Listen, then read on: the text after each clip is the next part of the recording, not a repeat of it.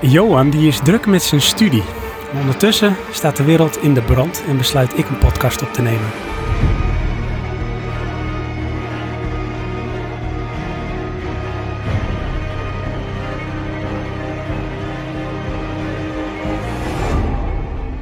Ik denk na over het almaar groeiend gevaar dat corona heet. En ik kan maar aan één persoon denken met wie ik een podcast op wil nemen. Maar die persoon is onbereikbaar, want de wereld heeft Rick Grimes harder nodig dan ik.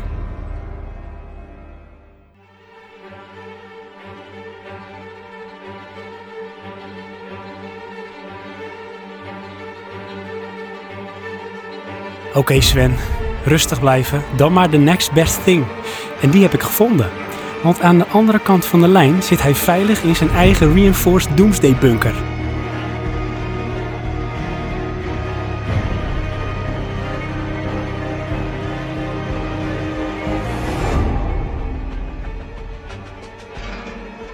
Ik ben Sven En ik ben Michael. en je luistert naar een speciale Hoe overleef ik het coronavirus aflevering van Praatje Podcast in samenwerking met Buttonbashers.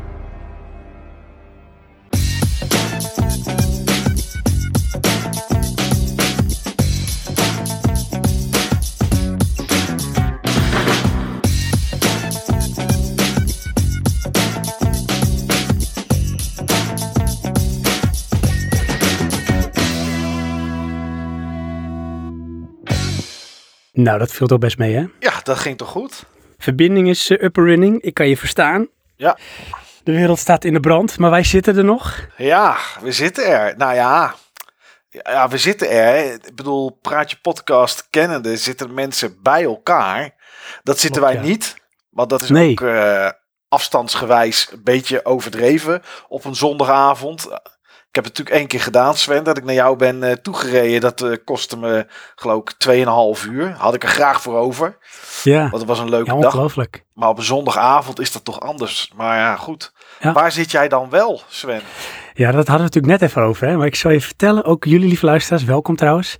Op deze, zeg maar, post-apocalyptische dag. Daar gaan we het zo direct nog wel even verder over hebben. Ik zit helemaal veilig, Mike. Want ik denk, weet je, ik moet voor deze aflevering wel een beetje in de mood komen. Hè? Dus als een soort met method actor dacht ik van, ik moet echt opgaan in mijn rol. Dus waar kan ik dan beter gaan zitten dan in mijn eigen reinforced walking closet? Want ik moet je, ja, daar zit ik echt. zit Het is een beetje terug naar de roots. Oké. Eh, ik heb je wel eens verteld dat toen we ooit begonnen met Praatje Podcast vijf jaar geleden, dat Johan en ik ergens op een eh, heel klein zolder, ja, een zolderopslagkamertje zaten in mijn oude huis. Ja. En dat was klein en benauwd en bedompt. En dat is deze walk-in closet eigenlijk ook. Want ik moet dan even uitleggen dat ehm, op ons huis, in ons huis, begaande grond, hebben we zeg maar ehm, de eh, eetkamer. En daarachter zit de speelkamer van eh, onze kinderen. En daarachter, doorlopend, hebben we dus een walk-in closet. En ehm, die is dus lekker voorzien van heel veel kleding. Dus dat dempt ook lekker. Dus de akoestiek is dan prettig. Dat is wel. En het eh, geeft een beetje het gevoel alsof je in een soort met, eh, ja, een bunker zit. Ja, Voor de vibe. oké. Dus ja, vandaar. En jij dan? Anne Frank. ja, het achterkamertje. Ja. Ja, ik hoor ze al roepen erachter. Heel stil zijn. Nee, ik, ja, ik zit gewoon op de plek waar ik altijd zit als ik eh, podcast opneem. Volgens mij, eh, jij nee, ik wou zeggen, ik heb nog nooit ergens anders gezeten, maar dat is niet waar. In de beginjaren van Buttonbashers eh, zat ik ook heel vaak bij mijn ouders omdat ik daar dan Oh, was voor, voor werk. Ja, toen woonde ik wel gewoon in de Enschede. Maar mijn ouders woonden toen nog in Den Haag. En toen werkte ik twee dagen per week in Zoetermeer. En dan, eh, dan sliep ik bij mijn ouders elke week. Dus toen namen we op zondagavond wel eens op. En dan, nou ja, goed, dan ging ik naar mijn ouders om daar te slapen. Dus dan zorgde ik dat ik op tijd was, zodat we konden opnemen. Maar nu zit ik eh, ja, gewoon in mijn thuiskantoor, die ik vandaag nog wel even gestofzogen heb.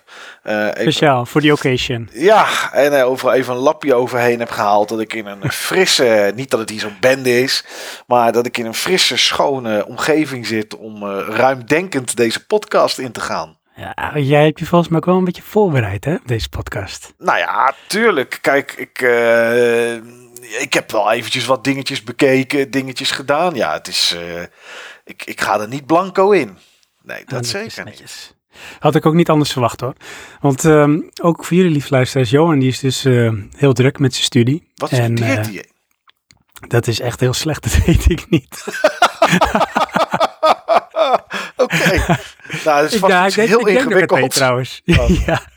ja, iets van, eh, eh, hoe heet dat ook weer? Kernfysica, kern, kern, eh, fusie, fysica. Nee, oh, nee, is niet waar. Nee, hij is natuurlijk inkoper van, Ja. van beroep. Ja. Dus volgens mij is het ergens in die richting. Oké. een, of een nieuw systeem of iets waar hij zich in wil gaan verdiepen. Want hij, eh, hij krijgt volgens mij wat mogelijkheden om wat te gaan doen daar eh, binnen zijn werk.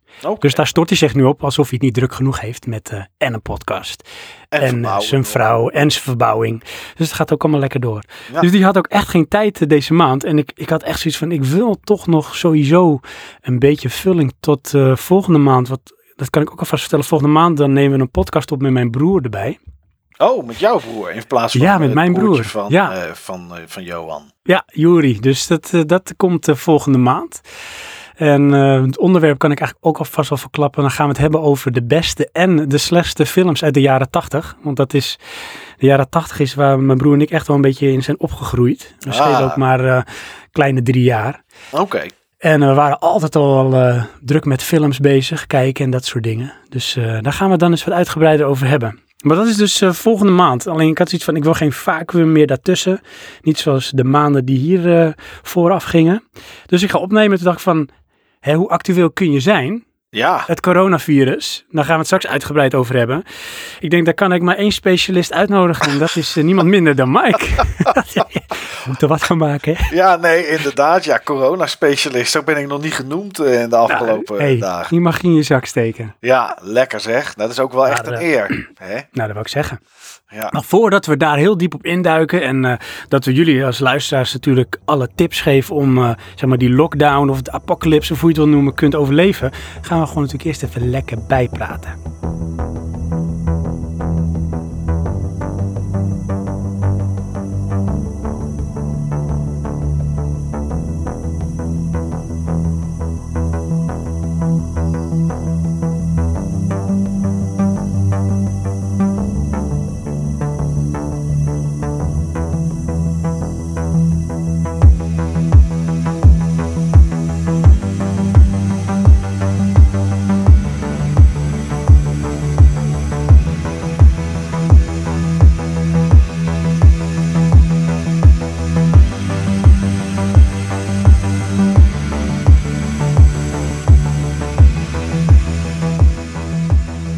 Aangezien jij eh, mijn gast bent, Mike, ja. eh the floor is all yours. Ik zou zeggen, eh, waar wil je het over hebben? Nou, ehm, ja. Ik ben weer begonnen met iets waar ik, ik denk al een jaar of vier lang elk jaar een keer aan begin. De ene keer iets heftiger en, en een andere hoedanigheid dan de keer daarop. Maar ja, omdat het, dit is Praatje Podcast, dus hier kan ik daarover vertellen. En jij bent er ook niet vies van. Ik ben wederom begonnen met afvallen. Oh, echt? Kijk, Ja, daar willen wij natuurlijk alles van weten. ja, ja, ja. Het, het moet, want eh, nou ja, van ik- wie? van dat mezelf. moet van wie? Of van jezelf? Van mezelf en dan van mijn lichaam ook, zeg maar. Want die begint Ah. toch hier en daar op sommige plekken wel een beetje tegen te sputteren. Laten we het Oh, zo jeetje. maar eh, netjes. Oh jeetje. Ja, ja, ja. Oké, maar dat is goed hè, want eh, dan heb je in ieder geval de intrinsieke motivatie. Hè? Want anders dan is zo'n eh, zo'n missie of zo'n doelstelling of zo'n soort met ja, iets om jezelf te verbeteren is überhaupt kansloos als je de intrinsieke motivatie niet hebt. Nee, dat klopt inderdaad. Dus eh, alleen ik vind het, nou ja goed, iedereen vindt het natuurlijk super moeilijk. En, en eh, ik heb van alles wel geprobeerd door de, door de jaren heen. Niet extreme diëten hoor, want ik ben een hele nou ja, makkelijke eter vind ik zelf. Maar de, het gros van de mensen vindt me juist een moeilijke eter.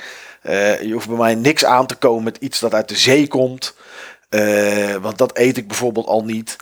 Dingen die je doorgaans warm kan eten, die eet ik niet koud. Nou ja, goed, weet je.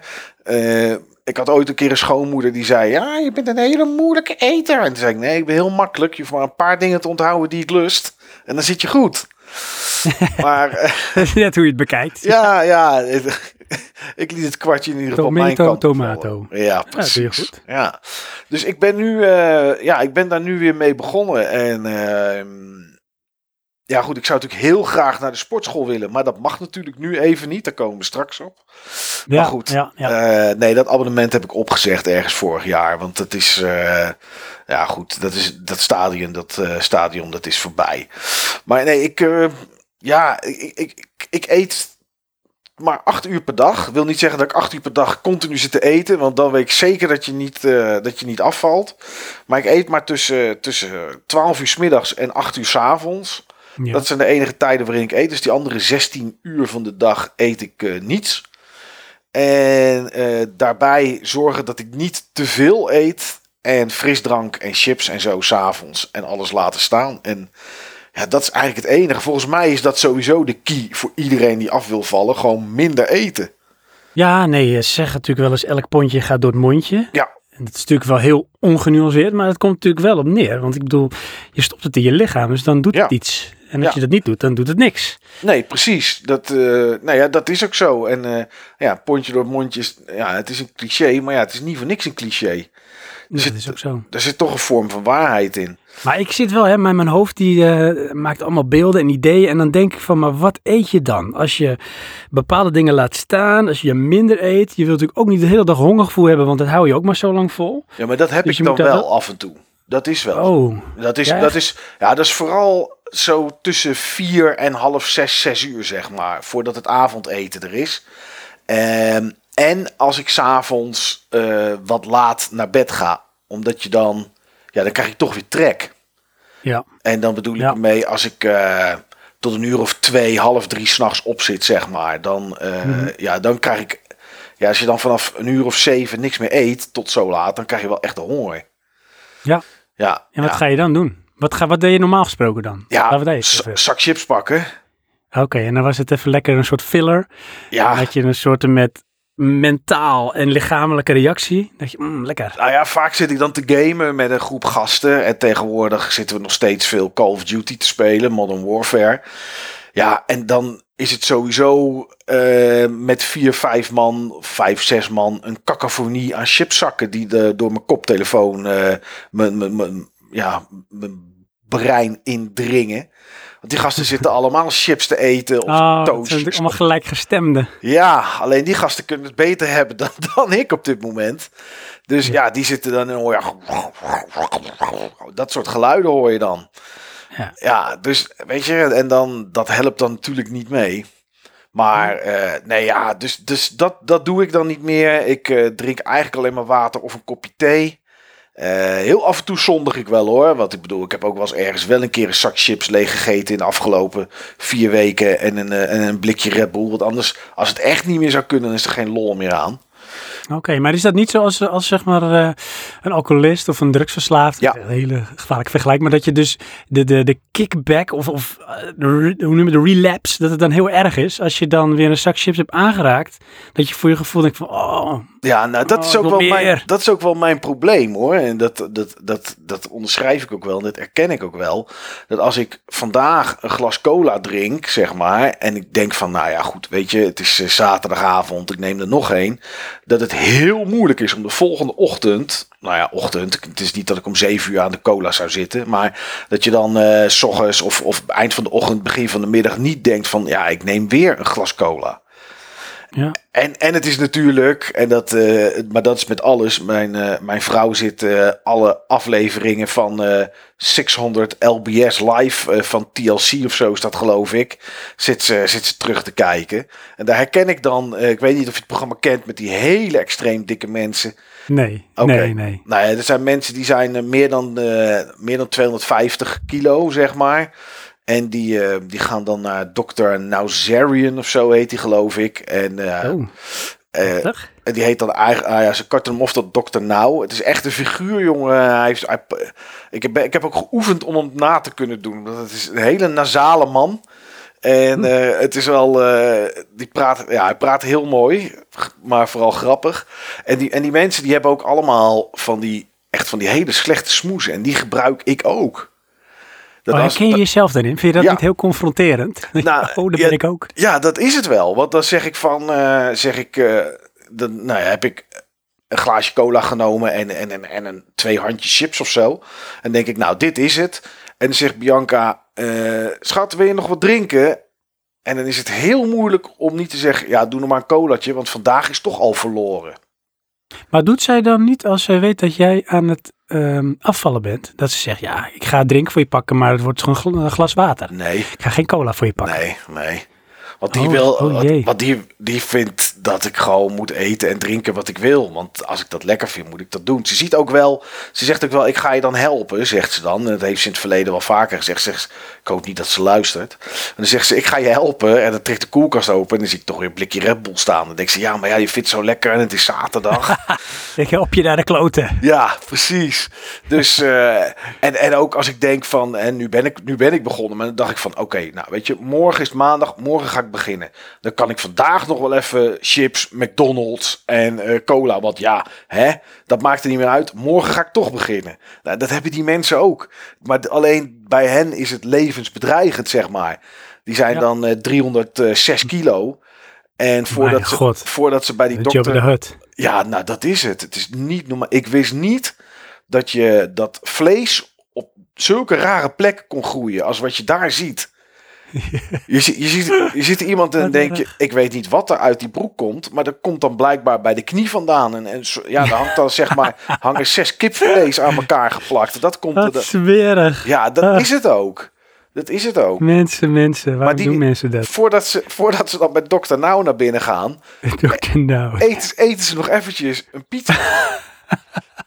Want ja, weet je, dit is de En het maakt niet uit waar ze dat hem instoppen. In de mond of in de nek. Nee, Er joh. komt maar één eh, Past grote allemaal. kwap. Dat absorbeert alles. Ja, ja Oh, de afstand, die afstand die wij moeten houden, nu zeg maar vanwege corona met andere mensen, dat is de afstand die je dan ziet tussen hun poriën.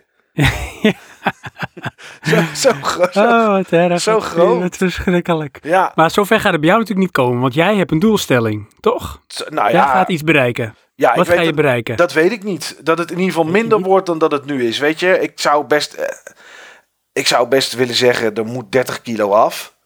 En dat kan ook. Mhm. Eh, maar ik weet niet of ik dat ga halen. Mm, Maar hierin schuilt natuurlijk wel een gevaar. Hè? Dan moet ik natuurlijk even een beetje advocaat van de duivel gaan spelen. Ja. Dat ehm, als je natuurlijk jezelf een doel stelt, en dat weet je natuurlijk zelf ook, dan eh, heeft de kans van slagen, eh, wordt mede bepaald door hoe smart jouw doel bepaald is. Ja. Maar hoe smart is jouw doel? Wat, wat is jouw doelstelling? Wat wil je?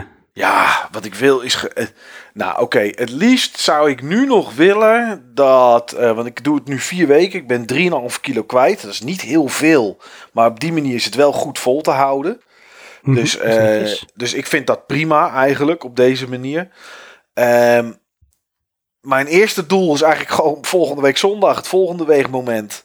Dan wil ik er gewoon weer een kilo af hebben. Dat is eigenlijk elke keer mijn doel. En het grote doel, ja, dat is toch wel onder de magische 100 uit te komen, zeg maar.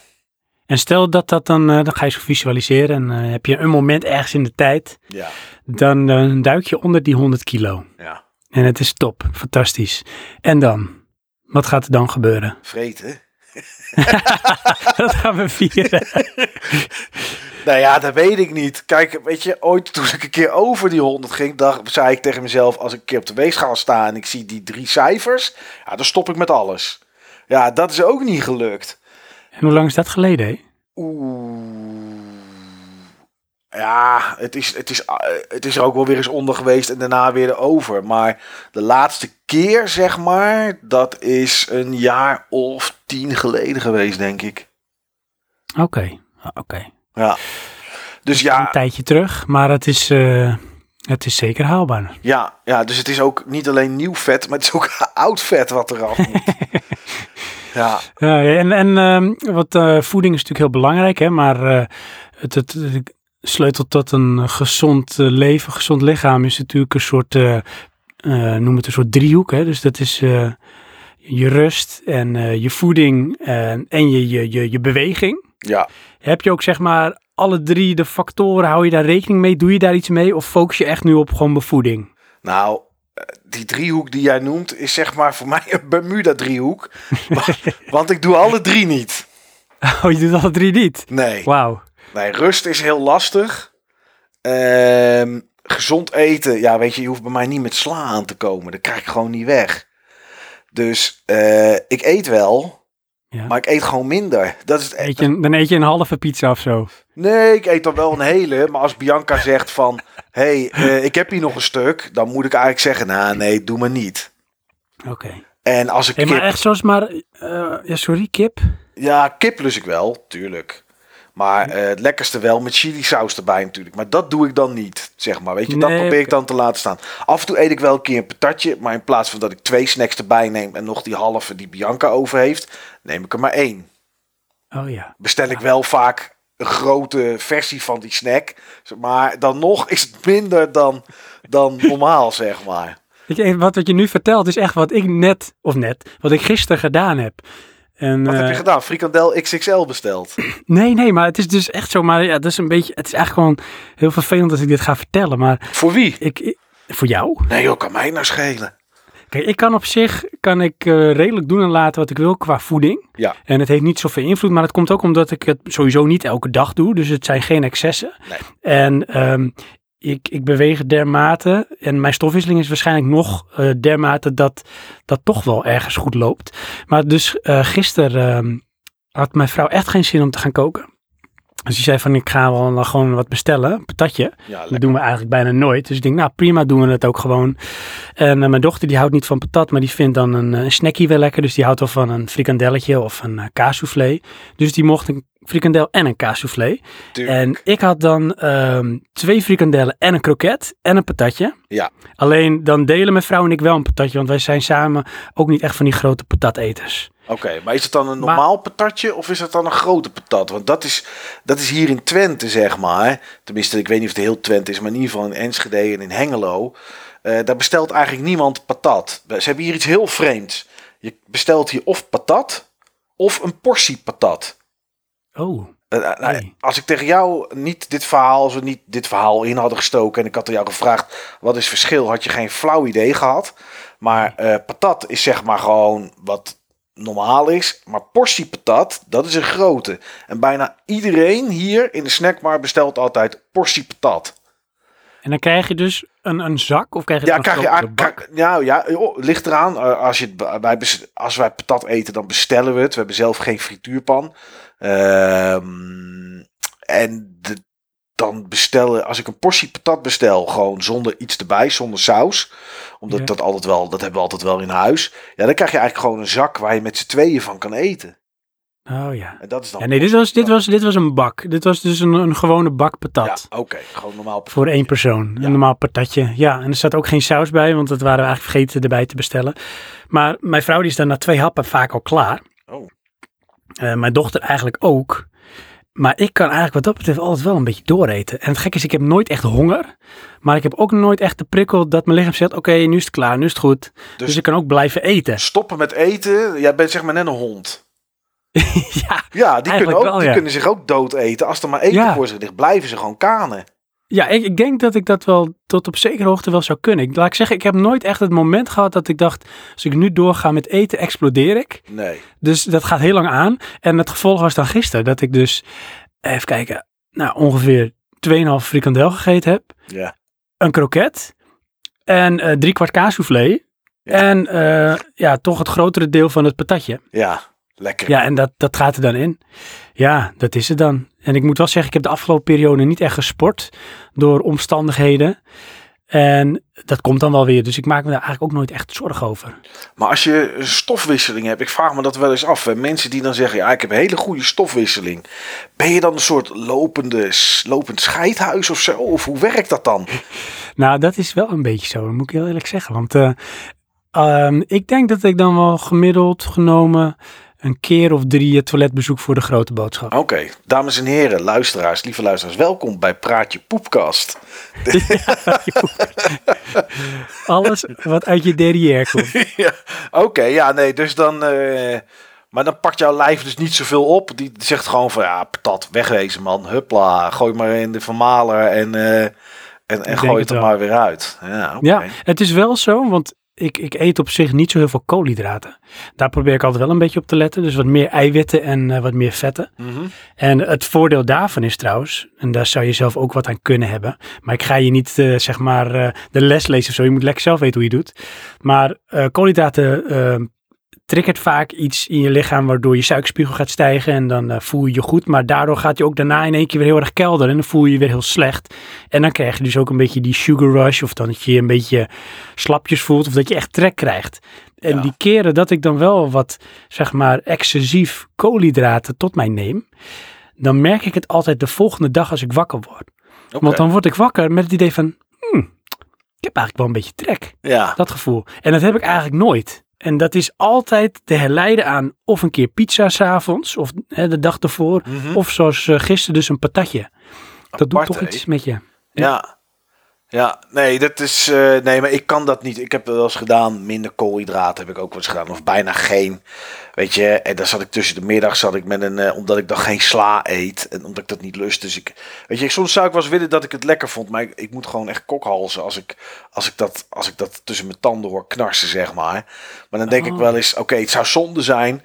Eh, Het is zonde, bedoel ik, dat ik het niet lust. Want dan zie je mensen met een of andere bak sla. Met tonijn erin of zo. Of weet ik veel wat. Ja. Vind je het ook niet erg zo appetijtelijk uitzien? Oh, zeker wel. Ja hoor, het glinstert vaak heel mooi en het is mooi groen en weet ik wat allemaal. Maar zodra Ja. het in de buurt komt, zeg maar, dan is het een soort water op, eh, op, een, ja, op een gremlin. Eh, dat is echt gewoon, de, dan gebeurt er iets en dan houdt het gewoon op, zeg maar. Dus, Oh ja. dus nee, dat, dat is hem niet voor mij. Maar dan baal ik. Dus ja, toen, toen ik dat deed, ik viel wel af. Zat ik tussen de middag aan twee hamburgers met een grote, grote klodder mayo. Ja, dan eet je geen koolhydraten, maar wel vetten en dat soort spul. En ja, dan viel je op een gegeven moment ook af. Maar dat, dat, Ja. ja, dat heb ik wel een tijdje volgehouden. Maar dat wil ik niet meer, joh. Dat is het me niet meer waard. Nee, snap ik. Maar dat is ook wel goed, want kijk, je moet natuurlijk wel voor jezelf een modus vinden waarin het en, wat jij zegt, eh, longevity heeft. Dus Ja. dat het langer eh, houdbaar is, of vol te houden. Ehm, en je weet, je kent jezelf waarschijnlijk eh, goed. Dus je weet ook wel wat werkt voor jezelf. Ja. Zolang je jezelf natuurlijk niet voor de gek houdt. Want daar is een mens natuurlijk ook heel goed in. Hè? Zichzelf van alles wijs te maken. Ja, nee, zeker wel. Nee, maar dit is, dit is prima te doen. En ja, goed, tot nu toe, tot nu toe werkt het. En, eh, en nou ja, om op die driehoek terug te komen, sporten, nee, op dit moment helemaal niets. Af en toe ga ik wel eens wandelen, even een kilometertje of vijf, zes of zo. Maar dat is niet drie keer in de week of zo, wat eigenlijk goed zou zijn. Of, eh, of elke dag een uur. Dat, eh, Ja. ja. daar ben ik dan toch te lui voor hier en daar.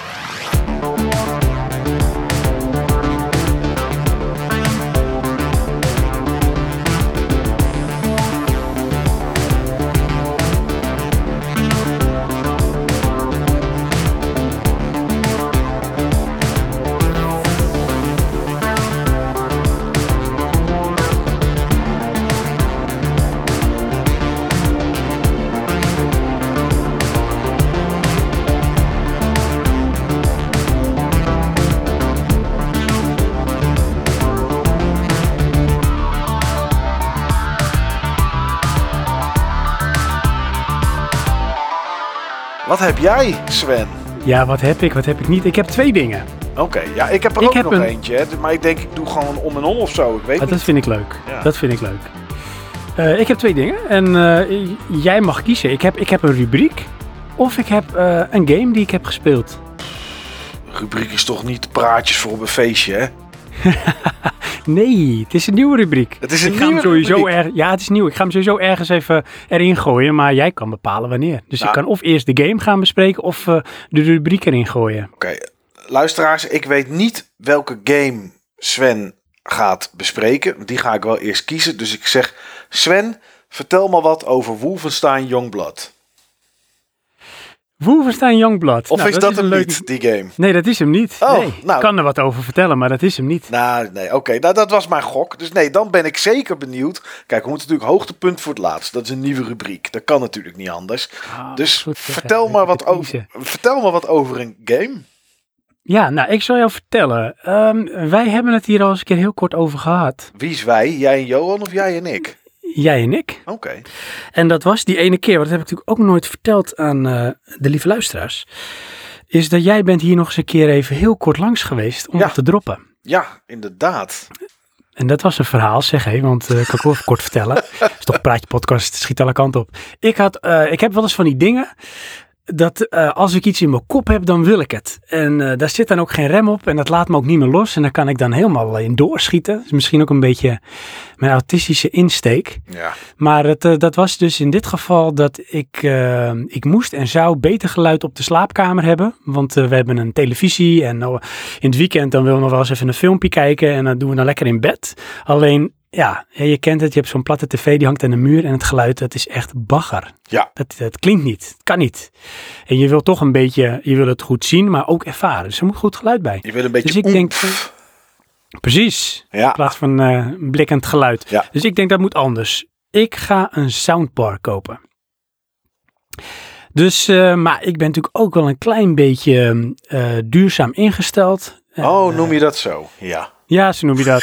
Skier, net hoe je het wil. Maar ik denk, ik ga geen nieuwe kopen. Want er is al genoeg geproduceerd. ik, ben, knie- nee, ik ben echt serieus, ik ben geen kniet. Geld interesseert me echt geen reet.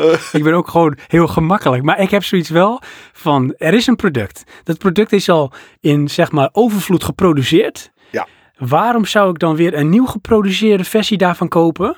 Terwijl er al eentje ligt op mij te wachten die ik ook voor een iets leukere prijs, dus een bijkomstigheid, ook aan kan schaffen. En dat is dus eh, wat ik gedaan heb. Maar dat gaat dan ook altijd weer lastig. Dus dat ging dit keer dan via Marktplaats. En het was dan iemand eh, tegen de grens, net over de grens eh, in Duitsland. Dus vlak bij Enschede in dit geval.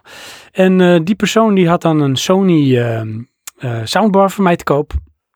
Alleen hij wilde hem niet op de post doen, want dat was lastig, moeilijk, weet ik wat. Dat was duur vanuit Duitsland, maar dat was dan heel raar, want hij moest in Enschede zijn met zijn vrouw. want Hij ging dan naar het ziekenhuis met haar en dan wilde hij daar dan wel, als ik daarheen kon komen, wilde hij hem aan mij overhandigen.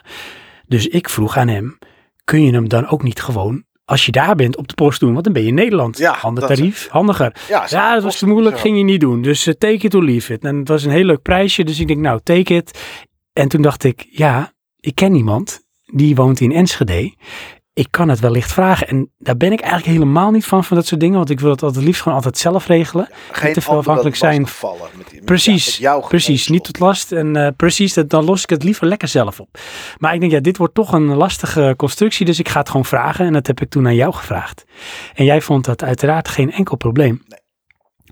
Totdat jij die eh, soundbar ontving en dat jij ook wel dacht van dat is best wel een groot object. Want ik had gezegd, als jij hem ontvangt, dan kun jij hem bij mij eh, of voor mij op de post eh, eh, doen. Ja. Want ik bedoel, als jij dat geen probleem vindt, dan lukt dat. Maar dat was makkelijker gezegd dan gedaan, toch? Eh, ja, ik kreeg, eh, de, de beste man kwam volgens mij was het 2 januari of zo, of 3 januari, echt eh, vlak Mhm. na oud en nieuw. En eh, nou ja, toen kwam die hier zo eh, bij mij voor de deur, ook nog eens op zo'n eh, christelijk tij- tijdstip van half tien ochtends of zo. Op een dag dat ik vrij was, dus ik, ik stond er een beetje suf, stond ik erbij. Maar goed, hij kwam aan en hij leverde een, ja, een plastic zak waarin dan de subwoofer zat met de afstandsbediening en de soundbar los. En toen dacht ik, ja, ja, nu snap ik wel waarom die kerel iets had van dit wordt lastig om te versturen. Eh, want die soundbar was volgens mij iets van 90 centimeter of 95 centimeter lang. Klopt, ja. En die subwoofer was misschien groot. 20 bij 20 en dan 5 breed of zo. Zo'n soort formaat. Ja, vind daar maar eens een doos voor. Ja, dat lukt niet. Nee, dat werd hem niet. Nee, en ik, Dus had, jij, eh, had eh, ik had een doos die best Ja. wel redelijk was. En Bianca zei, ja, dat lukt wel joh. Die kunnen we wel inpakken met z'n twee. Ik zeg, oké schat. Ik zeg, nou, dan gaan we dat doen. Dus ik heb, nou, als een malle heb ik proppen staan maken om, om die doos op te vullen. En toen zat die subwoofer erin en die zat goed. Ja, en toen schuin die soundbar erin, want recht paste niet. Ja, toen stak die er denk ik nog een centimeter of tien bovenuit. Toen zei Bianca, ah, dan maken we er een doosje omheen. Ik zeg, ja, maar als er een of andere, een of andere broodmelogen komt en, en die, die stoot zo ergens tegenaan. Ik zeg, dit kan niet joh. Dus toen dacht ik van, nou weet je, Sven, ik kan hem niet versturen. Ik kom hem wel langsbrengen. Ja, ongelooflijk zeg. Hé, wat een verhaal was dat. En ik denk, eh, jeetje man, gaat die gek helemaal vanuit Enschede mijn kant op. Maar gelukkig moest jij volgens mij voor je werk redelijk in de buurt zijn. Ja, in eh Leinden. Dus dat is, eh, dat was geloof ik 40 minuutjes rijden. En ik moest daar toch blijven overnachten. Anders zat ik in mijn eentje een beetje weg te kwijnen op een hotelkamer. Dus ik denk, nou kom, ik, ik, rij, ik rij gewoon naar Sven toe. Hartstikke idee. Dus dat, was, eh, dat werd super gewaardeerd natuurlijk. En eh, nou, daar was jij en dat was op een zondag Nee, op een, of een maandag. Maandag of een dinsdag, denk ik. Oh ja, ja. Ik weet de dag niet eens meer. Maar goed, daar was jij s'avonds met dat ding. Geweldig.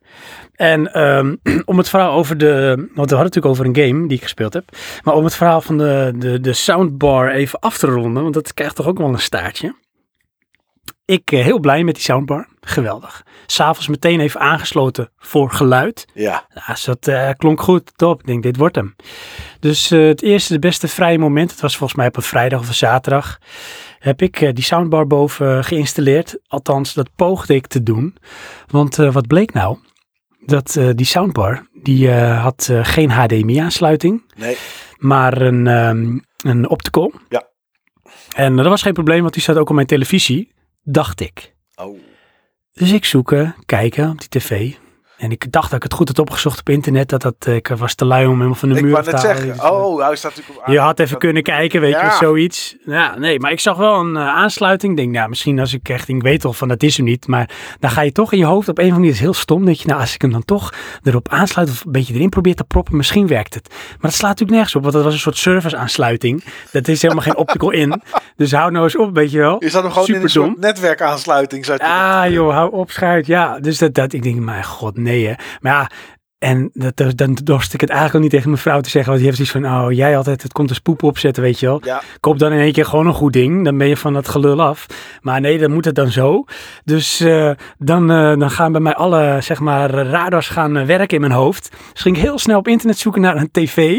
Ook een 32 inch op Marktplaats. Die dan wel een optical in had. Want zo gaat dat dan hè. En eh Warempel, ik vind er dus één bij Used Products in Herengewaard. Dat is bij ons om de hoek. Oh, ja. En dat was, een, dat was nog een Sony ook. Dus ik denk, ja, dat is top. Want ik ben toch wel een beetje een soort Sony-lover. Ja. Hoewel ik nu een televisie had van Samsung. En het was echt een prima ding. Alleen geen optical in. En eh, nou, dus ik meteen gebeld met die lui van, nou weet je, ik heb mijn tv in te leveren. Kan ik het dan ruilen voor die tv van jullie, voor die Sony?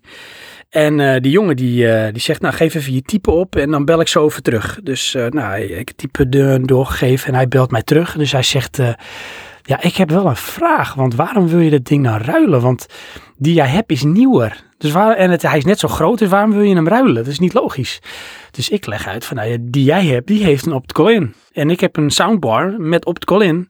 Maar op mijn televisie zit geen optical in. Nee. Oké, nou ja, prima, weet je. Dus eh, kom hem maar ruilen. Dus ik de volgende dag heen met mijn tv. Ik denk even het voetje zoeken. Voetje zoeken. Fuck, waar is die voet? Ah, weet je wel, want ik had al beloofd, ik kom die tv inleveren en dan kreeg ik dan een bedrag voor en dan hoefde ik heel klein beetje bij te leggen. Dus ik kom eraan, ja, schoorvoetend, ja, zonder voet. Er zit geen voet bij die tv. Ja, ja, dan, dan kan ik hem eigenlijk niet verkopen. Dus eh, ja, ik zeg maar, wat geef je er dan voor? Ja. Ja, nou ja, hij zegt, wat vind jij het zelf dan waard? Ja, ik zeg, weet je, jij bent de kenner. Ik ben absoluut niet in onderhandelen. Daar ben ik niet goed in. Dus zeg maar wat jij het waard vindt. En dan vind ik het prima. Want ik zeg, ik ga hem niet mee terugnemen. Ik wil die tv. Nou, gaf hij toch nog een leuke prijs voor. Dus ik eh, die tv mee. Fantastisch. Ik kom binnen. Eerste wat ik zie liggen is de voet van mijn televisie. Echt? ja, dus ik kom hem tegen. Ik, ik, ik heb overal gekeken in de schuur. Ik moest daar even voor een, een schroevendraaier heen voor die andere tv en ik zie zo die voet staan. Ik denk, fuck. Dus ik wel weer gebeld. Ik heb die voet liggen. Nou, hij zegt, als je die inlevert, krijg je het hele bedrag wat ik had afgesproken. Oh, dat is wel dat heb ik later ook nog gedaan. Ja, dat was wel heel netjes. Dus, eh, nou, ik aansluiten. Geweldig. Dit is trouwens echt een heel lang onderwerp ondertussen. Het gaat niet eens over die game. Maar goed. Zeggen, Vertel eens over die games, Sven. Ja, dus ja. drie kwartier later. Maar goed. Ik ga naar de used products. Ja, oké. Ja. dus ik heb uiteindelijk, lang verhaal kort, de soundbar aangesloten op mijn nieuwe Sony. Hij is niet nieuw, maar wel mijn Sony flatscreen met optical in. Voor jou was die. Ja, ik heb daar toen ook nog een kabel trouwens voor moeten kopen van 20 euro, want ik had geen optical in meer. Ah, Toen paste die niet. Ik denk, fuck, ik doordrukken. Hij paste hem, hij deed niks. Fuck. Bleek dus dat ik die plastic dopjes er eerst af moest halen. oh, had je? En Oh, die zit in de ter, En ter ik me echt net... Ik voel me net mijn vader en ik denk, mijn god, Oh, ik word oud. Zo begint het. Ja, dat is toch verschrikkelijk. Ja. Dus, eh, nou goed, uiteindelijk gelukt. Aangesloten, aangesloten. Ik denk, wat is dit nou? Het geluid loopt niet synchroon. Nee hè? Maar ik denk, eh, rustig, dat kan ik waarschijnlijk wel instellen op die soundbar. Of ik kan het instellen op de televisie. En gelukkig kan dat bij geen van beide. dus dit is kansloos. Ik denk, dit, dit, nee. En dan word ik echt dit heet, want ten eerste, wat bleek ook nog, die televisie, die heeft een bron. Dus je hoort hem en ik heb echt hele gevoelige oren. Dus ik hoor dat ding constant brommen. En mijn mooie Samsung televisie had dat niet. Maar die staat ondertussen in de etalage. Met voet. En ik ga die terug. Ja, met een voet. Ik voel me een ontzettende loser. Want ik heb jou heel wel naar mij toe laten rijden. Oh, het wordt van kwaad tot erger. Ja. En wat heb ik uiteindelijk gedaan? Ik heb die soundbar ingeleverd bij Used Product. En toen heb je je Samsung TV teruggekocht. Nee, ik denk dat doe ik niet. Fuck it, dat doe ik niet. Oh. Dus nou heb ik een Sony televisie met brom aan mijn eh, muur hangen. Zonder soundbar. Ja, met slecht geluid. Oh. Dit is mijn leven. En dit is gewoon, lieve luisteraars, waarschijnlijk maar een kleine greep uit de dagelijkse beslommeringen die plaatsvinden in het huis van Sven. Maar goed, laten we het over de game hebben. Oh, en heel die game boeit me niks meer, maar kom maar op. Het wordt niet mooier dan dit. Dit was Praatje Podcast. Tot de volgende keer. Ah, Oh, schitterend zeg. Oké, ja. Je wil wel eens wat. Ja, Maar ik heb dus een game gespeeld. ja. En dat is ook zoiets, hè. Maar goed, wij hebben het dus over, op dat moment dat jij die soundbar bij mij in kwam leveren, hebben wij het over die game gehad. Oké, ik weet het al niet meer, maar... Nou, het is een. ehm, ik zal je een klein beetje gaan hinten. Misschien dat je het raadt, of jullie luisteraars. Het is een. Even kijken hoor. Het is een neo-noir thriller. Het is ook wel een beetje. Sommigen noemen het een interactieve film. Vandaar dat ik het waarschijnlijk gehoord heb. Ehm, hij is gemaakt door eh, Quantic Dream. Ik- Ring a bell? Ja, tuurlijk. Maar ik weet niet meer wat je... Oh, tuurlijk. Dat heb je, dat heb je gespeeld. Ja, ja, ja. Ik weet het weer. Daar hebben we het nog over Misschien dat je het gehad. ook voorbij hebt zien komen. Eh, op mijn nee, profiel? Nee, nee, nee, nee. Maar ik, nu weet ik het weer inderdaad. Eh, we hebben het er inderdaad over gehad. En toen was jij nog niet op een bepaald punt waarvan ik me afvroeg wat jij daar gedaan had. Klopt. Ja. Ja, zeg het maar. Ja, eh, eh, die ene game. ja, kan niet op zijn naam komen. klopt. Eh, Detroit Become Human. Become Human. Ja, ja, ja, ja. Tuurlijk, tuurlijk. Ja, ik heb Detroit Become Human gespeeld. En eh, om zeg maar alle zeg maar, ehm, eh, regeltjes te doorbreken, hè, wat je niet moet doen. Want je moet het natuurlijk hebben over de reden waarom je de game de volgende dag eh, nog opstart. Oh, oké. Ja, dat ga ik natuurlijk wel vertellen. Ja. Maar ik ga toch even kort voor de mensen die het niet weten, Detroit Become Human. Dan laat ik het aan jou vragen. Misschien dat jij het beter kan omschrijven, want ik ben altijd heel slecht. Ik ben langdradig en ik ga van hak op de tak. Als jij Detroit Become Human kort zou samenvatten als een achterkant van een boek, Ja. wat voor game is het? Het is een eh, verhalende game zonder echte inspanning die nodig is van de speler. Oftewel, je hebt er geen skill voor nodig. Die eh, redelijk leunt op het reactievermogen, dat wel van de speler. En die, die daardoor met de keuzes die hij of zij maakt, zijn eigen verhaal beleeft in een wereld eh, vol androids.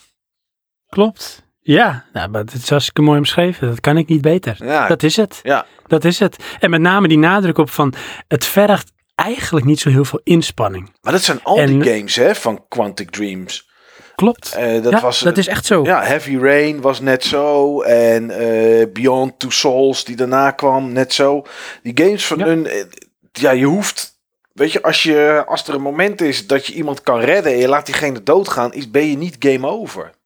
Klopt. Kijk, ehm, de, de, de man achter de game, achter ook eh, Quantic Dream, dat is David Cage.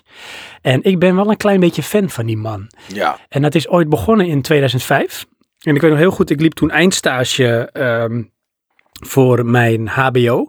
En ik zat op een kamer met eh, collega's die dus ook wel een beetje van gamen waren. En dat vond ik hartstikke leuk, want dan hadden we het dus in de pauze heel vaak over videogames. En ik was natuurlijk een beetje een jonge, de jonge stagiaire. En eh, dus ze vonden, we waren altijd heel benieuwd wat ik dan voor games aan het spelen was. En toen had ik dus een game op het vizier en dat was Fahrenheit. Fahrenheit, Of, ja. ja. ja, of de Indigo Prophecy, zoals die ook wel heet. ja, in Amerika, klopt. Ja, ja, ja, dat is een andere naam, ja. Ja, en, en dat was dus gemaakt door uh, Quantic Dream, door David Cage. En uh, als je de game ook ging spelen, dan uh, had je eerst een tutorial met David Cage, die jou ook zelf door een beetje de, de, de mechanics van de game heen, heen praten. Zodat Ja. je een beetje weet, wist hoe het, hoe het speelde. Want dat is een beetje het ding. Het was ook echt op dat moment, en ook in hun andere games, anders dan andere games. Ja, Want het leunt een beetje op wat ze dan noemen een soort quicktime events en bepaalde bewegingen maken. ja, ja ze, geven, ze proberen je het gevoel te geven dat jij ehm, de handeling die in de game gebeurt, dat je die ook echt moet maken met je controller. Eh, dus als je bijvoorbeeld ergens staat en je moet een fotolijstje oppakken, dan moet je je analoge stick vaak naar beneden doen en dan een halve draai maken, dat het echt is alsof je hand er naartoe doet en het dan naar links toe oppakt, zeg maar. Dat soort, dat soort bewegingen. En eh, nou ja, op de PlayStation 3 met Heavy Rain en Beyond Two Souls kon je dat dan ook nog eens spelen met, ehm, met de Move controller. Dan had je helemaal ander soort bewegingen. Maar eh, ja, Ja. Dat, dat proberen ze inderdaad te doen. Of nou ja, op het touchpad wat op de PlayStation 4 zit, daarop sliden of daarop drukken. Eh Ja. Telefoon unlocken doe je dan door te sliden eroverheen. En het is misschien maar één of twee keer in de hele game. Maar zo proberen ze inderdaad eh, proberen ze die bewegingen te laten maken. Ja. Ja, en dat, dat zorgt zeg maar ergens, als je er misschien voor open staat, voor een stukje immersie. Dus dat je wat meer je, je, je verenigt of je je eenvoelt met het personage dat je bestuurt. Het kan ook super irritant zijn en je helemaal eruit halen als de beweging niet lukt. Want dat is het dan ook. Hè? Als, je wordt ook wel een beetje afgestraft. En met name als het onder druk is, want daar kom ik zo nog wel op, dan, dan mislukt het. Ja. En dan, dan, dan voelt het een beetje gekunsteld. Als een soort met kunstmatig iets wat ze ertussen stoppen. En dat haalt je dan weer vreselijk uit de game. Maar eh, David Cage, die, die zei dus ook wat jij dus net eh, naar hinten van je bent nooit game over. Die vond dat eigenlijk altijd een beetje het falen van videogames. ehm, eh, het game over principe. Van waarom is het, is het af als je fouten maakt? Want in de echte wereld, de wereld die draait ook gewoon door. Dat gaat verder. En hij heeft een beetje die filosofie heeft hij ook meegenomen in zijn games. Die wel vaak sterk verhalend zijn en meer als een soort interactieve film kunnen worden gezien. Waarin jij bepaalde keuzes maakt. Maar ehm, het is ook vanaf... ehm, bij Fahrenheit was dat al zo en bij al zijn games die het volgden. Het zijn meerdere personages die een bepaalde belangrijke rol in een verhaal spelen. Die jij ook allemaal bestuurt. En eh, mocht er iets gebeuren waardoor het eindigt bij een van eh, de characters, dan gaat het verhaal gewoon verder. Ja, het enige nadeel vind ik daaraan wel dat en bij eh, Beyond, nee, bij Detroit Become Human eh, was dat wel redelijk eh, grof. Dat als er één of twee personages doodgaan en, en met name is het in, in, in Detroit is dat Kara zeg maar. Zij is wel echt een hoofdpersoon. Dat Ja. als die vrij in het Ja. begin, als je een quicktime quicktime events hebt waardoor ze doodgaat, dan mis je echt gewoon in één keer de helft van de game of zo. Ja, dat heb je wel. Ja. En ja, precies. Nou, gelukkig was dat ook bij mij, bij haar niet gebeurd. Ehm, want dat is meteen een beetje, zeg maar, eh, de liefde-haatrelatie die ik met deze game heb. Want hè, om een beetje in jullie straatje te praten van waarom zou ik deze game dan de volgende dag weer opstarten? Nou, ten eerste ben ik, het is wederom, ik ben niet skeer, maar ik heb wel zoiets van, ik heb een PlayStation Plus abonnement. Ja. En dat is eigenlijk ook een beetje mijn backlog. Ik koop geen games. Ik krijg heel af en toe voor mijn verjaardag wel eens een game. Maar ehm, de meeste games op mijn backlog, die heb ik gewoon gekregen, vergaard met het eh, PlayStation Plus abonnement. Ja. En dan eh, om de zoveel tijd, dan eh, in mijn spaarzame tijd die ik dan heb om te gamen, kies ik er één. En dan ga ik die ook helemaal spelen. Ja. Als het om een single player game gaat. En dat was dus dit keer Detroit Become Human. Ik denk, ik ga het proberen. Dat ik het ooit zag op de E3 noemde ik het Detroit Become Quicktime. Dat snap Want ik. het is natuurlijk inderdaad veel quicktime. En ik vond toen ook in wat ik daar zag heel erg de nadruk erop liggen, leggen. En dat is ook eigenlijk wel een beetje zo in de game. Maar ik denk, ik ga het toch doen. Want ik weet, David Cage die is wel heel goed in het neerzetten van een verhaal en een wereld. Want hij is in al zijn games is hij de schrijver en eh, regisseur of producer eh, van de games. En vaak ook nog ehm, eh, de composer van de muziek. Want hij is ook ehm, professioneel muzikant. Eh, anyways, eh, ik spelen, maar ik heb dus heel weinig tijd in mijn leven. Want ik heb een gezin en ik heb heel veel hobby's en ik heb werk en ik ben ook wel eens weg van mijn werk. En dan heel af en toe dan eh, is mijn vrouw bijvoorbeeld voor haar werk even weg s'avonds. En dan heb ik in één keer een verloren moment. Een paar uurtjes en dan kan ik iets doen en dan ga ik dus een game spelen. En op die manier ben ik dus Detroit Become Human gaan spelen. En ik heb er dus ook volgens mij iets van vier maanden over gedaan om de game uit te spelen. Oh, zo, oké. Ja, ja dat Wat, hoe lang heb jij erover gedaan? Ja, ik heb er destijds een review uh, uh, van gemaakt. ik denk dat ik er vier dagen over gedaan heb of zo. Kun je nagaan, hè? Ja. Ik dan vier maanden.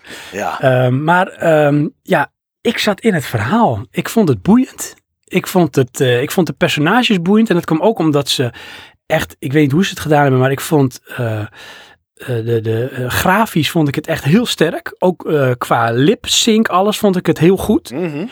Zeker. Tot wel bepaalde punten dat ik dacht, van wat zit er op zijn hoofd, is dat haar. Dat ziet er dan weer bij sommigen, zoals vooral bij die uh, regisseur, heel gek eruit. Bij Connor. Of bij die ouwe die jou helpt. Bij die ouwe, ja, ja, die. Ja, dat haar, dat ziet er heel raar uit. Ja, maar haar blijft zo verschrikkelijk moeilijk. Ja, dat, dat, zie je ook wel uh, inderdaad. Ja, dat is echt heel Dat is iets wat ze misschien met de nieuwe, de nieuwe next-gen consoles uh, kunnen gaan oppakken. Ja, Nvidia heeft wel Hairworks.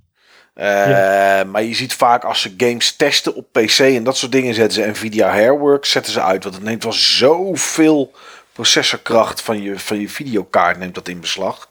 Niet normaal. Ja. En dan nog ziet het er niet echt uit. Nee, nou dat was bij dit ook. Alleen ik vond wel de facial animations, die waren op sommige momenten echt uncanny goed. Dat ik dacht, zo, dat vind ik best wel knap. En dat, ik heb er gewoon een PlayStation 4, geen Pro. Ik heb ook geen 4K televisie. Maar het zag er gewoon echt top-notch uit. Ja, zeker weten. Ja. En het verhaal vind ik dan leuk. Hè. Ik, ik ben altijd wel met dat soort dingen wel makkelijk mee te nemen ook in een verhaal. Dus ik kan me ook een beetje overgeven aan het personage. En uh, het leuke is dan, vind ik dan leuk, in uh, veel van zijn games en ook in deze, kan jij een beetje kiezen van hoe ga je reageren. Ja. Nou weet ik niet wat daarin, zeg maar, de marge is van afwijking. Hè, of het allemaal een beetje een beetje kabbelt tussen de grenzen waar het toch binnen moet. Tussen heel goed of heel slecht. Of dat het echt een gevolg heeft hoe jij reageert in een situatie. Dat weet ik niet. Nou ja, dat? dat? heb ik wel een beetje getest. Want uh, dat wilde ik voor de review, wilde ik dat wel weten. Maar uh, het, is, het, het is toch altijd redelijk minimaal. Okay. Um, kijk, er zijn, wel, er zijn wel zaken, wat net zei, als, als je Kara moet op een gegeven moment geloof ik snelweg oversteken. Um, ja, als je, haar, als, als je dat niet goed met haar doet en, ze, en ze, ja, ze, ze gaat dood, al is dat vrij lastig, maar stel ze gaat dood, dan, ja, dan mis je gewoon heel veel verhaal. Kijk, dat ben je dan wel kwijt. Want ik weet dat mijn dochter ging het spelen. Nee, die is er nog sneller doorheen gegaan dan, uh, dan ik. Ja, goed, die had uh, toch niet zoveel te doen met school op dat moment. Dus die uh, heeft geloof ik... nou, die had op dag 1 had ze er zes uur ingestoken. En toen had ze hem al uit. Omdat Kara dus dood was gegaan. Dus toen is ze maar opnieuw begonnen. En nou ja, toen heeft ze er een stuk langer over gedaan. Maar dat zijn dan wel zaken die, die, die je merkt. Maar er zijn heel veel dingen die, die, ja, die moeten gewoon. En ja. uh, kijk, je kan wel keuzes maken door uh, uh, bijvoorbeeld. Er is een moment, daar hebben wij het over gehad, herinner ik me nu, nu we het erover hebben. Ehm, dat je in een situatie zit dat je moet ontsnappen. Nou, dat kan je op een aantal manieren doen ja, weet je, de manier waarop je dan iets doet, dat hangt dan wel af van hoeveel, hoeveel jij onderzocht hebt of wat je daarvoor gedaan hebt. Uh, dat zijn wel dingen die dan, de mogelijkheden om iets anders op te lossen, die komen er wel bij of zijn minder afhankelijk van wat je daarvoor hebt gedaan. Dus dat bepaalt dan wel een beetje, maar het is niet zo dat jij tegen iemand zegt, dit is een aap en die zegt van nee, het is een hond dat het dan ineens heel anders wordt. Als jij zegt, dit is een hond. En diegene zegt, ja, dat klopt. dat je dan in één keer 30 scènes erbij krijgt of zo. Weet je? Ja, nee, dat, is niet. en het, niet. nee, nee. nee, en het is... Uh, um, om weer terug te komen op van waarom start ik hem dan toch weer op. Hè? Nou ja, uh, je kan het redelijk in sessies spelen, want het, het, het, het, vertelt zich ook een beetje als een soort met ja, chapters in een film of een boek of een serie. Van je hebt een character, die zit ergens in een setpiece, daar gebeuren dingen, dat doorloop je. En als het klaar is, dan krijg je eigenlijk je stats te zien met uh, een soort beslisboom. En dan zie je van welke keuzes jij hebt gemaakt, al dan niet gedwongen, om tot een bepaald einde in zeg maar die scène of die setpiece te komen. Ja, en, en dat gegeven, dat herhaalt zich. En daar ben ik ook altijd wel een beetje gevoelig voor. En dat vind ik dan leuk om dan weer daar weer steeds op terug te komen van uh, hoe heb ik het gedaan. Ik ga het dan niet vergelijken met hoe de rest van de wereld het gedaan heeft. Want dat kan volgens mij ook, hè, wat de meesten zouden hebben gedaan of gekozen. Klopt, dat kan je zien inderdaad, ja. Maar dat, dat boeit mij dan niet. Ik wil dan weten van, ben ik wel redelijk ver door die beslisboom heen gelopen. Want inderdaad, als een kerk misschien een keer een, een, keuze maakt van, nou ja, we kappen iets af, we gaan het niet doen. Want dat kan ook, hè. Dat je ergens heen gaat om iets te doen en dan besluit je toch van, we doen het niet. Ja. Dan is het een kort hoofdstuk en dan zie je ook dat het heel snel stopt in die beslisboom. En dat je, als je hem dan doorloopt verder, zonder dat je ziet wat de inhoud is, dat die beslisboom nog een behoorlijk stuk doorloopt. Ja. Dus dat je wel daarin ook iets geskipt hebt. Ja, ik vond het wel leuk om te zien. Kijk, uh, uh, scènes kunnen misschien vijf of zes verschillende manieren eindigen. Ehm, maar ik vond het wel leuk om in ieder geval ervoor te zorgen dat voordat je op dat punt bent, welke keuze je dan maakt of welke keuze je krijgt door de acties die je daarvoor hebt gedaan, om in ieder geval alle boxes wel getikt te hebben dat ik alles wel gezien heb of aangeraakt heb, zeg maar, in zo'n ruimte. Dat vond ik Ja, dan, ja. dat vond ik dan Ja. wel. eh, dus, dus wat ik net zei met dat ontsnappen, wat, wat jij gedaan hebt, nou, daar hebben we het over gehad. Ja, je kan ook diegene neerschieten, maar dan moet je wel een wapen gevonden hebben. Nou ja, dan vond dat wapen vinden is dan ergens één boxje in die, in die tree van mogelijkheden, zeg maar. Een soort flowchart van wel- welke kant kan je allemaal op. Dan vond ik het wel leuk om in ieder geval, of ik het nou gebruikt of niet, dat wapen gevonden te hebben. Maar, het is, maar alles in één keer eh, doen of, of, of eindes daarvan zien, ja, dat is onmogelijk. Dat red je niet in. Nee, dat red je niet. Nee. Dat maakt ook dus dat op zich eh, jouw ervaring is redelijk uniek. Want het is op zich jouw ervaring. Nou kan het natuurlijk met kansberekening zijn dat er nog meer mensen zijn die precies hetzelfde hebben meegemaakt als dat jij hebt. Maar die kans is niet zo heel super groot. Er zullen altijd wel wat nuances in Nee, zitten. klopt. Als je naar de trofies ook kijkt, zeg maar, die de game heeft, dan kan je toch vaak wel iets aan zien. Dan zie je ook gewoon dat de keuze die je maakt een andere trofee oplevert. En dat daar soms een andere scène daartussen zit of daarna komt, die iemand anders niet heeft. Dat, eh, dat klopt. Ja. Ja. En nou heb je dus, eh, je hebt een paar characters en dan ben ik wel benieuwd. Ehm, je hebt Marcus, dat is een beetje een soort, dat is een android en die, die wordt ook een soort met prominente rol krijgt hij in een soort resistance. Ja. En eh, je hebt Connor en dat is eh, ook een android, want je bestuurt overigens alleen maar de androids in die wereld. Dus niet de echte mensen, je bestuurt alleen maar de androids. Ja. En dan heb je eh, Connor en dat is een, een soort detective of een, eh, een politieagent of hoe noem je dat? Ja. Inspecteur, Rechercheur, ik weet het niet wat hij rechercheur. Ja. Ja, nou, en eh, die, is, die kan altijd terugkomen. Dat is altijd wel een leuk dingetje. Ja. Maar dat moet je de game maar voor spelen om dat te zien. Dat is, levert soms ook wel hilarische situaties op. En dan heb je Kara. Ja. En dat is een schoonmaak huishoudrobot Android. ja, dat is het inderdaad. Nanny? Ja, ja, ja, ja. Grappig is dat zij is ook een soort tech demo geweest jaren daarvoor. Ja, En die is toen ooit gemaakt, gedraaid op de PlayStation 3. Die heb ik ook nadat ik de game heb uitgespeeld teruggekeken. Want je kan filmpjes unlocken en dan kan je dat zien. En ik heb die toen ook gezien, daar was ik heel erg onder de indruk. En nu zag ik, dacht ik, maar ja, het ziet er op zich wel leuk uit, maar het is wel PlayStation 3. ja, dat klopt. Maar toen was het wel, toen had iedereen van, wat is dit? Ja, klopt. Ja. Cutting edge. Hoe krijg je het voor elkaar? Ja. Maar die, dat- personage, want dat is ook een beetje... Deze game is ook geïnspireerd op die tech demo. Dus die tech demo was al een soort met ballonnetje voor hem van hier wil ik iets mee doen. En dit is ook uiteindelijk die, die game toen geworden.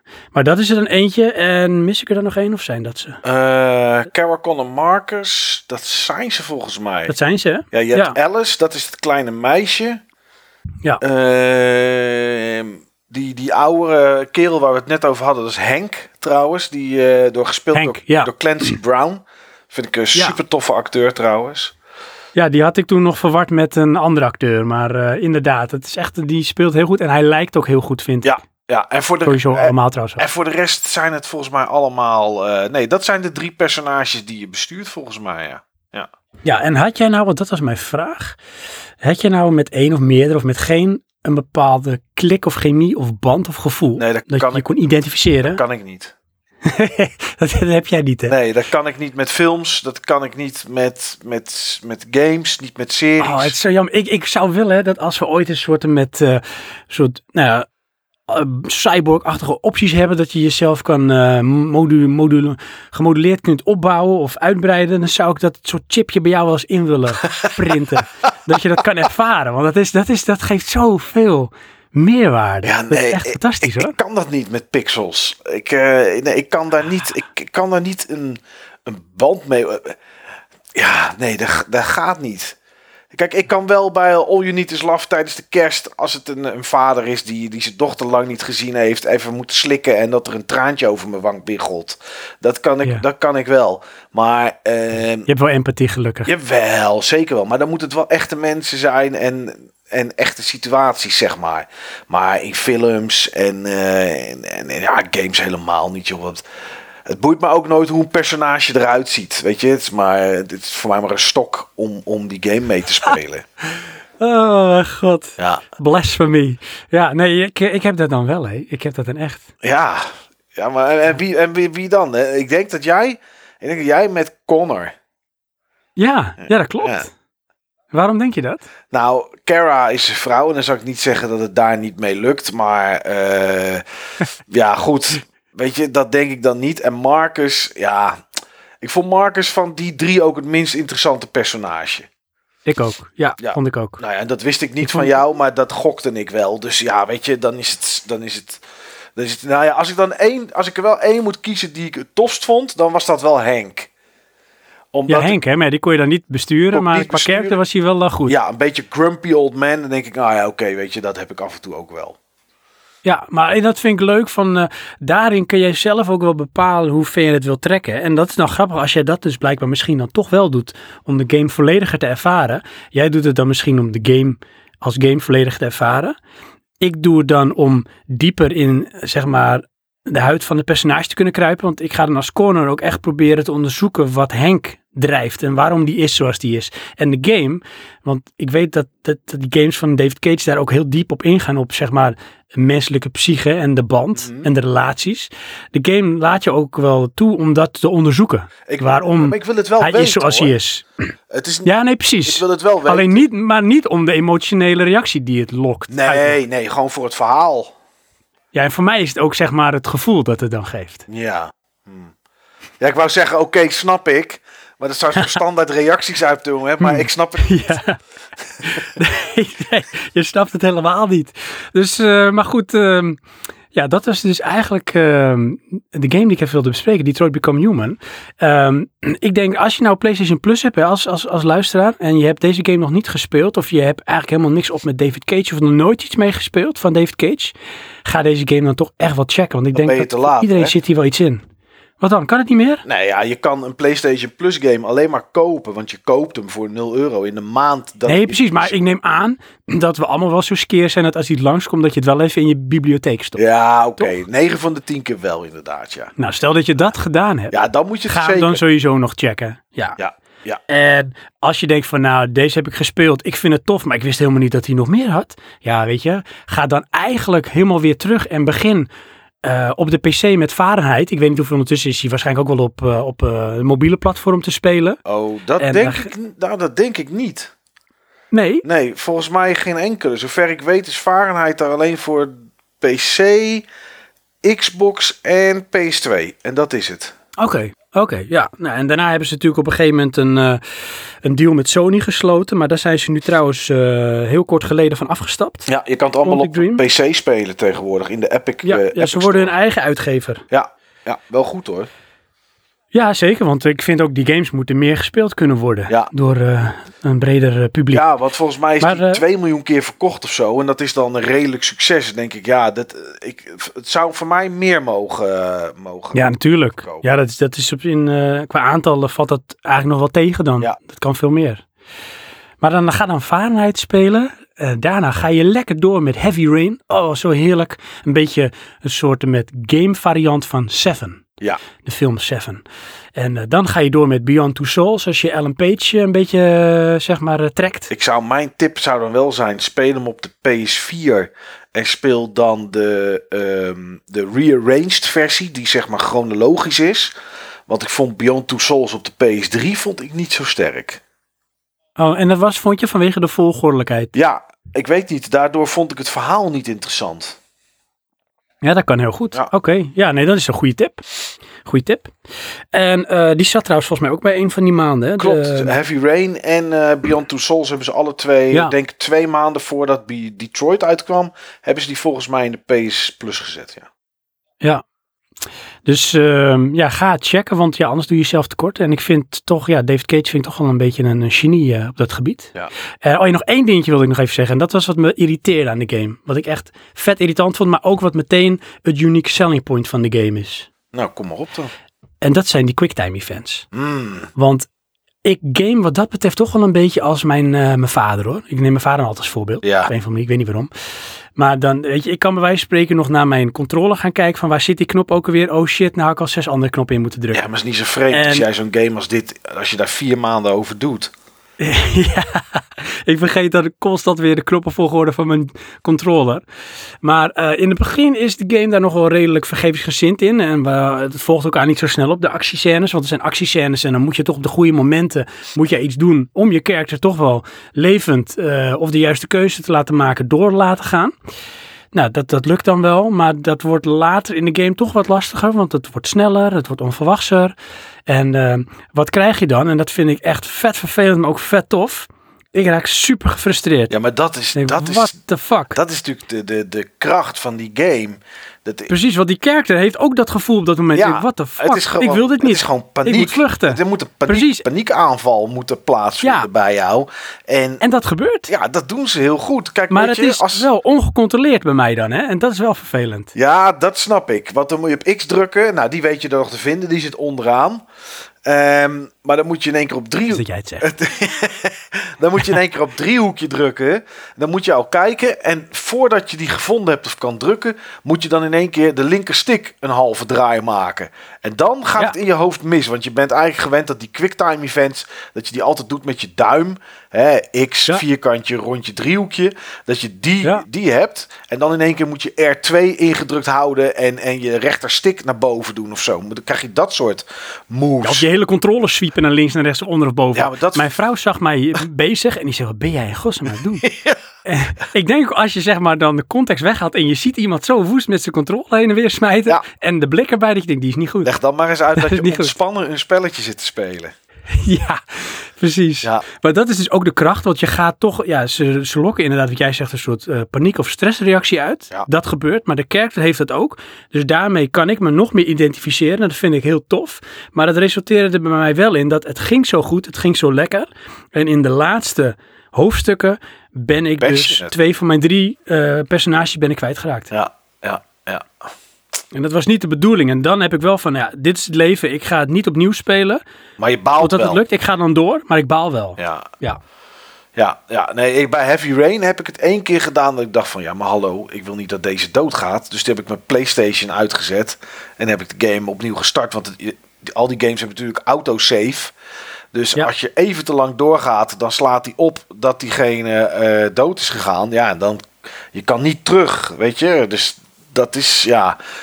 En toen dacht ik van, ja, oké, dit had ik niet moeten doen. Maar dit wilde ik echt niet dat er ging gebeuren. Ja, dat, dat heb ik toen wel eh, gefixt. Maar daarna heb ik dat nooit meer, eh, heb ik dat nooit meer gedaan. Foei. Nee, niet doen. Nee, Foei. nee, nee, dat verpest het voor jezelf. Kan in het echt leven ook niet. Nee, nee.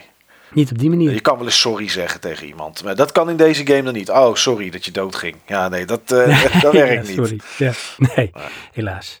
Maar dat was eh, Detroit Become Human. Ja, goede game, man.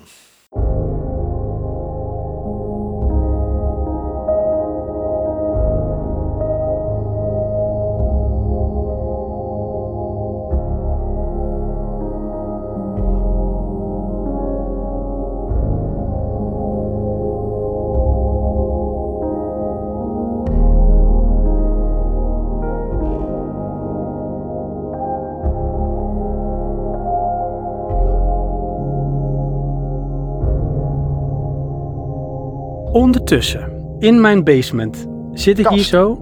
Ja, in mijn kast, ja, in mijn kast, in mijn Harry Potter kast. Heb ik hier zo eh, ook... ASMR.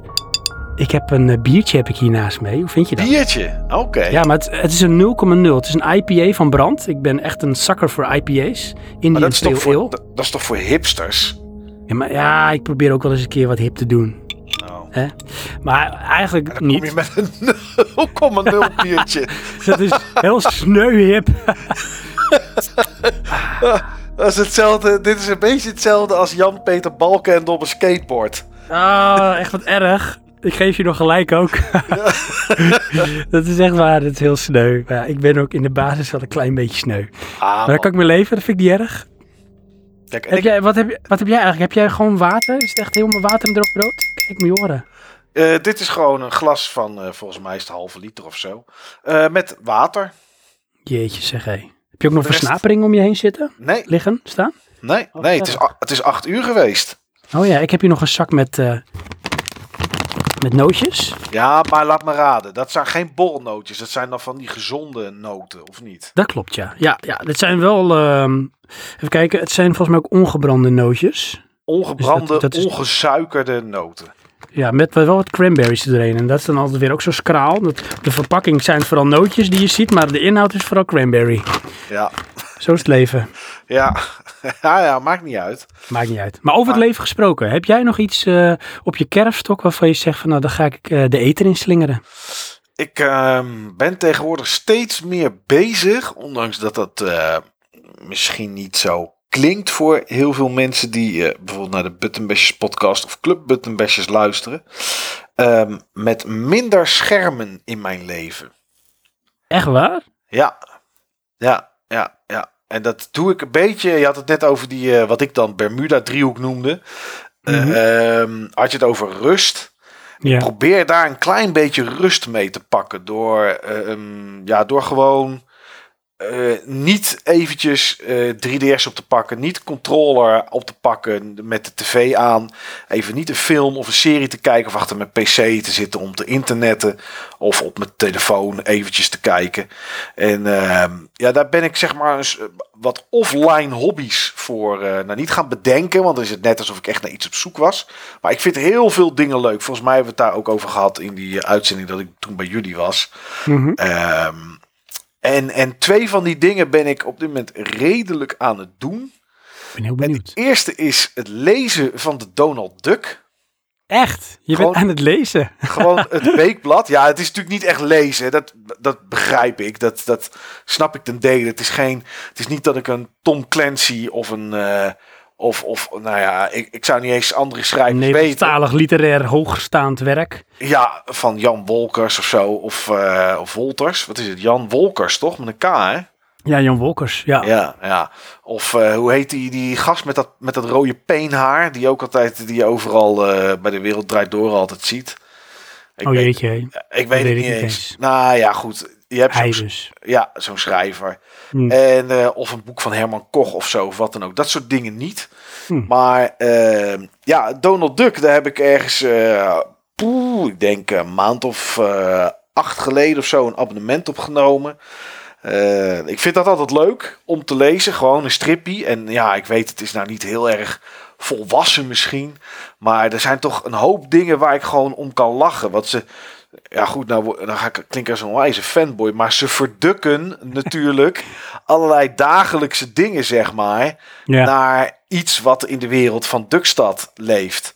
Ja. En ehm, ja, daar moet ik dan toch, daar moet ik toch om lachen. Als ze bijvoorbeeld heel simpel iemand neemt een selfie en dan zegt een van die drie, één het was niet Donald Duck, maar gewoon een menspersoon. En dan, dan zeggen een van Kwikwekker Kwak zegt dan dat diegene wel een mooie duckface trekt. En dan moet ik toch lachen. ja. Daar kan ik Dat, niks dat is goed gevonden. Ja, dat is, eh, ik weet niet. En er zitten heel vaak zitten er van dat soort, eh, van dat soort dingetjes in. eh, steden die ze dan, eh, Amsterdam of zo, weet je. Ja. Dat soort namen. ja, inderdaad, ja. Dat weet ik nog wel van vroeger. ja, en daar zijn ze best wel, ehm, daar zijn ze best wel goed in, moet ik ze toch wel eh, nageven. En ehm, ik kon destijds, was er een aanbieding voor een abonnement. Dan kon je kiezen de Donald Duck. Dat was dan eh, de eerste, ik weet niet, drie maanden of zo voor 7,99. Eh, dan had je voor 8,99 de Donald Duck met één keer in de maand de Donald Duck extra. En je had dan nog een iets duurder abonnement. Dan kreeg je er geloof ik nog twee Donald Ducks bij per maand. Want ik weet niet hoeveel mensen er tekenen en verhaaltjes bedenken voor de Donald Duck. Maar mijn hemel, wat kunnen die gasten er een hoop Donald Duck per maand uitdrukken, Klopt, zeg. klopt. Zal ik er eens wat over normaal. vertellen? Want misschien weet jij dat wel, misschien ook niet. Mijn eh, dochter die leest dan eh, af en toe de Donald Duck Junior. Ja, En eh, daar gaan we haar waarschijnlijk ook een abonnementje voor geven. Maar wat ik begrepen heb, is dat zij op zich ehm, een aantal edities maken en die herhalen dan weer zoveel, na zoveel jaar. Nou, wat je wel ziet, en vroeger zag ik dat ook wel, maar toen lette ik daar niet zo heel erg op, is zodra, zodra er een verhaal begint, staat er altijd een code. Onder eh, Oh. het eerste plaatje staat een code. En volgens mij begint die met een jaartal. Toevallig heb ik hier een Donald Duckje voor mij liggen.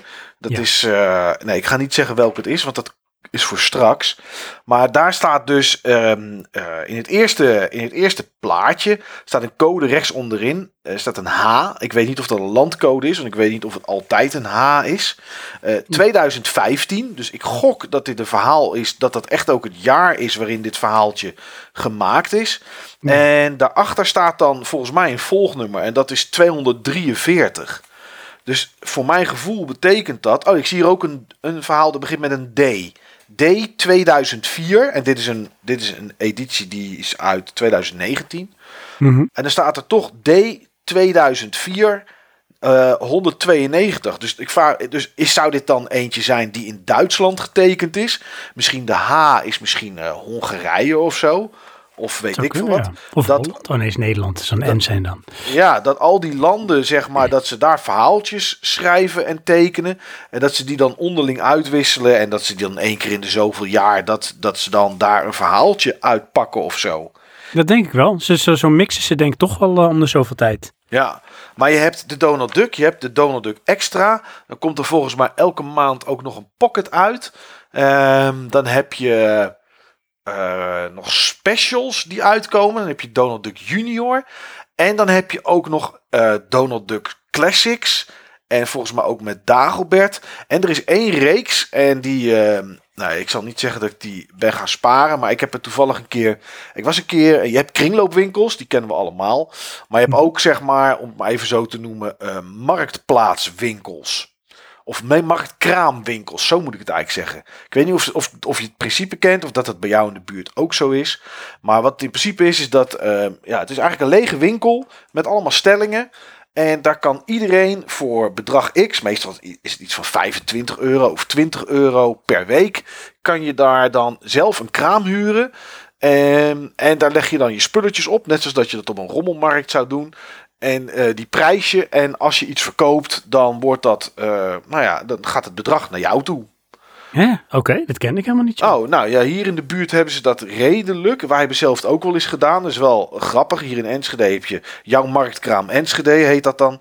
En eh, ik geloof 25 euro voor één week. En als je dan langer blijft staan, zijn de weken daarna eh 20 euro. Ehm, dan krijg je, een- is er een app die je kan downloaden. Daar log je dan in met de code. Je krijgt dan stickertjes. Op die stickertjes schrijf jij het bedrag wat iets moet kosten. Je mag, ja, ik bedoel, als jij daar een, een, een paar gebruikte sokken neer wil leggen voor 30 euro, ja, dat moet jij weten, weet je, dat mag. Ehm, en je schrijft, daar, eh, je schrijft dat daarop, wat dan, eh, wat dan jouw bedrag is. Mensen die gooien van al die kraampjes die er zijn, eh, gooien ze wat in hun mandje. Of ze pikken het, want dat werkt natuurlijk ook nog steeds zo. Ja. Maar goed, gaan ze langs de kassa, dan geven ze aan de kassa af. Dan, dan scannen ze jou, jou, de code van jouw, hoe heet het, van jouw klantnummer, zeg maar. Tikken ze het bedrag erbij in. En dan zie jij in de loop van de dag op die app, zie je dan ja, hoeveel je verdiend hebt. En zo kan je dus op die manier kan je dus eh, je spullen verkopen. Zonder dat je op zondagochtend moeilijk vroeg hoeft op te staan om ergens op een, op een rommelmarkt te staan. Wat een mooi concept. Dat Ja. we dat hier niet hebben. Ik ken dat helemaal niet. Ja. Ik ken inderdaad alleen maar de rommelmarkt. Ja, nee, het, is, eh, het, het heeft voordelen, want je kan er eh, een hoop neerleggen. Je kan, eh, door de week kan je bijvullen. Eh, ja, je kan er elke dag naartoe als je wil om je kraampje anders in te richten of wat je ook wil. Eh, nadeel natuurlijk is als je op een rommelmarkt staat, dan ga je op een gegeven moment het wat voor goedkoper wegdoen, want je probeert het in die ene dag te doen. Dus Ja. je houdt best wel een hoop bende over aan het einde van zo'n periode, want sommige dingen lopen hard en sommige dingen lopen minder hard. Maar als je een beetje interessante spullen hebt, stel je hebt nog ergens een, nou ik noem maar wat, je zou nog een soundbar hebben waar je niks mee kan. en je legt die voor, eh, voor 15 euro leg je die daar neer. Ja, weet je, dan gaat het natuurlijk vrij hard eh, als je je spullen verkoopt. Maar goed, ik was dus bij een, eh, wij waren dus bij zo'n winkel. Er zitten er hier in Enschede zit er, zit er, zit er één, maar er zit er ook eentje in Hardenberg. Ehm, dat is hier een uurtje vandaan rijden. En daar hebben ze echt, nou, daar hebben ze zoveel kramen. Dat is echt niet normaal. Eh, Oké. Wat je dan wel ziet, is dat, dat ook mensen die het zeg maar semi-professioneel doen, eh, dingen daar neerleggen. Dus eh, ja, weet ik veel. Dan heb je mensen die eh 6 miljoen zeepjes hebben, of eh, wierookstokjes, of dat soort spullen. Oh ja, ja, ja. Maar eh, daar kwam ik van Disney eh, tegen en die waren 2,50 per stuk of zo, terwijl ze nieuw 20 euro zijn. De premium serie. En ehm, daar zijn nu 19 delen van, geloof ik. 18 of 19 delen. Maar dat is één heel lang verhaal. Ja, eh, balen. Alleen nummer 2 en nummer 4 lagen er. Die zijn dan van Mickey. Nummer Hm. 1 is dan van Donald. Nummer 3 is dan weer van Donald. Eh, en zover ik begrepen heb, gaan ze dan zeg maar, loopt het verhaal van de een naar de ander door. Dus ik heb ze nu liggen. Ja, ik, ik, ik lees ze nu niet, want ja, het is toch een beetje jammer als je niet eh, het hele verhaal zeg maar oppikt. Maar dat drukken ze er ook uit. Dan hebben ze natuurlijk winterboeken en, en, en vakantieboeken. Nou, het is niet normaal hoeveel, eh, hoeveel spul die gasten uit, uit, uit die fabriek drukken elke week.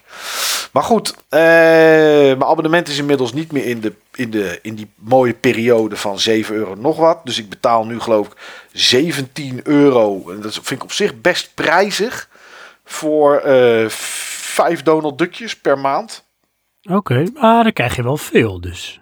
Ja, je krijgt elke week de normale. Soms zit er vier keer per jaar geloof ik een soort be- bewaar of special, speciale uitgave ding krijg je er dan bij. Ehm, en dan die Donald Duck extra's. En wat je krijgt is, een, eh, je kan een account aanmaken. En bij deze, eh, eh, die heb ik nog nooit aan iemand gegeven. Maar Sven, als jij het leuk vindt voor je dochter, dan bied ik hem bij jou deze aan. Ehm. Dat je hem ook digitaal, de Donald Duck, kan lezen. Oh ja, tof. Dus kijk, dit is geen junior, dus misschien is het nog een beetje te vroeg.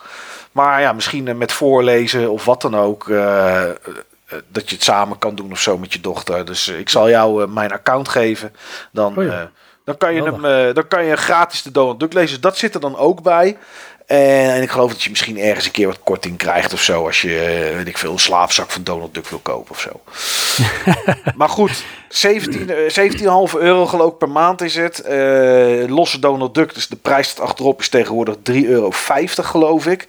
Dus dan zit je al aan de, aan de 18 euro. En dan nog Ja. de Donald Duck extra die ook zo'n zo'n soort bedrag kost. Dus het is goedkoper dan hem elke week kopen in de Ja, in de precies. winkel. Je krijgt wel waar voor je geld. Je legt er wel wat voor neer, maar dan heb je ook wel Ja, wat. ja, alleen ik heb een... maar- ja, zeg maar. Ja, nee, jij eerst. Ik heb een hele lange tijd heb ik, had ik gewoon niet de fut en niet de tijd. Die nam ik ook niet om te lezen. Dus ik heb echt nog een shitload aan Donald Duckjes die ik in moet halen. Dus eh, op een zaterdagochtend en op een zondagochtend of, of wat dan ook, smiddags. Ja, dan pak ik er gewoon even twee of drie. En eh scheur ik het cellofaan ervan af. Ga ik lekker in de hoek van de bank zitten met een heerlijk glaasje water. En een banaan of zo. En dan... eh, ja, dan ga ik dat zitten lezen. En dan eh, en dat vind ik toch lekker. Eventjes eh, niet iets digitaals.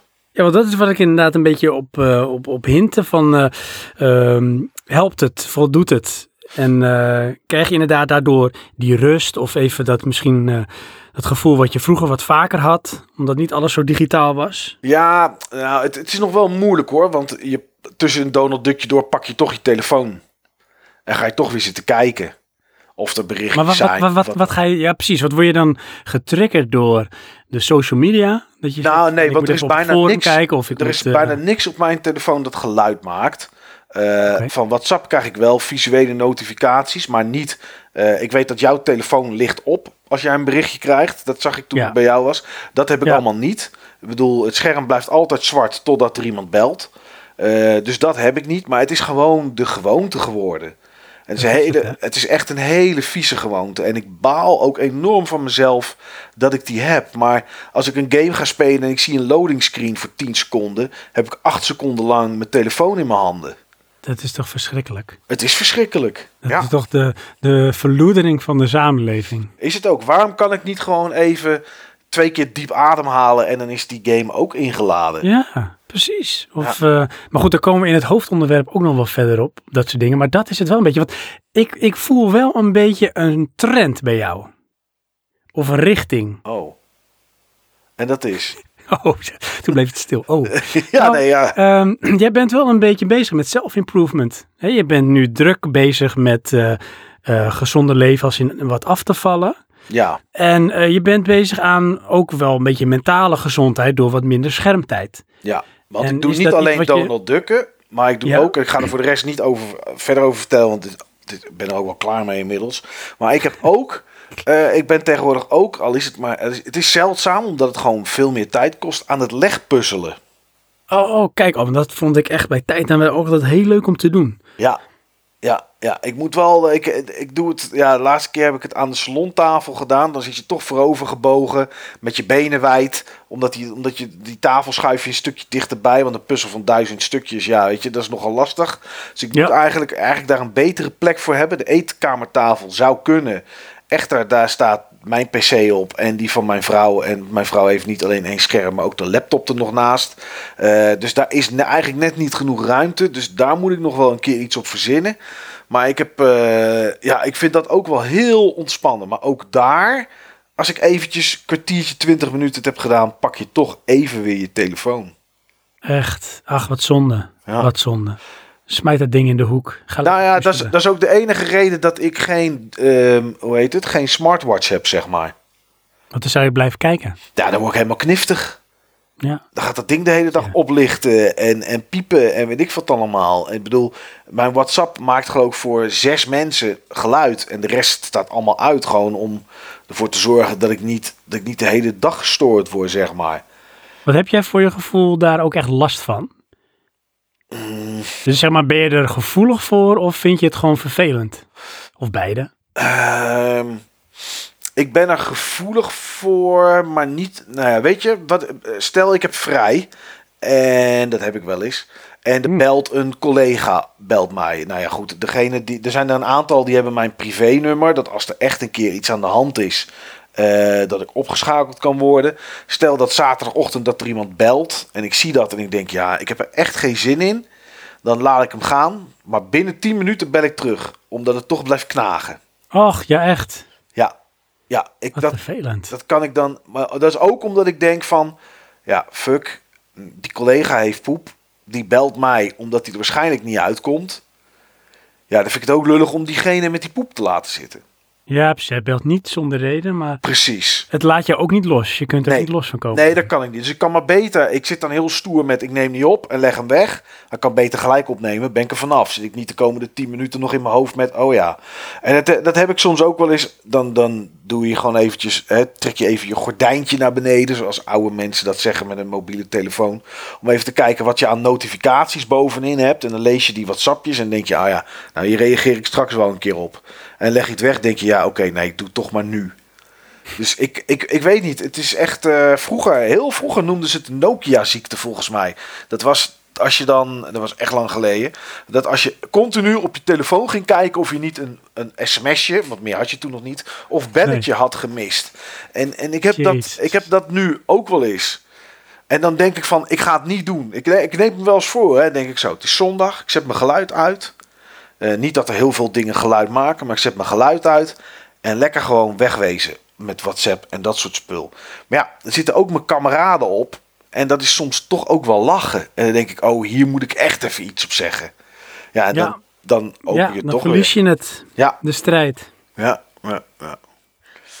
Dus maar goed, eh, ja, dat dus. Dus dat doe ik Ja. af en toe. Donald Duck lezen probeer ik wat vaker te doen, omdat die stapel weggewerkt moet.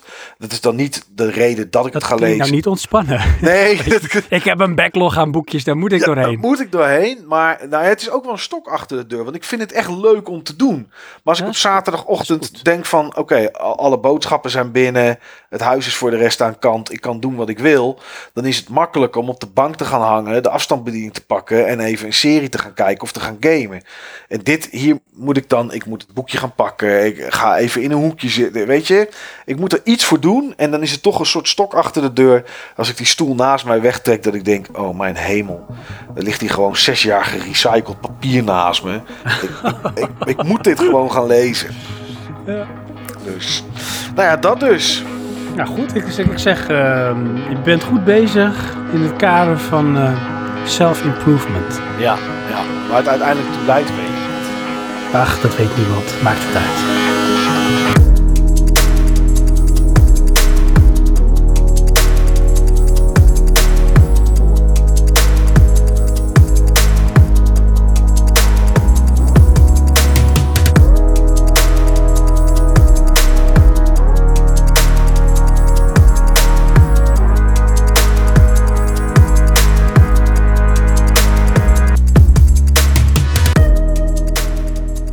Nou Sven, kom maar op dan.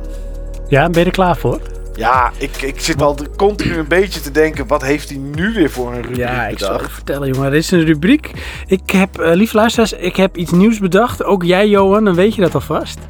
Het is een nieuwe rubriek. En eh, die rubriek heet, nu hoor je ook eens het, het mooie intro-liedertje. Hij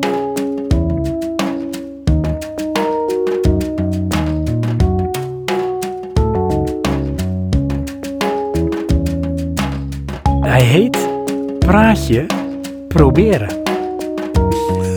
Wat is praatje proberen? Ik hoor het je denken. Mike en lieve luisteraars, praatje proberen, praatje proberen. Wat denk je, wat zou het kunnen zijn? Ehm, het zou kunnen zijn dat je net zoals ik uit je, uit je comfortzone stapt en eh, iets gaat proberen wat je normaal nooit doet. Het zou kunnen zijn dat je ergens een, eh, op een kringloop of misschien wel bij de Used Products waar je was, bij die Sony TV een kookboek hebt gekregen van Jamie Oliver. En dat je daar eh, elke week een recept uit gaat maken dat je niet kent. Dus dat je dan dat gaat proberen. Ehm, ja, het zou ook kunnen zijn dat je het heel letterlijk moet nemen. En dat jij eh, tegen iemand die je niet kent op straat of op je werk een praatje bent gaan proberen. Wacht, dat is echt hele goede voorbeelden, maar... eh, eentje kloppen allemaal. Redelijk, ze kloppen allemaal niet, nee. Eentje kwam redelijk in de buurt. Oké, nou zeg het maar dan. Praatje nou, ik eh, een praatje proberen. Dat is een, een nieuwe rubriek, uiteraard, van Praatje Podcast. Die heeft heel veel rubrieken. Ja. Zoals eh, leuke praatjes op een feestje. Dat is echt een, een topper. Daar is iedereen altijd heel blij mee. ik baal maar- echt dat hij niet in deze uitzending zit. Maar ja, goed. Ja, sorry. Ja, ik, de is. volgende keer is hij er weer. En we hebben ook ondertussen gehad ehm, praatje, plaatje. En het is dan eh, muziek. Oh ja. Waarvan ik eh, iets wil aanprijzen. En we hebben een keer gehad praatje, podcast, praatje. En het is dan een podcast die ik aanbeveel. Maar in praatje proberen wil ik iets dat ik doe of leuk vind of waar ik interesse voor heb, wil ik delen. Zodat jij luisteraar of jij Mike het ook eens een keer gaat proberen. Hmm. Oké, dus je, je wil eigenlijk ons iets aansmeren. En dat hoeft dan niet per se een product te zijn. Maar het kan ook een actie zijn. Of wat dan ook. Waarvan jij zelf denkt, dit zou iedereen eigenlijk moeten doen. Dus ga het eens proberen. Ja, zo in het kader van ehm, als je het nooit hebt geprobeerd, weet je niet hoe het is. Hè? Nee. Sta jij voor dingen open, Mike? Ehm, nou ja, Voor jullie, nieuwe dingen? jullie hebben... Luisteraars, jullie hebben net gehoord dat ik een moeilijke eter ben. dus Want ik heb je, hier een enorme bak sla. Heb ik Ja, hier. of als jij zegt, ik heb nu een vis ontdekt. Eh, nou, weet je, dan houdt het al op. Dus, maar eh, ja, dat ligt eraan wat het proberen is. Is het iets met eten, dan kijk ik er Nee, naar. het is En- niet met eten. Nee, maar als het eten zou zijn, dan kijk ik ernaar, dan hoor ik de ingrediënten, denk ik, nou, hier hoef ik al niet aan te beginnen. Eh, is het iets dat het zegt van, ik ben in een achtbaan geweest, die was zo geweldig, daar stap ik wel in. Dus het hangt er een beetje van af wat het is. Mhm. Ja, dit is een beetje een soort achtbaan en voedsel voor je lichaam, voor je geest. Want ik heb het al vaker namelijk over gehad. Ik heb het er al veel vaker over gehad. Oh, kom je weer met je kefir? Nee, het komt niet met mijn case hier. Oh. Ik ga het met jullie hebben over Autonomous Sensory Meridian Response. En toen bleef het stil. Tweet, tweet, tweet, tweet. Krekelgeluid. Nee, ik, eh, oké, dat klinkt heel heftig. En het- nogmaals, Autonomous Sensory Meridian Response. Oké, het klinkt als iets waarvan ik denk... Oh, dit klinkt nu al vermoeiend. Dit ga ik niet proberen. Hier moet ik heel veel voor lezen of voor doen. of- Wel, nee, je hoeft hier namelijk niks voor te doen. Eigenlijk bijna niks, want ik heb het namelijk over ASMR. Oh, ik zat al... ASMR. Ik zat al de afkorting, maar het ging me even te snel. Dus eh, ja, nee, nou dan, eh, weet je, dan weet je mijn antwoord al. eh, of ik hiervoor open sta of niet. Tuurlijk, zeg je dan, tuurlijk. Ja, tuurlijk Breng het niet. aan. Want ehm, ASMR, wat is dat? Wat is ASMR? Ja, ASMR is, is, is, is heel zacht geluid maken dat dan bij mensen iets zou moeten triggeren in hun, in hun hersenpan. Ja, je krijgt inderdaad tintelingen of tingles, zoals ze het in het Engels zeggen. En ehm, dat is iets waar een groep gevoelig voor is, maar ook een hele grote groep niet. Dus vaak bij de groep die daar helemaal niet zo gevoelig voor is, is er vooral een what the fuck. Want wat is dit voor raars? En jij noemt inderdaad een voorbeeld van ASMR. Dat zijn de ASMR artists. De mensen die gaan fluisteren en die geluidjes gaan maken. En, ehm, maar je kan het ook bijvoorbeeld hebben door bepaalde visuele prikkelingen, door bepaalde beelden die je ziet. En die kunnen iets triggeren, waardoor jij een soort lekker tintelend gevoel krijgt. Sommige mensen, en ik ben dat zelf ook wel een beetje, ehm, die krijgen het als, als zij zien dat bijvoorbeeld iemand een massage aan het geven is aan iemand, gewoon een massage, dat je zelf ook een beetje dat gevoel krijgt. Dat heb ik ook. Weet je dat dit al heel oud is? Ja, ongetwijfeld. Hoe 19 oud is het? 1995. Ad Visser, Brain Sessions. Ja, die cd, die heb ik ook nog gehad, weet je dat? Ik ook. En ik heb dat Ja, viel je aangezet. slaap of niet? Nee, ja, ik heb, het, ik heb het een paar keer aangezet. En toen dacht ik, oké, dit stuk wat ik nu luister moet me energie geven. Toen was dat dan klaar en dacht ik, oh ja, zo, ik heb echt energie zeg. Poeh. Oh, maar dan neem je het veel te letterlijk. Dan is het ook natuurlijk gedoemd te mislukken. Ja, nou dat was Zo het werkt ook. dat natuurlijk niet. Ja, nee, dat inderdaad. En die ging ook meer over eh, eh, letterlijke brainwaves. Over eh, waarschijnlijk alfagolven. Want alfagolven geven ook een bepaald gevoel. Want dan loop je synchroon met je hersenen, de frequentie. En dan ga je ook senang voelen, zoals ze dat dan noemen. En dat doet dit dan waarschijnlijk ook wel. Maar dan eh, door de tintelingen die je krijgt door de geluiden. In dit geval die dan gemaakt worden. De enige tintelingen die ik kreeg van Ad Vissers Brain Session was dat er op de, op de hoes stonden twee borsten. Twee blote borsten. Dat waren de enige tintelingen die ik kreeg. Eh, dan doet het toch iets. Ja. Ja. Maar is dit, is dit iets wat je, wat het heet praatje proberen? Is Mhm. het dat jij, ik weet dat je hier al veel langer en, en mee bezig bent, tenminste met, Mhm. ik, weet, ik weet alleen niet in, in welke vorm, maar daar komen we zo achter. Maar is dit iets dat je zegt, jullie moeten het allemaal eens proberen om te gaan beluisteren slash op je netvlies te laten projecteren? Of is het dat je zelf wat hebt gemaakt? Nou, eh, ja, een beetje beide. En ik heb nog niet zelf wat gemaakt. Ik heb al eens een keer gehint of gezegd van ik ga een opname maken. En dat heb ik toen ook gedaan. Maar dat vond ik echt zo verschrikkelijk. Want nu, nu ik zeg maar wat wijzer ben in de wereld van ASMR, ga ik het anders aanpakken. Oké. Want, en dat is dan de, de andere kant van ga het een keer proberen. Baat het niet, schaadt het niet. Ehm, ik doe dan meestal, als ik het ga luisteren, dan eh, luister ik het in bed. En eh, niet omdat ik niet kan ontspannen of slapen. Want ik heb echt, ik heb het effect dat als ik mijn kussen zie en ik ga liggen, dan kan ik gewoon slapen. Ja, ik Echt, ook. bam, dan ben ik uit. Boem, Ik ben binnen Mijn vrouw 20 vindt dat 20 reet irritant. ben ik weg. Ja, heb ik ook. Dan zit ik echt in, eh in La La Land, dan ben ik weg. Maar eh, ik kan dus ook eigenlijk best wel makkelijk ontspannen. Dus dat is ook het probleem niet. Maar doordat ik makkelijk ontspan, denk ik, ben ik ook makkelijk te prikkelen. Met dat soort dingen. En ik vind dat echt, het is net voor mij alsof je in een lekker warm bad stapt. Ik weet misschien vind jij dat verschrikkelijk hoor, maar ik vind een lekker warm bad vind ik iets heel lekkers. Nee man. Ik, Heerlijk. eh, Door, ik, dat zal vast door mijn lichaamsgewicht komen, maar ik heb het zo snel warm. Dus als Oh ik in een ja, warm ja, bad ja. ga zitten, dan begin ik echt als een otter te zweten altijd. Dat is niet jouw vorm van relaxing. Nee man. slecht voorbeeld. Ja, kom ik eruit met koorts, zeg maar. Weet je, dat, dat gevoel een beetje. Ja. Nee, ik Maar krijg wat- dan wat eh, echt zo van heerlijk. Wat luister Nou, dat dan? is, dat is een hele goede vraag. Je hebt eh, video's. Het, ik luister op YouTube en het zijn dan eigenlijk de video's, maar het gaat mij om de audio. Dus het beeld heb ik er eigenlijk bijna nooit bij. En eh, je hebt meerdere vormen. Je hebt mensen die praten, je hebt mensen die geluiden maken, je hebt mensen die het combineren, je hebt mensen die rollenspellen doen. En ehm, ik prefereer wat ze noemen de no-talk video's. En dat zijn, dat staat er ook altijd aan bij. Dat zijn video's waarin gewoon soms wel drie uur lang gewoon geluiden gemaakt worden. En tintelingen die jou heel relaxed en slaperig maken. En ehm, daar luister ik dan vooral naar. En ja, weet je, dan kost het me dus moeite om wakker te blijven sowieso. Dan, dan duurt het misschien vijf minuten, maar dan ben ik echt zo helemaal zo slap als, als gel, helemaal relaxed. En dat vind ik echt heerlijk. En dan word ik in één keer om een uur of drie s'nachts wakker en dan, doet mijn rug pijn, maar dan lig ik op mijn oordopje. Want ik heb van die AirPods van Apple en die vallen uit en die rollen dan onder mijn rug of richting mijn vrouw.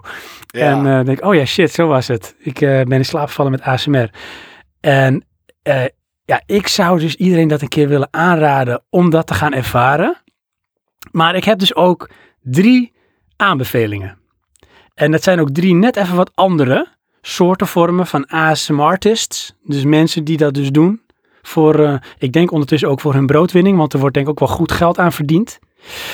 Maar Eh, hey, hey, voordat je gaat ja. beginnen, wat ik Ja, ja, ja. wat toch m- mijn tenen staan krom in mijn slippers. Mhm. Je noemt het ASMR artists. Ja, zo noemen zij dat, de ASMR. Ja, snap het ik. Een soort community. Snap ik. Kijk, Michael Jackson was natuurlijk een wereldartiest. Ja, Hè? Die kon iets, die had dansmoves die niemand kende. Geweldig. Ja. Ehm, John Travolta, prima Hmm. acteur, eh, grootste dingen gedaan, eh, daarna wat minder, maar hè, kan een rol neerzetten, kan een personage overbrengen. Mhm. Eh, Ridley Scott, genadeloos, hoe heet het, regisseur Regisseur. van zeker. films, geweldig. Dan komt er iemand met een microfoon Mhm. die een snoeppapiertje laat knisperen. Ja. Sven, dit is toch, dat is toch geen kunst? Nee, maar zo weet je... Dat zijn dat toch geen ook- artiesten? Dit zijn gewoon. Dat, en dat, dat, is, dat, is, dat is wel een beetje een ding wat ik hiermee heb. Elke Jan Doedel. Snap ik. Met een Snap microfoon- ik. Kijk, tuurlijk, mijn microfoon pakt iets minder geluiden op dan zo'n ASMR-microfoon. Snap ik. Nou, Ja, oké, je koopt zo'n microfoon. Dan ga ik hier in mijn kamer rondkijken. En dan heb ik hier een ventilator staan. Niet omdat het hier zo warm is. Maar dan hoef ik hem. Hè, dan staat hij er van de zomer. En dan ga ik dit doen.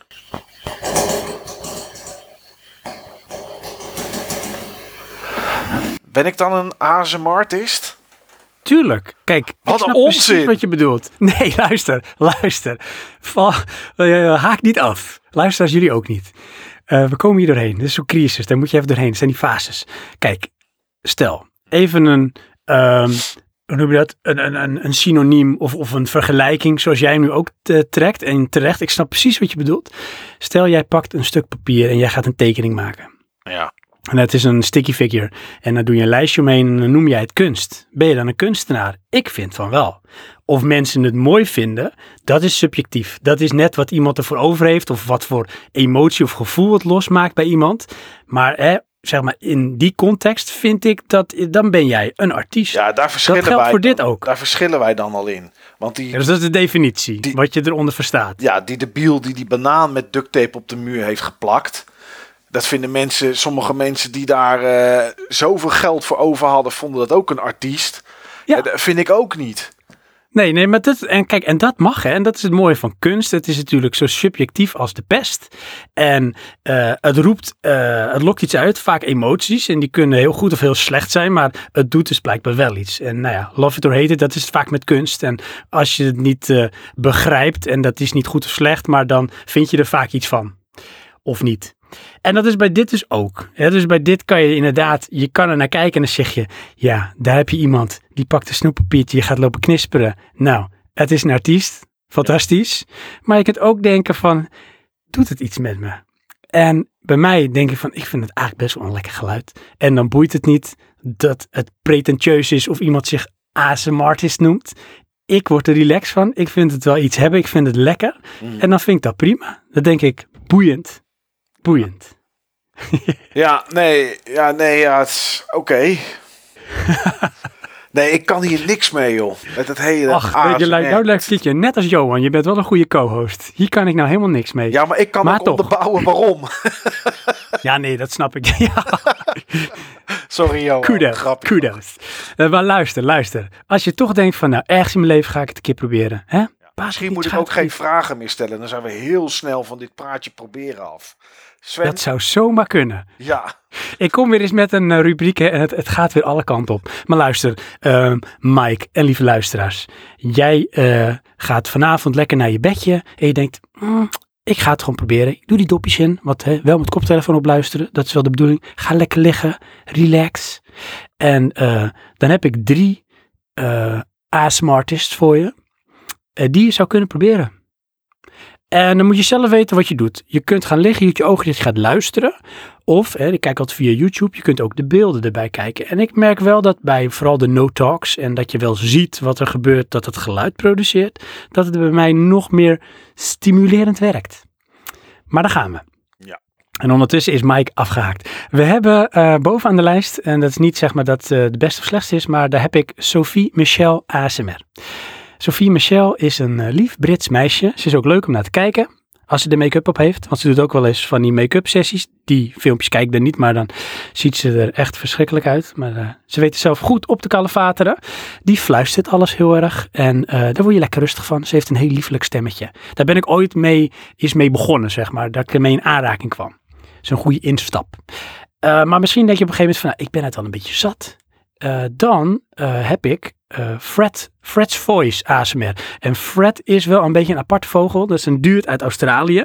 En hij lijkt als twee druppels water op uh, Thor, op die uh, Chris Hemsworth. Ja.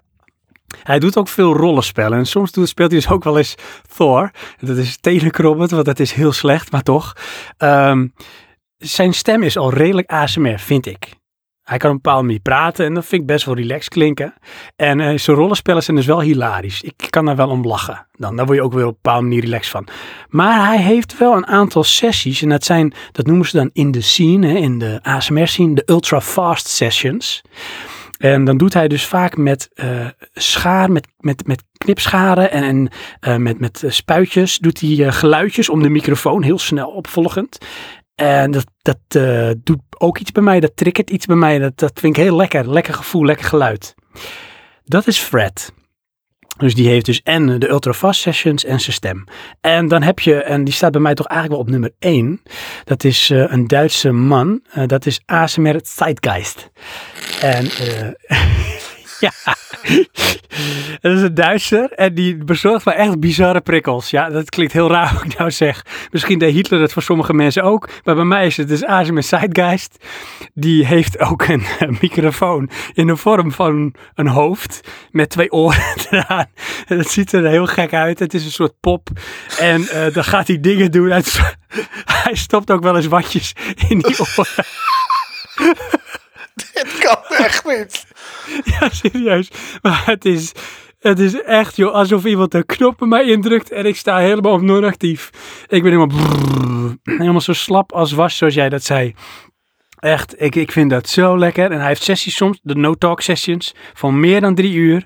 En als ik er al naar kijk, ook erbij, ik raak echt in een soort, soort katatonische, comateuze staat. Echt, je kan me wegslepen. Helemaal relax. Heb je... Ik weet ook niet waarom ik dit vraag hoor, maar heb je dan nog... maar. Heb je dan nog attributen die het meer voor je doen dan andere attributen? Wat een vraag. Goeie vraag, Mike. Dit is wel hoogstaande journalistiek. Uh, ik ga hem serieus beantwoorden. Ja, ja dat heeft hij. ja, hij heeft uh, namelijk, en dat is wel een, een van de favoriete objecten van heel veel ASMR-artists, een uh, kam of een borstel. Oh ja. En als hij daar dan met die dingetjes zo kartelt, of het een beetje langs die oren haalt, ja, dan echt, ik ben net zo'n kat. Als je op de goede knop drukt, dan ligt hij. Echt heerlijk. Staart omhoog. En ja, echt hoor. Ja. Ja. Ja, ik zit te kijken eventjes ondertussen op YouTube. Want ik denk van, ja, weet je, wat moet je hier nou allemaal mee?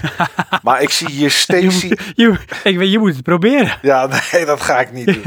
Ik zie hier Je moet. Stacy Esther, zie ik hier zo. En die vind ik iets prettiger naar te kijken, denk ik, dan die Sophie Marie van jou, of hoe ze ook heet van net. Sophie Michel. Oh ja, nou zat ik toch nog redelijk in de buurt.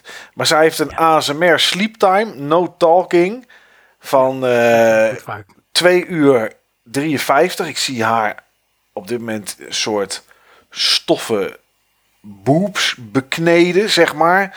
En hier zie ik, zie ik met, een, met, een, met een kwast zie ik iets gebeuren. En nou, ik weet niet wat ik allemaal zie gebeuren. Knijpen in een washandje of zo. Ik weet het niet. Wat, oh, eh, een soort zeepsop waarin ze aan het knijpen is. Ik weet het allemaal Ach, niet. heerlijk. Krijg nul tintelingen. Ja, Ga door, ga door. en maar de vi- oh, hier met een zak knikkers. Nou, kijk eens. Oh man, man, man. Ik kan het al helemaal visualiseren en ook eh, horen. Ja. Maar dit is gewoon bijna 7,5 miljoen keer bekeken ook. Ja, ja, ja, maar dat is niet zonder reden.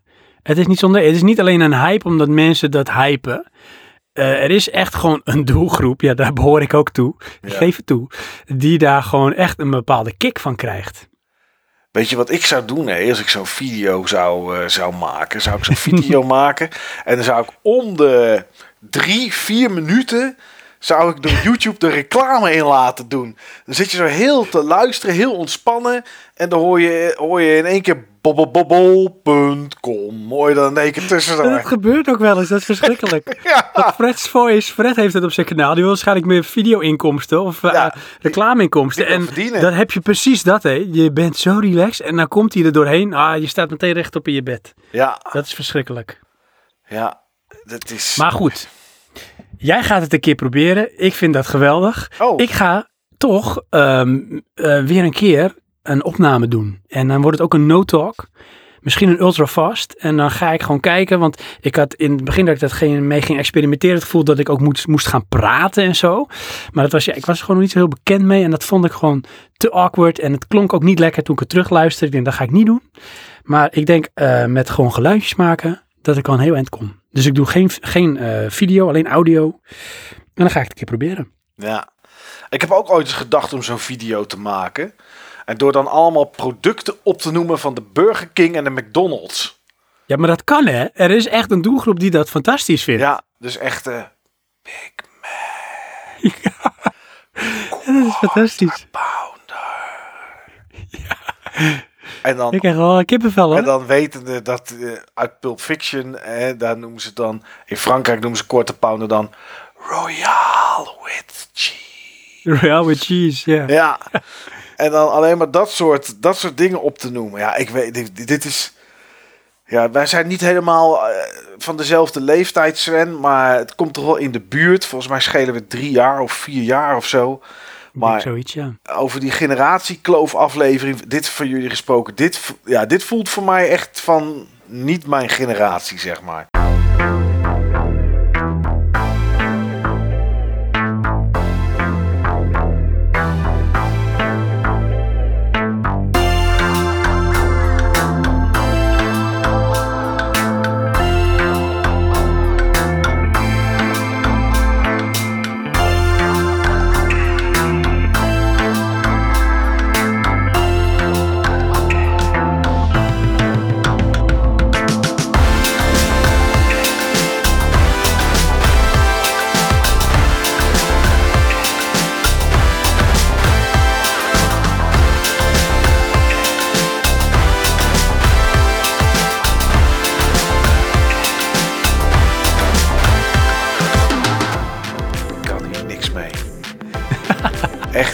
Toch een beetje hoe hij erbij is, lieve luisteraars. Of Johan gewoon toch eh, hier in deze kamer is. Ja. Nee, maar ja, goed, weet je, eh, iedere gek zijn gebrek. Als dit iets is waar jij, eh, wat je prettig vindt, dan is het goed, toch? Zo is dat. En in het kader van praatje proberen, nogmaals een oproep aan al jullie luisteraars. En aan Mike. Ga het gewoon een keer proberen. En je, je kunt het misschien ook gebruiken als een soort oplader om daarna los te gaan tijdens een praatje voor op een feestje. Dus dan kan je het ook nog combineren.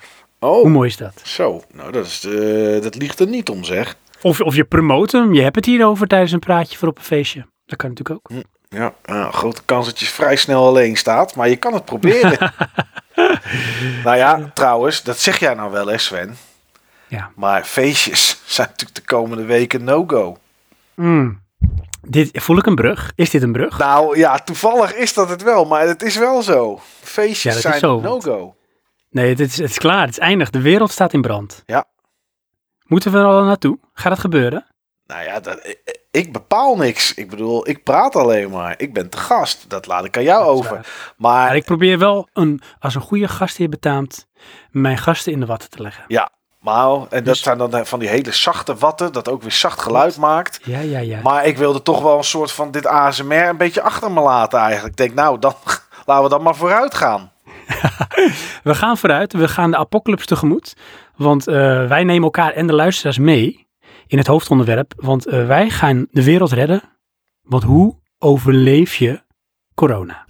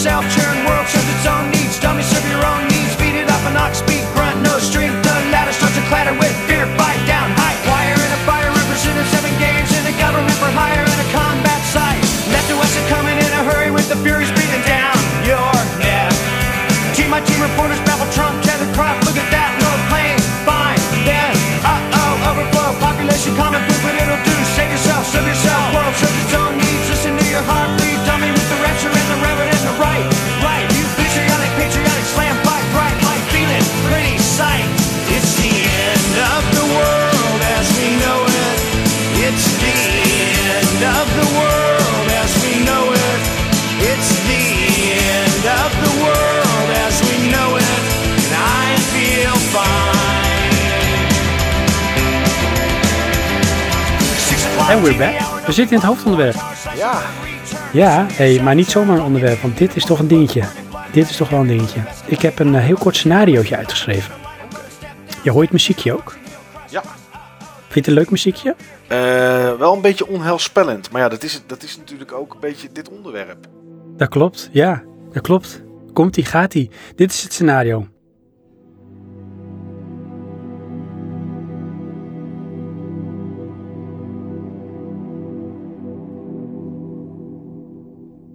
De wereld staat in brand.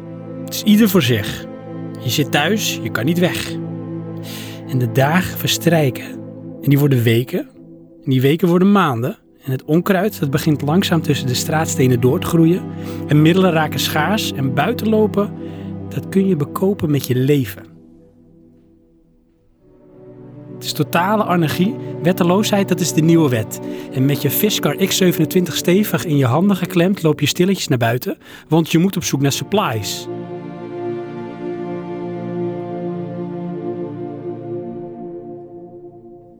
Maar ineens komt daar links van je gedaante aangestrompeld. En zonder te aarzelen plaats je de viskar tussen de ogen van dit gedrocht. En levenloos valt het op de grond.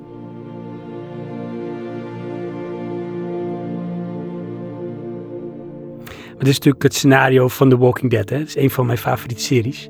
Wij hebben het natuurlijk over corona, Mike. Ja, Of om precies te zijn, Corvid 19. klopt. Ja, Of- dikke pech. Ja, of Om het anders te noemen, SARS 2. SARS 2. Ja, echt SARS opnieuw uitgevonden. Ja, Dat is toch een dingetje, hè? want ja, dikke pech, we zitten thuis, daar blijven we ook voorlopig. ja, Wat moet je nou met je leven? ja, nou ja, dat hangt er vanaf. Wat je met je leven wil. Dat hangt eigenlijk van één, één vind ik, redelijk eh, prangende vraag af. En dat is, Sven, ben je bang? Dat is echt wel de existentiële vraag, hè? Ja, Die, die ook wel een beetje heerst. Nou, ik, ehm, ik moet zeggen dat ik eh, niet zo bang ben. nee. En dat, dat komt eigenlijk door een aantal dingen. en ik ga de vraag eigenlijk zo ook meteen aan jou terugleggen. Want dat komt bij mij eigenlijk doordat er, eh, ik maak me niet zo zorgen over mezelf. Want ik, ik zie mezelf niet als zeg maar een beetje eh, de, de risicogroep. En in mijn directe omgeving zijn die mensen er eigenlijk ook niet echt. Dus er is ook niet echt iemand om me zorgen om te maken. Nou ja, En dat die is wel een beetje de vraag, hè? Want wat is de risicogroep? Er zijn ook mensen van eh, eind 30 inmiddels aan overleden. Ja, klopt. En dan nog denk ik, dat is niet zomaar. Hè? Dat, dat zullen ze, zeg maar, op eerste oog zou dat een kerngezond persoon kunnen zijn. Maar toch met dit soort dingen, dan, dan kun je er eigenlijk wel van uitgaan dat er altijd nog iets aan ten grondslag ligt. Waardoor iemand toch zo verzwakt is dat een heftigere griepvirus iemand fataal wordt. Ja, Dus dan, dan, dan moet er toch iets meer spelen dan alleen ik ben helemaal gezond. Ik krijg wel vaker de griep, nou heb ik het weer, nu ga ik dood. ja, Maar het kan natuurlijk wel. Maar dat kan natuurlijk ook met een gewone griep. En ja, op die manier misschien rationaliseer je het ook voor jezelf, zodat het minder eng is. Maar ik, ik word niet zo snel, zeg maar, bang van dit soort dingen. Hmm. Heb jij dat wel? Ben jij bang? Nee, ik ben niet bang. Maar ehm, ik ben wel een stuk voorzichtiger dan een week geleden. Oké. Dat Want ben ik hoe, wel. hoe is dat anders dan? Nee, hoe is dat veranderd? Nou, omdat ehm, het toch in Nederland wel begint te groeien. Kijk, het is nu, misschien is dat voor het tijdsbeeld wel interessant om eventjes te noemen. Het, het is nu Oh ja. 15 maart. Eh, het is eh, tien voor elf s'avonds. En vanavond om half zes is er besloten dat de komende drie weken, en ik vind drie weken best lang, Mhm. eh, alle scholen dicht zijn, alle horecagelegenheden en alle sportgelegenheden. Ehm, Ja. En ik snap dat wel, want als we dat doen en eh, we letten goed op, wassen onze handen, eh, houden afstand in de supermarkt en werken voor de rest thuis, zover dat natuurlijk mogelijk is. Er zijn genoeg eh, bevolkingsgroepen of, of beroepsgroepen, moet ik zeggen, waar dat bij dat natuurlijk niet kan.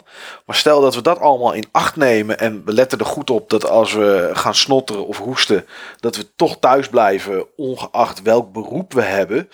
Dan zou die drie weken wel eens het moment kunnen zijn dat ze zeggen over twee weken van eh, het, het aantal gevallen neemt af en over drie weken komen er helemaal geen nieuwe gevallen meer bij.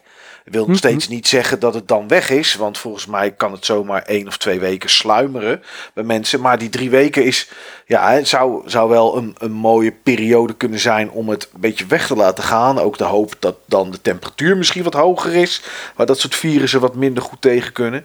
Maar goed, Ja. ik schrok toch wel van drie weken. Dus, eh, ja, maar je schrok dus met name van, De periode. Ehm, ja, wat heb je dan ook, eh want dat had ik met mijn vrouw vandaag ook over, van eh, in één keer kijk je naar de situatie die in eerste instantie heel ver van je bed is, want het begon natuurlijk ergens eh, in in eh, december Wuhan. volgens mij, hè? Ja. in eh, Wuhan, in een Chinese regio. Ja. En dan denk je, ja oké, daar gebeuren wel vaker gekke dingen. En dan denk je, ja oké, dat, dat is weer zoiets, het zal. Ja. En dan komt het toch dichterbij en nou is het dan ook echt hier. Ja. En toch heb je het gevoel van het is nog steeds ver van bed. Want eh, nou ja, mij gebeurt zoiets niet of bij ons is dat niet. En nu zit je erin en we hadden allebei zoiets. En mijn vrouw zit ook in het onderwijs. Dus zij wordt ook nog eens extra daarmee geconfronteerd. Van Hmm. het is nu echt zo. En dan in één keer van we hebben dit Ja. nog nooit eigenlijk meegemaakt. Dat je eigenlijk gewoon nu drie weken in je huis zit. Nee. Dat is best wel raar. Dat is het ook. En ehm, het, het, is, het is raar. Het is ook lang. Aan de andere kant, drie weken op een mensenleven is weer niet zo lang. Nee. Ehm, maar ja, dat, dat vind ik wel. Dat vind ik wel. Het is wel. Ja, wat ik zeg, ik ben niet bang. En normaal gesproken zou ik zeggen van ja, weet je, kom op man, het is gewoon. eh, hè, in het begin zei, zeiden heel veel mensen dat ah, het is gewoon een griepie. En moet je eens kijken hoeveel mensen er aan de griep doodgaan. ja, Ehm, ja, alleen, dat is, het is toch heftiger dan dat. ja, dat En, zeker. en dat is. En het verspreidt zich echt heel snel. En er is ook nog geen vaccin tegen. Nee, nee. En dan las ik vandaag las ik dan weer eh, eh, dat er, eh, dat er een, in, in Duitsland is er een bedrijf nu bezig, een medisch bedrijf, wat dan een vaccin aan het maken is. Ehm, en Trump die heeft dan, die wil dat bedrijf opkopen, zodat dat vaccin in ieder geval exclusief is voor de Amerikanen. Ja, dat is typisch Trump. Ja, en er zijn ook al gesprekken geweest. Er is ook al iemand van dat bedrijf, de CEO, naar Washington geweest.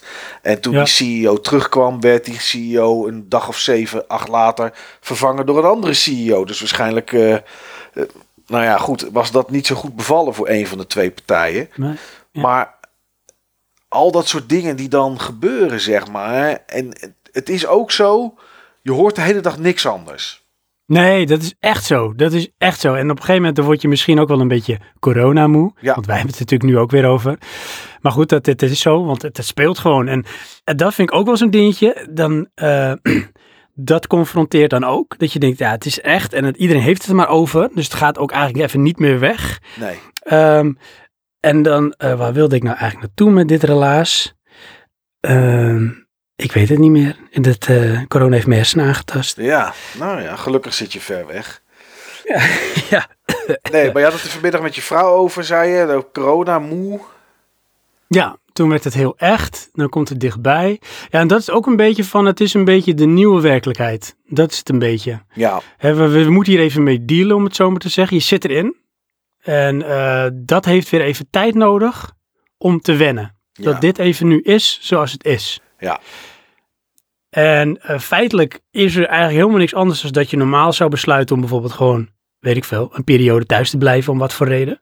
Maar nou heb je de keus niet en dan in één keer lijken dingen heel anders. Ga je ook anders tegen dingen aankijken? Gaan mensen zich ook in één heel anders gedragen? Jawel, maar het is wel zo dat als jij ervoor kiest om eh, drie weken thuis te gaan werken en je overlegt dat op het werk en het werk zegt dus prima, dan is het nog steeds zo dat je s'avonds naar een restaurant zou kunnen of dat je in een barretje wat kan gaan drinken.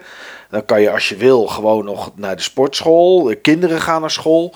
Dat, Op het moment, weet je, vorige week toen had ik zoiets van, oké, we moeten allemaal een beetje thuis gaan werken en eh, om een beetje op te letten. Nou ja, oké, weet je, als dat het is, dan is het prima. Maar nu wordt toch in één keer uh, het dagelijks leven wordt in één keer aangetast. Ja, nou daar, daar wilde ik naartoe inderdaad. het, het dringt zo diep door en dat gaat verder dan het virus. Want het virus is een soort nou, katalysator of verschijningsvorm dat dit als gevolg heeft. Maar het ontwricht nu dus ook. Hè? Dus eh, zeg maar even, de maatschappij die, die ligt een beetje stil.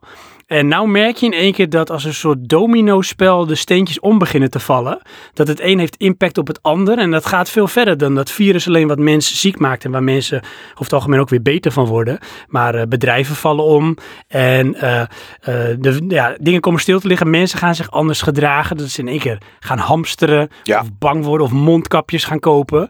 En dan denk je van, dat, dat, dat heeft best wel veel impact. En met name die, zeg maar even reality check, is best wel eh, grappig, vind ik dan.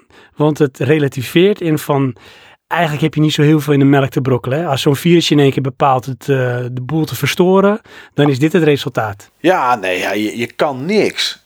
Je kan, Nee. je kan er niks tegen doen. Alleen, ehm, het is ook niet zo, en dat is het beetje dat ik er dan wel vervelend aan vind. Ik wil niet zeggen wat ik er eng aan vind, want dat is het nog steeds niet. Ehm, ik ben op zich vrij nuchter, maar heel langzaam, als ik om me heen zie wat het allemaal doet, dan heb ik zoiets van, ja, fuck, dit is niet over vier weken, is dit weg. Hier hebben we nog maanden, misschien nog wel jarenlang last van Zeker. omdat Ja. gewoon heel veel. Een kameraad van mij is, is Timmerman. Die heeft zijn eigen aannemersbedrijf. Die zei begin deze week al, dus een dag of vijf geleden, dat er bij de groothandel al leveringsproblemen waren. Ehm, als gamer zijnde kijk ik, keek, want ik denk niet dat het meer gaat gebeuren. Keek ik heel erg uit naar het einde van het jaar, wanneer de nieuwe Xbox en de nieuwe PlayStation komen. Ik denk niet dat die dit jaar komen, want ze kunnen gewoon niet, niet. produceren. Ehm, alle dingen zoals de E3 en dat soort zaken zijn afgelast. Maar Ja, wat te denken van tv-series in het aankomende seizoen, dat begint in Ja, september. Op dit moment ligt alles stil. Ja, Dus er wordt niks Maar dat, nieuws hè, meer gemaakt. Maar, en precies, maar en, en dat is, heb je dan ook niet zoiets van, ehm, je hebt zo'n gevoel van, eh, van controle normaal gesproken, hè, dat je dingen misschien ook een beetje voor lief neemt, van de dingen lopen zoals ze lopen en het is allemaal maar zo vanzelfsprekend. Nou gebeurt er zoiets en dan ga je toch heel anders naar dingen kijken. En jij noemt nu inderdaad, waar ik nog niet eens over nagedacht, zoals series en films. ja, Dat ligt natuurlijk ook op zijn gat en dat eilt na. Daar hebben we nu nog geen last van, maar op het moment dat ze zouden uitkomen, dat gaat nu ook uitgesteld worden. ja, Maar aan de andere kant denk ik van, het is ook allemaal bijzaak, hè? want uiteindelijk gaat het natuurlijk om clichés dat je gezond bent en dat het allemaal weer goed komt. tuurlijk. En dan zie je ook van, op het moment dat mensen dat klikje kunnen maken, dan in één keer zijn dingen in één keer geen probleem meer. Hoe lang ze het nog wel een probleem proberen te houden. Ja. Eh, om een concreet voorbeeldje te noemen, ik kijk graag naar de Formule 1. Ik zat heel erg uit te kijken naar de Dit afgelopen weekend. raceweekend. Ja, Want eh, nou, er zou eigenlijk vanochtend geraced worden in, eh, in Australië. Australië. En dat Ja. is natuurlijk allemaal niet doorgegaan. Maar ehm, dan zie je dat eh, er gaat zoveel geld om in de Formule 1. Dat ze heel lang hebben uitgesteld dat ze gingen uitstellen. Of dat het niet doorging. dat en was, dat was een hele rare situatie. Vrijdagmiddag of zo, toch? Echt een, een dag voordat ze die, die, eh, die race doen om te zorgen wie, wie op 1 mag starten en wie op 18 start. Ik weet niet Ja, heet. op vrijdag heb je de, de vrije trainingen. Ja, En ehm, nou, de, de, de, de fans stonden al voor de hekken. om kaartjes te kopen, toch? Om kaart, ja, die hadden al kaartjes gekocht, die zouden naar binnen gaan, die ja. waren er al. Eh, maar wat ze niet wisten was dat de eerste coureurs waren alweer onderweg eh, naar huis. Zoals Vettel en volgens mij ook Verstappen, die waren eigenlijk onderweg weer naar het vliegveld. Eh, maar dat, dat was zo vaag wat er nou gaande was. En uiteindelijk kwam dus op allerlaatste moment eh, door de, de, de FIA en de FOM kwam naar buiten van het is gecanceld, het gaat niet door. En dat had ook te maken met dat eh, er was één team, het was McLaren, daar was iemand ziek geworden. Die konden niet meedoen. Ja, een engineer of Ja, zo eerst, geloof ik, of zo. ja, las ik. ja, en daarom ging eigenlijk het hele team niet. Want ja, dan ga je in quarantaine en je trekt je terug. En dat is dan wel een beslissing van dat team. ja. Maar daardoor zeiden de andere teams, het grootste deel, zei eigenlijk van, eh, ja, dan willen wij niet racen. Als het niet compleet is, willen wij niet racen. Nee. Maar toen bleek toch dat met name de hele grote teams, die hadden toch wel willen racen. En dan komt het, dan zie je dus dat wat ze dan, eh, wat Hamilton heel terecht zei in een interview van eh, Money Rules of Money is King. Dat hier gaan zoveel belangen bij spelen, zoveel geld, Ja, dat ze geen beslissing kunnen nemen. Nee. En dan, dan spelen ze ergens op, zin spelen ze ergens op. En dat is dus ook gebeurd. Dus eh VIA gaf niet aan, we stoppen. Eh, de teams zeiden niet, we stoppen. Want als een team zegt, eh, wij gaan niet rijden, dan krijgen ze per auto 500.000 dollar boete. Mijn Dat willen ze niet. Dus iedereen schrijft zich in met de intentie om te gaan starten, terwijl ze weten van we willen niet rijden. Maar dat is dus een geldkwestie. En dan vervolgens eh, zegt bijvoorbeeld de FIA van nou wij gaan niet zeggen dat we het afblazen, want dan komt Australië met Ja. de rekening van ga maar vergoeden. Ja, ja. Dat willen ze niet. Dus ze zeggen, we gaan gewoon kijken wat we kunnen doen. Maar op een gegeven moment, dan zegt dus de overheid van, dit kan niet. Dit wordt gevaarlijk. En op dat moment besluit dus de overheid in te grijpen. Het gaat niet door. En dan is het overmacht en dan is dus niemand schuldig. En dan Nee, kost het precies. eigenlijk ook niemand op die manier geld. Heeft alleen Australië ontzettend veel geld misgelopen. Want die hebben al die tijd, maanden hiervoor al geïnvesteerd. Om ja, en gepromoot. een circuit klaar te en leggen en gepromoot Ja, inderdaad. Ja. Dus ehm, dat is allemaal een geldkwestie. En dan gaan dit soort dingen ook zo raar. Ja, Allemaal door een virusje.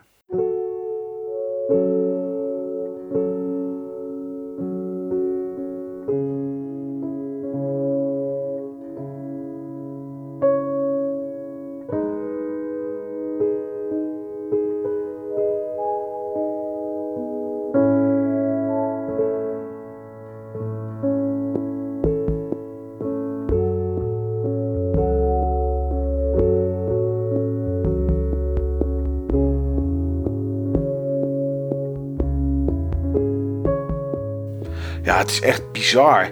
Het is echt bizar eh, wat, dit, eh, wat dit doet. Als je de afgelopen week naar de tv keek, zag je talkshows waar niemand in de zaal zat. Ja, dat is toch tv. zo weird? Maar ik, eh, ik, ik ben een nou, fan niet, maar ik kijk, ik kijk redelijk graag naar worstelen. En dan niet amateur. Dat, sowieso een raar ding vind ik dat.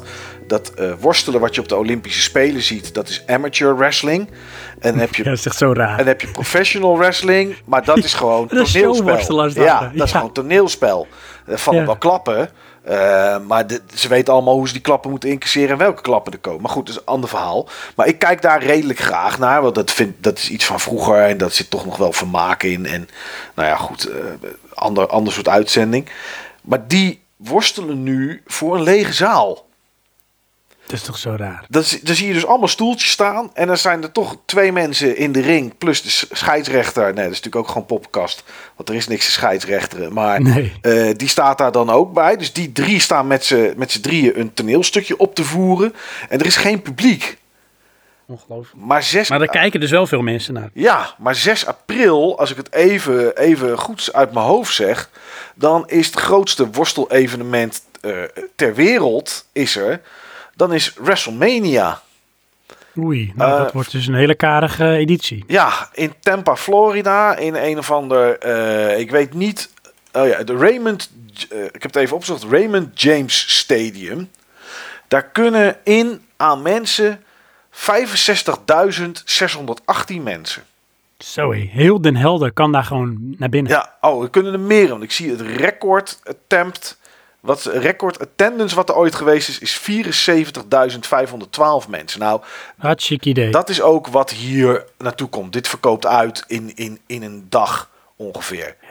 Gaat dit, wat gaan ze doen? Ja, maar kan ja, wat, zoals gisteren werd er ook nog gebokst hè, voor uh, kwalificatietoernooi Voor voor, het, eh, eh, de Olympische, Spelen. Ik zie die ook niet doorgaan, de Olympische Spelen. Nee, nee, EK nee, dat ook gaat niet gebeuren. Het EK, Nee, dat nee, dit jaar in, eh, of dit jaar, het is natuurlijk één keer in de vier jaar, maar het is dit jaar en dat is dan in alle landen in Europa. Ja, dat kan gewoon niet. Nee, dat gaat niet gebeuren. Nee. Dat gaat niet gebeuren. En dat soort dingen worden natuurlijk wel... Je weet het ergens in je achterhoofd en het wordt dan steeds realistischer. Dus dat dit soort dingen gaan gebeuren. Maar dan ben ik altijd wel benieuwd van... Wat wordt dan de beslissing die ze nemen? Gaan ze het dan eh, verplaatsen naar eh, deze winter? Gaan ze het naar volgend jaar verplaatsen? Gaan ze het misschien gewoon cancelen? Ja, Want dat zou ook nog kunnen. ja, ook dat, zeg maar, met zo'n EK of zo'n Olympische Spelen, daar is zoveel geld mee gemoeid. Zeker, Maar dat, met- is, dat is ook zoiets. Met zo'n WrestleMania ook. Die, de- dat zijn geen kaartjes. Mensen die een beetje vooraan willen zitten. Dat zijn geen kaartjes van 250 dollar. Dat zijn gewoon kaartjes van richting de 1000 of nog wel meer. Daar Ja. zit een heel weekend omheen met een Hall of Fame waar mensen eh, ingezet worden. Ja, weet je, wat, wat gaat zo'n worstelfederatie, de WWE, wat gaat hij daarmee doen? Zegt hij tegen Ja. iedereen, we nemen je kaartjes terug. We gaan het wel houden. Nou, dit is zonder publiek echt mega saai. We gaan het wel Ja, houden. En iedereen krijgt voor, eh, voor die maand krijgt hij een gratis abonnement op WWE Network. Dat is een netwerk van deze worstelfederatie waar je alles op kan zien dat ze ooit gemaakt hebben. Eh, Ja. ja, gaan ze dat dan doen? Gaan ze het dan Ja. alleen maar streamen en dat je daar kan kijken? Zeggen ze van, we slaan het hele dit jaar over. We gaan eh, van de zomer weer... ik weet het echt niet. Maar ja, van de zomer. Kan het dan wel? Nee, ja, dat is de vraag. Hè? Want daar gaan we natuurlijk ook maar vanuit. En je ziet nu wel dus op het moment van opnemen dat eh, in China en in volgens mij Iran en nog een land, dat, dat ze nu zeg maar over ehm, de, hun piek heen zijn. Ja, Want er is een soort curve hè, die of normaal gesproken met zo'n epidemie gevolgd wordt. Dus die begint zeg maar redelijk laag links en dan gaat die in één keer heel steil omhoog. En dan eh, ga je daar overheen over het hoogtepunt en dan zakt die weer langzaam zo af naar normaal. ja. En eh, nou, afhankelijk van de aanpak is dat heftig of minder heftig. Maar goed, die zitten dus nu al aan de andere kant van die curve. Dus het aantal gevallen begint nu af te nemen. Ja, weet je, als je dat kan extrapoleren naar waar het heen gaat nu. Want wij zitten nu nog eh, voor die curve. Het gaat bij ons natuurlijk nu voorlopig alleen maar even erger worden. Ja. Ja, weet je, wie weet waar het straks naartoe zijpelt en hoe lang dat dan weer duurt.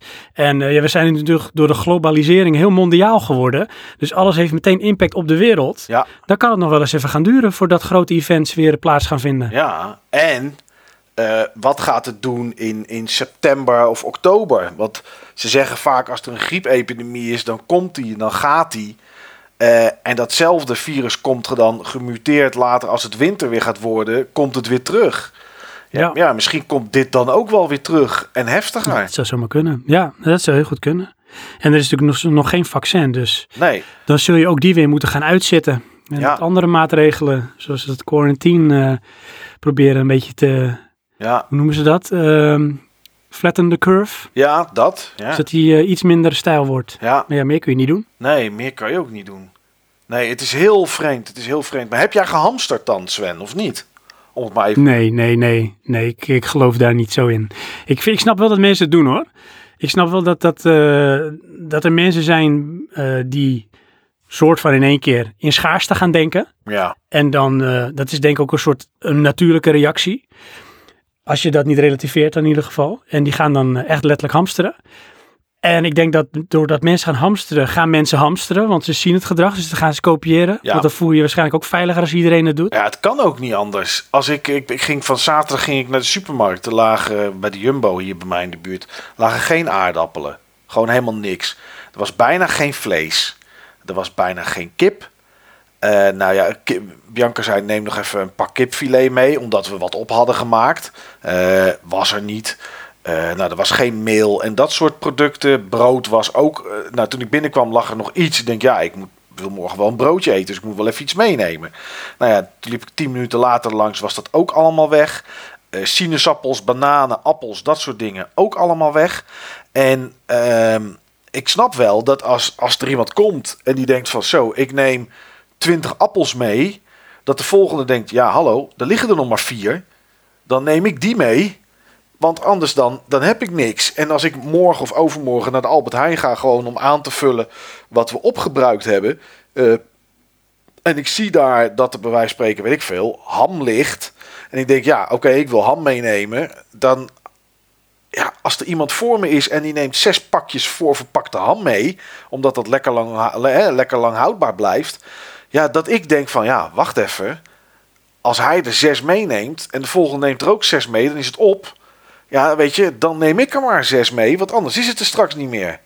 Ja, en dat is natuurlijk een beetje het gevaar, hè? Ja, En dat is een beetje hetzelfde gevaar als, als hoe het virus zich verspreidt. Hè? Als je niet de voorzorgsmaatregelen neemt, dan steek je elkaar aan en dan gaat het steeds sneller. En dit is ook zo'n voorbeeld ervan. Want eigenlijk zou de beste reactie zijn dat jij het dan niet doet. nee. En Nou ja, dat dat- daardoor ook wel meer rust ontstaat, omdat ja, het is dan blijkbaar toch minder schaars, want er wordt meer boodschappen gedaan zoals normaal. En ja, dan heb je niet zo snel dat je hoeft te hamsteren. Nee, dat is ook zo. Kijk, en als ik van de week... eh, we, we hebben nu voor de komende dagen gewoon eten genoeg in huis. Maar ja, er zijn ook dingen... Ik bedoel, een ijsklontje wordt niet zo snel oud. Maar eh, als ik... Als ik, als ik nee, als ik nu witlof of broccoli koop... Ja, weet je, ga ik dat niet over twee weken pas eten. Want dan is het, dan is het niet meer weg te krijgen. Dus Nee, ik zal van de week toch gewoon naar de supermarkt moeten om daar eventjes nog wat groente, of mijn vrouw of wie dan ook, maakt niet uit, om even wat groente te kopen of wat andere dingen. Ja, op het moment inderdaad, als daar een rij staat met 20 pakjes ham, om die maar weer als voorbeeld te pakken, en ik koop er gewoon twee, en de volgende na mij heeft ook het idee van, oké, dit is er genoeg, dan koop ik er ook maar één of twee, dan wordt het weer normaal. Maar ja, dat, Want we maken elkaar daarin gek. Ja, dat tuurlijk. Is, eh, is heel kunstmatig is dat. want ik snap ook niet waarom mensen wc-papier zijn gaan hamsteren. Ja, dat is heel raar. Maar dat is denk ik ook toch blijkbaar iets wat misschien ook heel erg Nederlands is. Dat we graag wel schone billen willen ten tijde van dit soort eh, Ja, maar- epidemieën. Ik zou denken, koop dan brood of iets anders. Want ik bedoel, brood, dat kan ik thuis lastig maken. Kan wel. eh, hè, een beetje bloem en gist en een beetje water. En eh, nou ja, ik weet niet wat. Er gaat er geloof ik nog één ding in en dan heb je brood. Maar ik bedoel, eh, met jouw wc-gedrag waar we het eerder over hadden, Sven. Ja. Jij, kan, jij, jij kan ook drie keer per dag gewoon heel even onder de douche springen. Als er echt geen wc-papier meer zou zijn. Zeker weten, ja hoor. Je kan het met water ook prima schoonmaken. Precies, dus dat is helemaal niet zo. Maar ik snap niet, ja, misschien omdat, omdat die pakken, die, die, ja, die nemen veel ruimte in. Dus als je drie pakken eruit haalt, heb je al gelijk een gat in zo'n in zo'n in zo'n in zo'n rek. Maar ik snap het, ik snap het Ja. ding wc-papier gewoon niet. Nee, dat is heel apart. Ik moet wel zeggen, wij hebben altijd genoeg wc-papier in huis. Ja, Dus dat is er bij ons altijd al. Dus ik- daar, daar, daar kunnen we sowieso voorlopig mee vooruit. Maar dat ja, nee, mensen doen de gekste dingen, joh. ja. In, in, ten tijde van, eh, van dit soort eh, situaties. Maar heb je in jouw, in jouw dorpje, jij woont in een relatief klein dorpje, is daar al een corona-geval? Ehm, niet dat ik weet. Alleen ja, dat zegt de GGD ook. Hè. Die, die komt met hele andere cijfers dan het RIVM. Omdat gewoon niet alles is bekend. Nee, ja. Dus het zou me niks verbazen als het er is. Maar in het dorp naast ons, ja. Het eerste grote dorp, of eigenlijk de eerste stad, het is Schagen. Mhm. Daar is eh, wel eh, vorige week al een situatie bekend geworden van, eh, van iemand die positief was getest. ja. Nee, En in Den Helder zijn er ook situaties. Het is ook zo natuurlijk. Hè. Dus er zijn geloof ik, weet ik veel, 1138 gevallen nu bekend. Maar ja, ik heb van de week ook genoeg mensen gesproken die echt wel beroerd waren. Mijn dochter ook, die had 40,5 koorts. Eh, die klonk echt, echt hond, hondsberoerd. Echt heel ziek. Eh, het kan griep zijn geweest. Het kan ook corona zijn geweest. We weten het niet. Want toen Nee. ze wilde testen, of zo van, ja, weet je, de moeder heeft diabetes. Eh, ze woont niet bij mij, even voor het plaatje, zeg maar. Ehm, ze woont bij de, bij de moeder en diens, en diens vriend. Eh, de moeder heeft diabetes, dus mijn dochter had zoiets van... ja, ik wil het eigenlijk wel weten, want als mijn moeder het krijgt... dan is het natuurlijk, hè, mensen die zwakker zijn... is het natuurlijk helemaal eh Ja. rapengaar. Toen zei de huisarts, ja. Ja. je bent niet in het buitenland geweest... dus kan je het niet hebben. Nou, dat is natuurlijk, inmiddels weten we dat dat onzin is. Maar Ja. eh, misschien had ze het wel. Maar ja, misschien. Misschien ook niet. Dus ik snap wel dat ze zeggen, ja, er zijn 1138 gevallen bekend. Maar in theorie zouden het misschien inderdaad, wat zeiden ze nou vandaag? 6000 of zo. 6000. Ja, Ja. het kunnen hebben. Ja, dat kan. Ja. Ja. weet je, als ik nu morgen in één keer ziek word, eh, last van mijn keel, snotteren, koorts en weet ik wat allemaal. Ja, denk ik toch ook niet dat ik me ga laten testen. Ik bedoel, eh, Nee. totdat ik me echt zo beroerd voel dat ik denk, nou moet ik naar het ziekenhuis. Ja, ja, het is zo dat ik ben dus ehm, vorige week maandag en dinsdag ben ik in Utrecht geweest. En eh, daar waren ook best wel wat gevallen ondertussen van eh, corona. En ja, voor hetzelfde geld, hè, ik kom toch wat mensen tegen op het werk. Ja. Is er toch ook iemand die daar iets heeft gehad? En eh, heb ik het misschien meegenomen? Sluimert het nog in mij? Want ik voel me nog voor de rest wel eh, prima. Ik was al voor die tijd een klein beetje lichtelijk eh, verkouden. Maar dat zet ook niet echt door.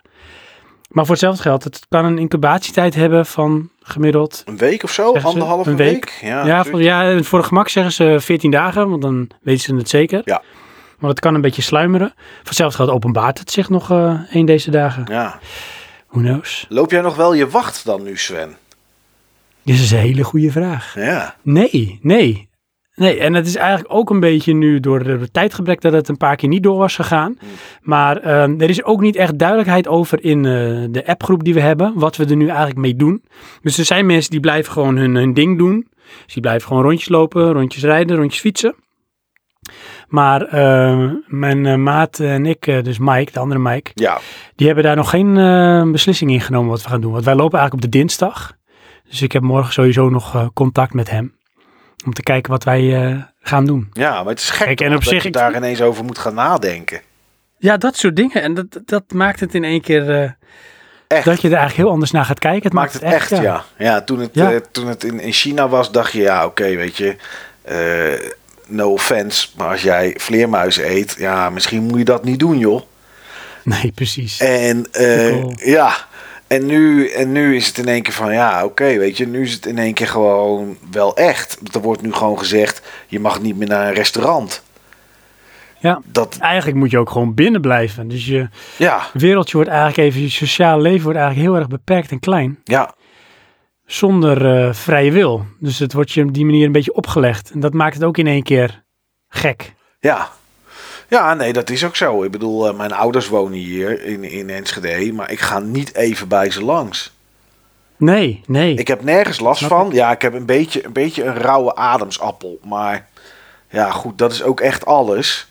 Ehm, En voor de rest voel ik, me, voel ik me kip lekker. Maar ja, misschien heb ik het toch wel. En zet het bij mij niet door, maar paas ik het wel aan die ouwetjes door. Ja, weet ja, je. dat kan zeker. Dat ga, Ja. dat ga ik niet doen. eh daar zit ik niet op te wachten. Ik ga naar de supermarkt als nodig is. En voor de rest blijf ik maar binnen.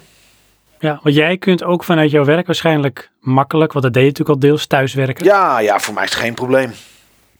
Maar is het ook in het werk wat je doet geen probleem? Zijn er ook geen dingen die nu, doordat dit er is, niet meer gebeuren of, of, of eh, minder worden of juist misschien wel meer? Nou ja, wat er meer wordt in mijn, in mijn werk, voor de mensen die niet weten. eh, ik- eh, ja, goed, voor de makkelijkheid, ik ben IT'er, laat ik het maar even zo noemen. Want anders dan gaan we met allerlei termen gooien die, die, waar niemand wat aan heeft. En die mij ook niet interesseren, wat er onder mijn handtekening staat van mijn e-mail.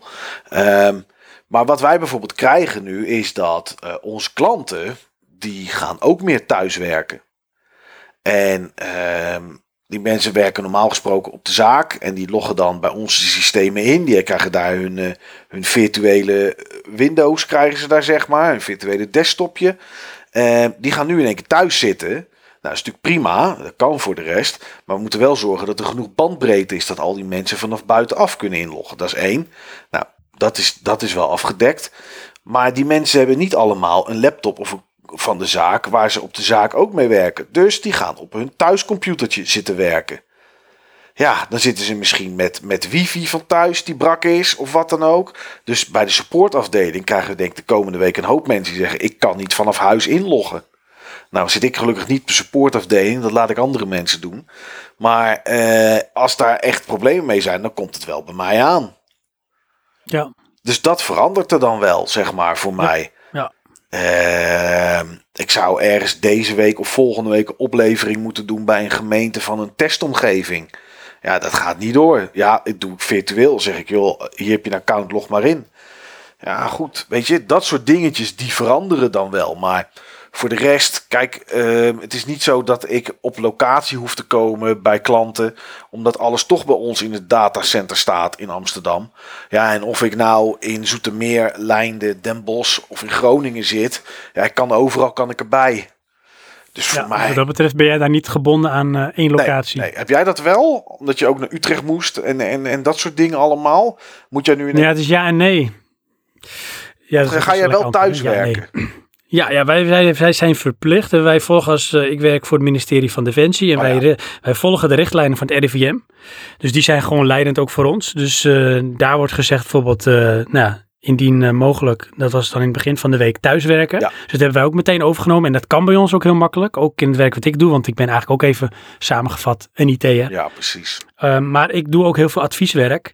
En dat is over het algemeen voor een deel qua informatie binnenhalen bij de klant. Dat kan nu niet. dat kan moeilijker. Dan moet je gaan bellen. Dat kan dan wel. Maar goed, we gingen toch ook vaak op locatie. Dus dat valt even af. Maar daarnaast zit ik in een team waarin we ook een stukje software ontwikkelen. En dat kan eigenlijk prima op afstand. Want we kunnen dagelijks even afstemmen en iedereen weet wat hij moet doen. En die kan het ook prima op afstand vanaf zijn eigen computer gewoon gaan doen. Ja, ja, oké. Dus wat dat betreft is er voor ons qua werk, ja, verandert er dan niet zo heel veel. Anders dan dat wij wel in de sector zitten wat, dan, wat ze dan een vitale eh, groep noemen, Mhm. defensie. Want dat moet natuurlijk wel gewoon blijven werken. Ja. Maar dat is eigenlijk altijd al een soort met ehm bestaansrecht van defensie. Eh, we hebben altijd het credo van als alles stopt, dan moeten wij door kunnen blijven gaan. Dus dat zit toch een beetje, noem het maar even, in ons DNA. Ja, ja, snap ik. Ja, het is, eh, het is vreemd gewoon. Het is echt heel vreemd.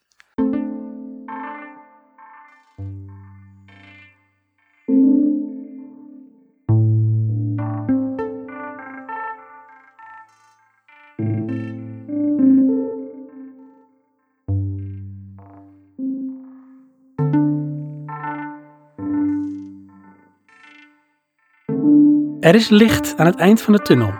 Dat hopen we. Tuurlijk, want kijk, Praatje Podcast zou Praatje Podcast niet zijn als we er toch ook een beetje een stukje entertainment tegenaan smijten. want eh, voor de duidelijkheid, wij zijn niet van de RIVM. We zijn geen eh, Virologen. inhoudsdeskundigen, geen virologen. Dus eh, wat wij ook zeggen, als het met een knipoog is, want dat kan ook wel eens, hè, houd je wel natuurlijk met je gezonde verstand aan de richtlijnen die zijn eh, opgesteld en uitgedragen door de regering en door het RIVM. Ja. Dat we daar geen gesodemieten mee krijgen. Nee, nee, dat niet straks iemand zegt: Ik lig hier doodziek op bed. Want eh, Sven van Praatje Podcast heeft gezegd dat ik het allemaal niet zo nauw moest nemen. En lekker vooral ASMR-video's moest gaan luisteren. Ja, dus ik dicht met mijn mond bij die microfoon waar ook iemand anders bij zat. Heb ik in één keer corona. ja, lekker. Heb je dat op je dak? Ja, Want eh, kijk, ik ehm, had het met jou laatst over van eh, we moeten toch eens even kijken van wat kun je nou toch een beetje doen om er dan toch maar het beste van te maken. Ja. Want je zit in lockdown, daar moeten we toch maar even mee dealen. Maar eh, ja, op die manier kun je toch ook wel een beetje proberen je leven te leiden, zeker weten. toch? Ja, ja, ja. En er Dus eh, zijn genoeg dingen te doen om die avonden dat je normaal gesproken in de kroeg zou zitten. Of dat je zou gaan sporten bij Basic Fit. Of eh, Fit for Free. Of hoe die dingen ook allemaal heten. Big Gym. Big Ja. Gym. Oh ja, die heb je ook nog, ja. Om die een beetje op te vangen. Hm. Heb jij nog iets van eh, een paar goede tips dat je zegt van nou laten we daar eens mee beginnen. Ik, Dat kun je eh, gaan doen of dat is handig. ik wil eens een ander geluid laten horen in Praatje Podcast. Oh. En ik vind toch ook dat jij daar maar eens verandering in moet brengen. Niet in dat geluid, maar gewoon in jouw doen en laten en jouw consumeergedrag. Prima. Want ik hoor jullie altijd klagen en mekkeren over Netflix. Netflix, ik heb het nog steeds niet afgezien. En ehm, ik ben het daar heel erg mee eens. Maar ik doe Oh, er ook gelukkig. wat aan. Jij doet er ook wat aan. Wij klagen, maar jij neemt ook actie. Precies. Onderneemt actie. Wat zo ben jij? En ik vind dan ook dat ik dat als tip moet opvoeren. Weg met Netflix. Wat? En hallo. En sinds een paar weken kan het heel goed. Hello Amazon Prime. Oh, echt waar? Sven, Oh mijn god. serieus. Oh Netflix mijn god. is voor kinderen van 12 tot 18 jaar. En jij hebt het er met Johan over gehad. Ze komen elke keer met dezelfde formule. En dezelfde. Ik bedoel, als er iets een eenheidsworst is, dan is het Netflix. Hm, ben ik helemaal met je eens. Alle series hebben in de, in de hoofdrol of kinderen onder de 10 of kinderen onder de 16. Dat zijn de helden. Kijk naar, naar Stranger Things, waar jij enorm fan van bent, weet ik. Maar, Ja, vind ik geweldig. maar dat is volgens mij meer voor de tijdsgeest die ze neerzetten dan echt Nostalgie. Precies. Kijk naar dat. Kijk naar Lock en Key. Ook met kinderen. Ik, Ja. ik zag van de week zag ik ook een nieuwe serie die eraan komt met een jongen op een paard. En hij heeft dan de missie en het briefje dat hij eh, geweldig is. En hij moet de wereld redden. Ook met kinderen erin of met Ja, maar dat noem je natuurlijk wel ook een paar specifieke series hoor. Er is natuurlijk ook heel veel zonder kinderen. Nou, als ik Netflix aanzet, krijg ik altijd tieners te zien. En die gaan Maar er heb weer jij op het account van je, van je dochter misschien te pakken? Is dat? Nee, het is mijn account en ik heb ook mijn Toch eigen, je kijkgedrag, mijn eigen profieletje. Nou, ik kijk niks, omdat ik altijd deze bagger zie. Ja, oké, dan kijk ik Ozark. Nou, dat begint leuk. Ja, Mhm. denk ik, oké, dit dit, dit kan interessant zijn. En bij aflevering 4 is het dezelfde eenheidsworst als al die andere series. En is het idee waar de serie op draait, is in één keer, dat verhaal is in één keer naar de achtergrond. En krijg je er in één keer allerlei onzin bij en tussendoor. Nee, ik voel mij als kijker niet serieus genomen op mijn leeftijd door Dan ben Netflix. ik echt zo benieuwd. Dan ben ik zo benieuwd hoe Amazon Prime daar voor jou en ook misschien voor mij verandering in brengt of kan brengen. door series te maken en te brengen, en dat doen ze minder vaak en minder veel eh, eigen series dan dat Netflix doet. Maar wat erop staat, voelt voor mij aan als iets voor volwassenen. En ik heb daarom dus ook eh, vier series hier staan, waarvan ik zeker vind dat je ze moet kijken. Ook waarom. En een aantal series die ik niet gezien heb, maar die wel door andere mensen bestempeld worden als goed. En ook als je heel plastisch de IMDb-ratings erbij pakt, die dat onderschrijven. Mm, ach, wat geweldig. Kan niet wachten. De eerste serie waarvan ik zeker vind dat iedereen die moet zien.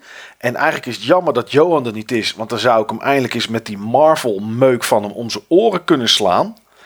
Is The Boys. Ken jij die serie? En dan zeg jij, ik, zonder dat je antwoord geeft, nee, want dat is het probleem, denk ik ook, met Amazon.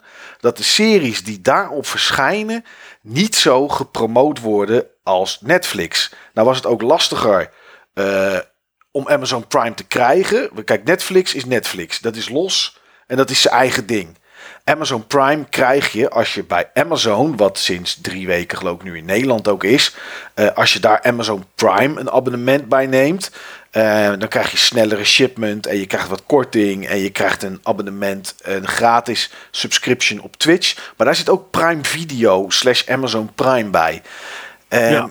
Dus het is, het, Kost 3,99 of zo? Nee, 4 4,99 of 5,99 per maand. Oké.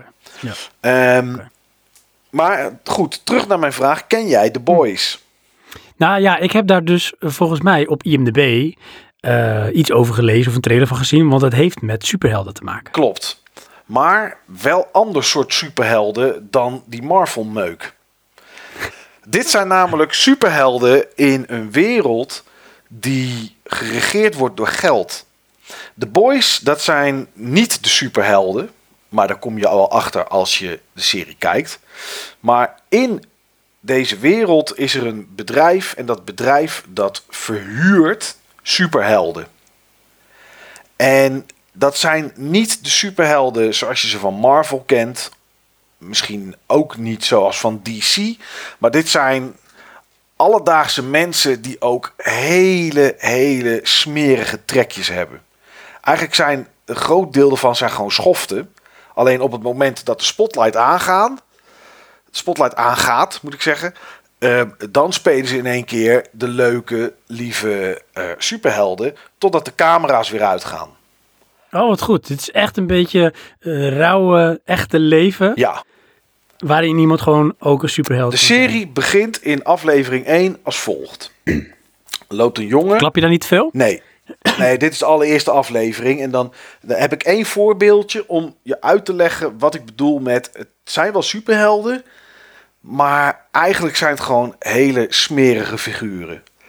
De eerste aflevering begint dat een jongen met zijn vriendin loopt op straat. De jongen loopt op de stoep. Meisje loopt een beetje op de weg bij de stoeprand. En in één keer hoor je... En zijn vriendin, dat meisje, is alleen nog maar een plas bloed. Een van die superhelden kan namelijk enorm hard rennen. Hoe dat komt dat hij dat kan, wordt in de serie wel een beetje uitgelegd. En die moest ergens naartoe. En die rende zo hard dat hij door die vriendin heen is gerend. En die gaat dus kapot, dat meisje. Het is gewoon een hoopje bloed en, en ingewanden. Meer is het niet. En dat is de openingsscène van The Boys. Maar er zat geen opzet in het spel. Ze stond gewoon per ongeluk op de verkeerde plek en hij liep er doorheen. Hij liep er doorheen.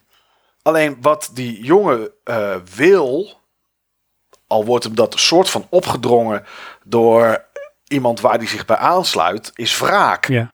op die superhelden. En dat is ook wat er gaat gebeuren. Er is een groep van mensen die willen deze superhelden, die eigenlijk niet zo super zijn, die willen ze ontmaskeren, dan wel omleggen. Oh ja. En die superhelden zijn echt heel smerig. Er is een situatie, denk aflevering 6 of zo, weet ik veel. En is de spoiler? Nee, het is niet echt een spoiler. Het is ook maar heel kort. Er gebeurt voor de rest niks meer mee. Maar om een beetje aan te geven hoe ze dan die superhelden neerzetten.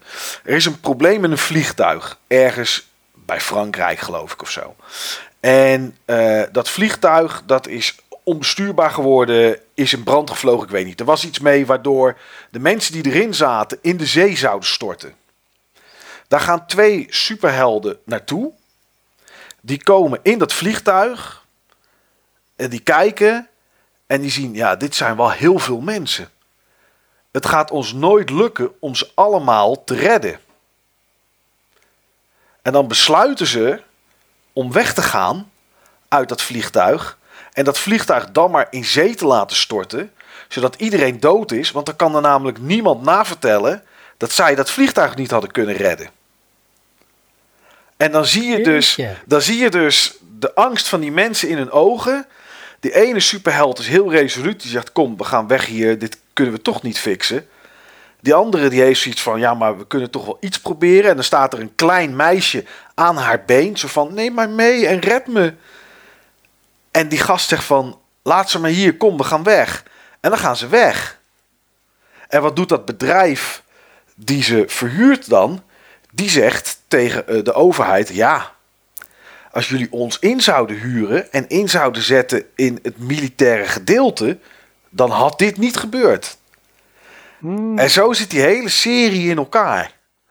Klinkt echt wel, eh, zeg maar, als de realistische grauwe versie van het normaal, dus wat jij ook noemt, het gepolijste Marvel. Ja, dat is het ook.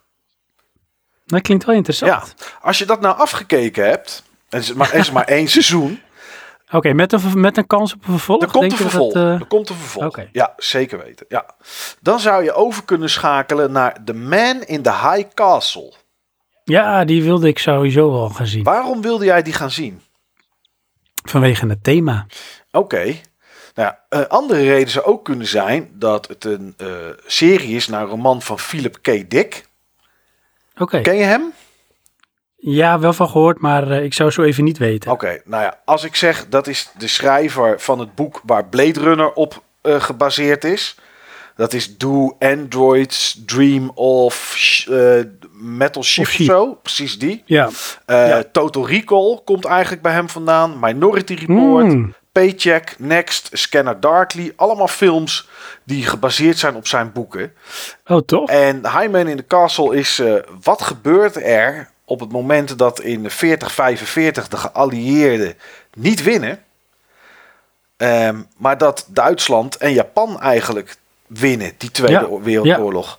En nou goed, zij winnen dus in die, in die serie. En Amerika is opgedeeld in, in nou ja, drie helften, zeg maar. De rechterkant is Duits, of wordt in ieder geval geregeerd door Nazi-Duitsland. De linkerkant van Amerika, dus dat is Noordoost, Zuidwest is dat. Ehm, dat is zeg maar voor de Japanners. En in het midden is een, een, een neutral zone. En ehm, ja, goed, dat is een serie die ik niet gezien had nog, maar heel veel mensen wel aanraden. Eh, Er zijn vier seizoenen en daar heb ik vanmiddag de eerste aflevering van zitten kijken voor deze podcast. En ik denk, dan kan ik in ieder geval zeggen of je het echt moet gaan kijken of niet. En ik vind het super interessant. Oké, de moeite waard. Ja, echt de moeite waard. Ik kan nog niet precies vertellen waar het naartoe gaat.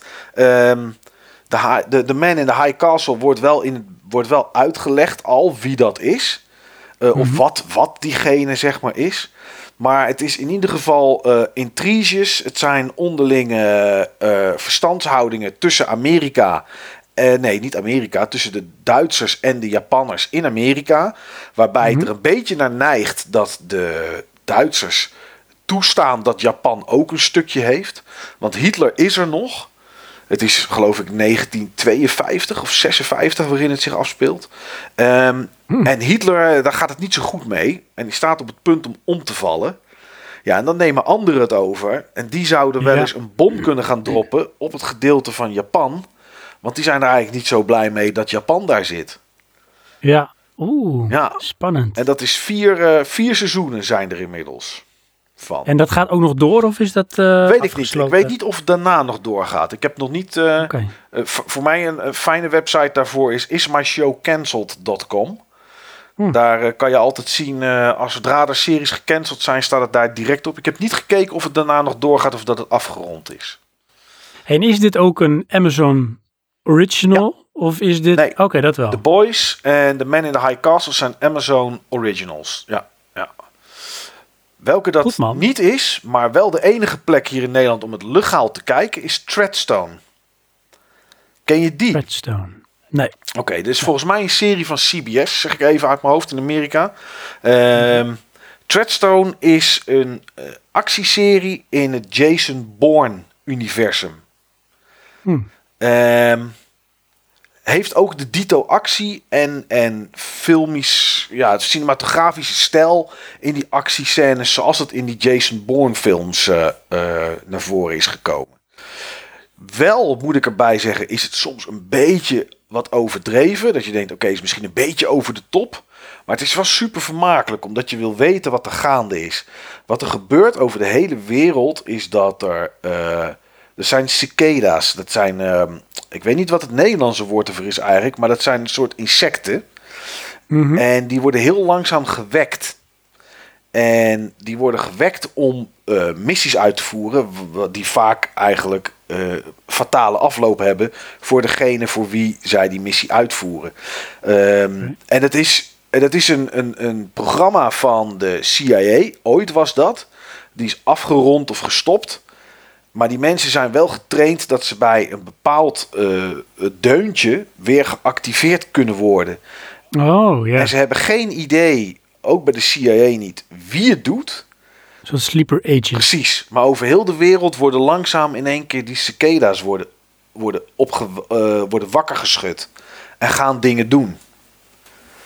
Erg interessant vond ik het om te kijken. En dat is dus in het universum Van van, Jason Bourne. Zeg maar Jason Bourne. Ja, Dus ook die stijl moet je dan een beetje Ja. voor de geest Ja. eh, halen. ja, ja. Oké. Oké. Eh, laatste echte tip van mij is is misschien wel de, mm, een van de beste series van de afgelopen vijf jaar, moet ik zeggen. Want seizoen 6 moet als het goed is in april uitkomen. Eh, en daarna komt er in ieder geval nog een 7 en ik dacht ook een 8. Is Bosch. En eh, Bosch is een eh, detective serie. Is, is niet iets fictiefs. Is niet zoals The Boys. Is niet zoals The, The Man in the High Castle of Treadstone. Maar het is echt een detective serie ehm, van een... eh, ja... God, waar zou je het mee vergelijken? Ja, ik, ik weet weinig wat je ermee kan vergelijken. Je zou kunnen bij, bij kunnen zeggen... Het is een soort 24. Want het hele seizoen is zeg maar één verhaal. En er zit ook nog een rode draad in door de seizoenen heen. Maar 24 was allemaal, dit kan niet. Weet je, was allemaal heel erg mooi. Maar dit, dit is, is daar toch anders in. Het is, Oké, is het een beetje, zou ik het kunnen vergelijken met True Detective? mm, ja, misschien qua echtheid zeg maar wel. Ja, ja. Ik, maar, ja, oké. Maar hoe is het eh, anders? Want ik heb er wel nu een bepaald beeld bij, maar ik ben heel benieuwd. Ja, hoe is het anders? Kijk, bij... eh, ja, jeetje. Eh, Is het het thema of is het... Nou, eh, ook dat. Elk, elk seizoen is er wel een andere killer. Eh, er zit wel een, een groter verhaal in dat eh, de hoofdrolspeler, zijn moeder, die was ooit prostituee. En die is vermoord. En hij probeert er in vier seizoenen ook nog achter te komen wie dat dan gedaan heeft. En ehm, het is, eh, misschien is dat het wel het beste. Het, het is een politieagent die zich niet altijd aan de regels houdt om ervoor te zorgen dat hij de zaak oplost. Dus Oh ja, ehm, dat zijn de beste. ja. Dus af en toe een beetje, gaat hij een beetje zijn boekje te buiten. Dat is wel een heel mooie eigenlijk, denk ik. Hij gaat zijn boekje te buiten. Zijn boekje te buiten. Ja, maar dat is, dat is, dat is het. En ehm, ja, niet alles gaat goed ook, zeg maar. Niet alles loopt ook goed af. Ehm, En heet hij Bosch? hij heet Bosch. Ja, Harry Bosch. Dat is, eh, dat is de hoofdpersoon. en het wordt Oh, ja. gespeeld door Titus Wellis. Ik weet niet of je hem kent. Als je zijn gezicht ziet, denk je, oh ja, Denk, deze oh, kerel. Precies. Ja, Ik ga het even opzoeken ondertussen. Ik ben gewoon benieuwd. ja, dit is echt. Nou, ik kijk echt enorm uit naar eh, seizoen 6. En dat is ook echt. Ik doe het bij bijna geen enkele serie. Maar als dit op vrijdag uitkomt, eh tien afleveringen, dan zijn ze zondagavond zijn ze gekeken, zeg maar. Dit is Oh echt. eh, ja, dit is echt. Oh, hij, ja. Ja, ja. het is goed geacteerd, het is serieus. En dat vind ik wel bij al deze series, zeg maar. Ondanks dat The Boys wel wat... Hè, het is een comic, comic-achtig iets. Eh, daar komt het ook vandaan. Maar ik heb het gewoon het gevoel dat ik als kijker gewoon serieus genomen word. En dat, Ja, nee, dat eh, dat, dat ontbreekt voor mij vaak bij Netflix. bij Netflix. Ja, nou goed, andere series die mensen tof vinden. eh, Goliath met Billy Bob eh, schijnt tof te zijn. Heel veel mensen zijn fan van Picard, die eh, nieuwe Star oh Trek ja, serie. ja, daar ben ik ook wel benieuwd Ja, naar. nou, dat is ook een Amazon original. Jeetje, de hufters bij Amazon. Ja, The Widow met Kate Beckinsale schijnt, schijnt Beckinsale bedoel ik, die schijnt eh, wel Mhm. aardig te zijn. Zijn men- mensen die fan zijn van Preacher, dat staat erop. American Gods, ook een serie, ook een Netflix original, staat er ook op. En vandaag zag ik ook een nieuwe serie. Eh, vond ik wel een klein beetje, moet ik wel eerlijk in zijn, een beetje lijken op eh Man in the High Castle qua idee. Eh, het zijn Mhm. ook, was ook nazi's. Maar het is met El Pacino. En El Pacino, die ja, lijkt mij dat hij een soort taskforce runt voor mensen. Eh, in Amerika zijn nazi's opgedoken. Die zitten, zijn onder de mensheid zitten die, zeg maar. En die moeten uitgeroeid worden. Want dat kan natuurlijk Hmm. niet. En hij lijkt een, Nee. soort hunters-achtige taskforce. Oeh, Ja, ik heb er nog niks van gezien. Het voor, ik weet niet of het uit 2020 is of uit 2019. Maar ik zag het vandaag voor het eerst. Toen ik Prime opstartte, zag ik daar een plaatje van. Eh, ik heb de trailer even zitten kijken. Zag er ook wel interessant uit.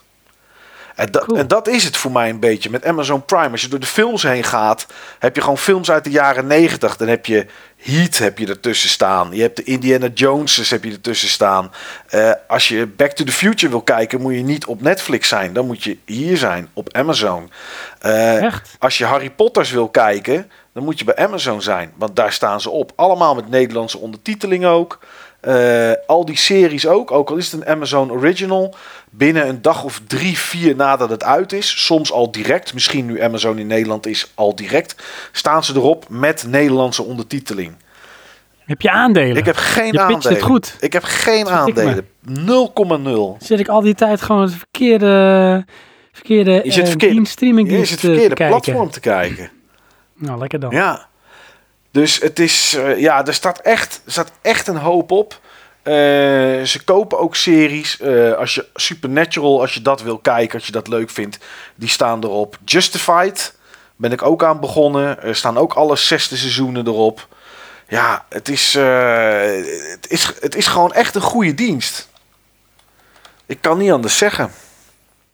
Jeetje, ik, ik heb dus een hele korte periode Amazon Prime gehad. Ja, En ehm, ik heb eigenlijk, of dat, zou ik toen een keer gebruiken om iets te bestellen. Maar heb ik uiteindelijk niet gedaan. ja.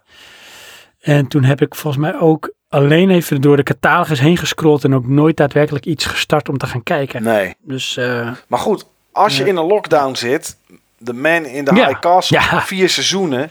eh The Mentalist staat erop, leuke serie, staan er volgens mij allemaal op. The Shield staan er ook allemaal op. Eh, ja, Into the Badlands, ook een toffe serie, staan er ook op, ook met martial arts ding. Eh, Lord of the Rings, ja, die films staan hier gewoon. Dat hoef je bij Netflix niet te proberen. ja, nou, die staan er dan toevallig wel op. De Lord of Staan Lord of the Rings er wel allemaal op? Ja. Oké, oké. Ja. Eh, nieuwe releases uit de bioscoop. Detective Pikachu staat erop. Oh echt? Ja, dat is wel snel. die nieuwe Godzilla. Dat is dan een beetje bagger, maar goed. Staat er wel op. Green Book, Hotel Mumbai. Stan en Ollie over, eh over Ja. Lau en Hardy. Ja. Annabelle. Maar ook natuurlijk Verliefd op Cuba. Want ja, hè, Oh, natuurlijk. het, is, hey, hallo. het, is wel, eh, het is wel Nederlands tegenwoordig ook. Ik zie zelfs nu ook, omdat ik zit te scrollen, Jiskevet, Lullo's staan er ook allemaal Oh, op. kijk. Dat is al een- alleen al een reden om dat te doen. Ja. Geweldig. Maar Fight Club, dat is toch geweldig om nog een keer te kijken. Staat er gewoon op. Jeetje, man. Ja, The Matrix, Forrest Gump, Jurassic Park, Ace Ventura, Men in Black. Ja, het staat er allemaal, joh. Het is echt een goede En wat, service. ehm, nou, nou denk ik als luisteraar van, eh, dat wil ik wel. Maar eh, wat kost het? Eh, de eerste 30 dagen kost het niks. Oké. Dus je kan in ieder geval de komende weken van de. Hoe heet het? Van die, van die, van die corona-geneuzel. Kan je er gratis, eh, kan je er gratis mee, eh, mee doorheen. Ehm, als je het daarna wil, kost het volgens mij daarna betaald de eerste maand 2,99 euro. Dat is geen geld. Nee. Daar, hoef je het niet voor te laten. Staat bij, en dit is wel een promotiepraatje, want het andere niet. Ik ben er echt gewoon enthousiast over. Gratis en snelle bezorging van miljoenen producten. Want het is ook nog eens dat je geen verzendkosten hebt op Amazon. Onbeperkt streamen van exclusieve films, series en meer voor slechts 2,99 per maand. Jeetje. 30 dagen kost Amazon Prime. Na 30 dagen kost Amazon Prime slechts 2,99 euro per maand. Opzeggen wanneer je wil. Goh, Mickey zeg, ik ga daar toch eens even over Ja, nadenken. zeker ook als je fan bent van, hoe heette die gasten uit Engeland die altijd met die auto's aan het klooien waren?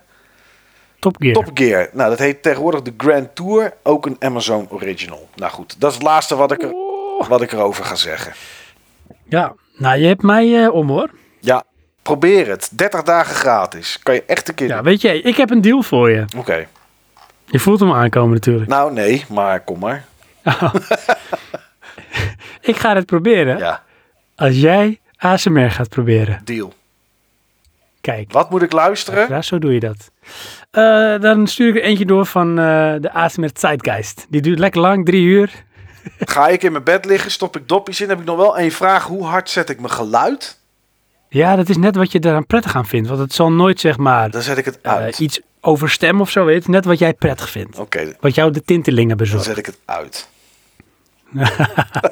Dat kan ook. Nee, Ja. nee, ik, deal. Ik ga het proberen. Cool. Het is voor mij namelijk, deze deal is, ik kom er als slechtste partij uit. Want het is voor mij, Ja. voor mij is, Ja, het, nee, daarom. is het veel lastiger dan voor jou. Jij kan gewoon naar leuke dingen gaan kijken. Ja, ik denk, nu heb ik onderhandelingspositie. Ja. Dit is goed. Ja, maar dan, dan, dan zet ik er tegenover dat, kijk, Man in the High Castle wilde je sowieso al een keertje gaan proberen. Dat je in ieder Mhm. geval één aflevering van The Boys kijkt. Ja, die, eh, die ga ik dan ook kijken. Ja, ja. Nou, lijkt me een mooie deal. Oh man, mooi man, die corona. Er komen allemaal mooie dingen uit.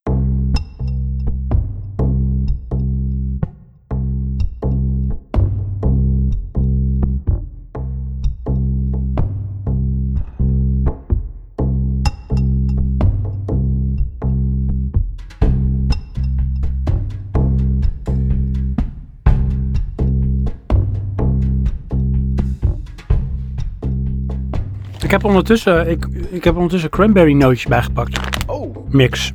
is dat lang Van- dat ik- houdbaar? Ja, ik zal eens even kijken. Tenminste houdbaar totdat het op is. Oh, dat Maar welke datum? Dat is altijd van die... Ik kijk er ook nooit naar. Hè? Dan kan ik het vinden. Oh, onderop. Staat onderop. Even kijken. Tot eh, eind augustus van dit jaar.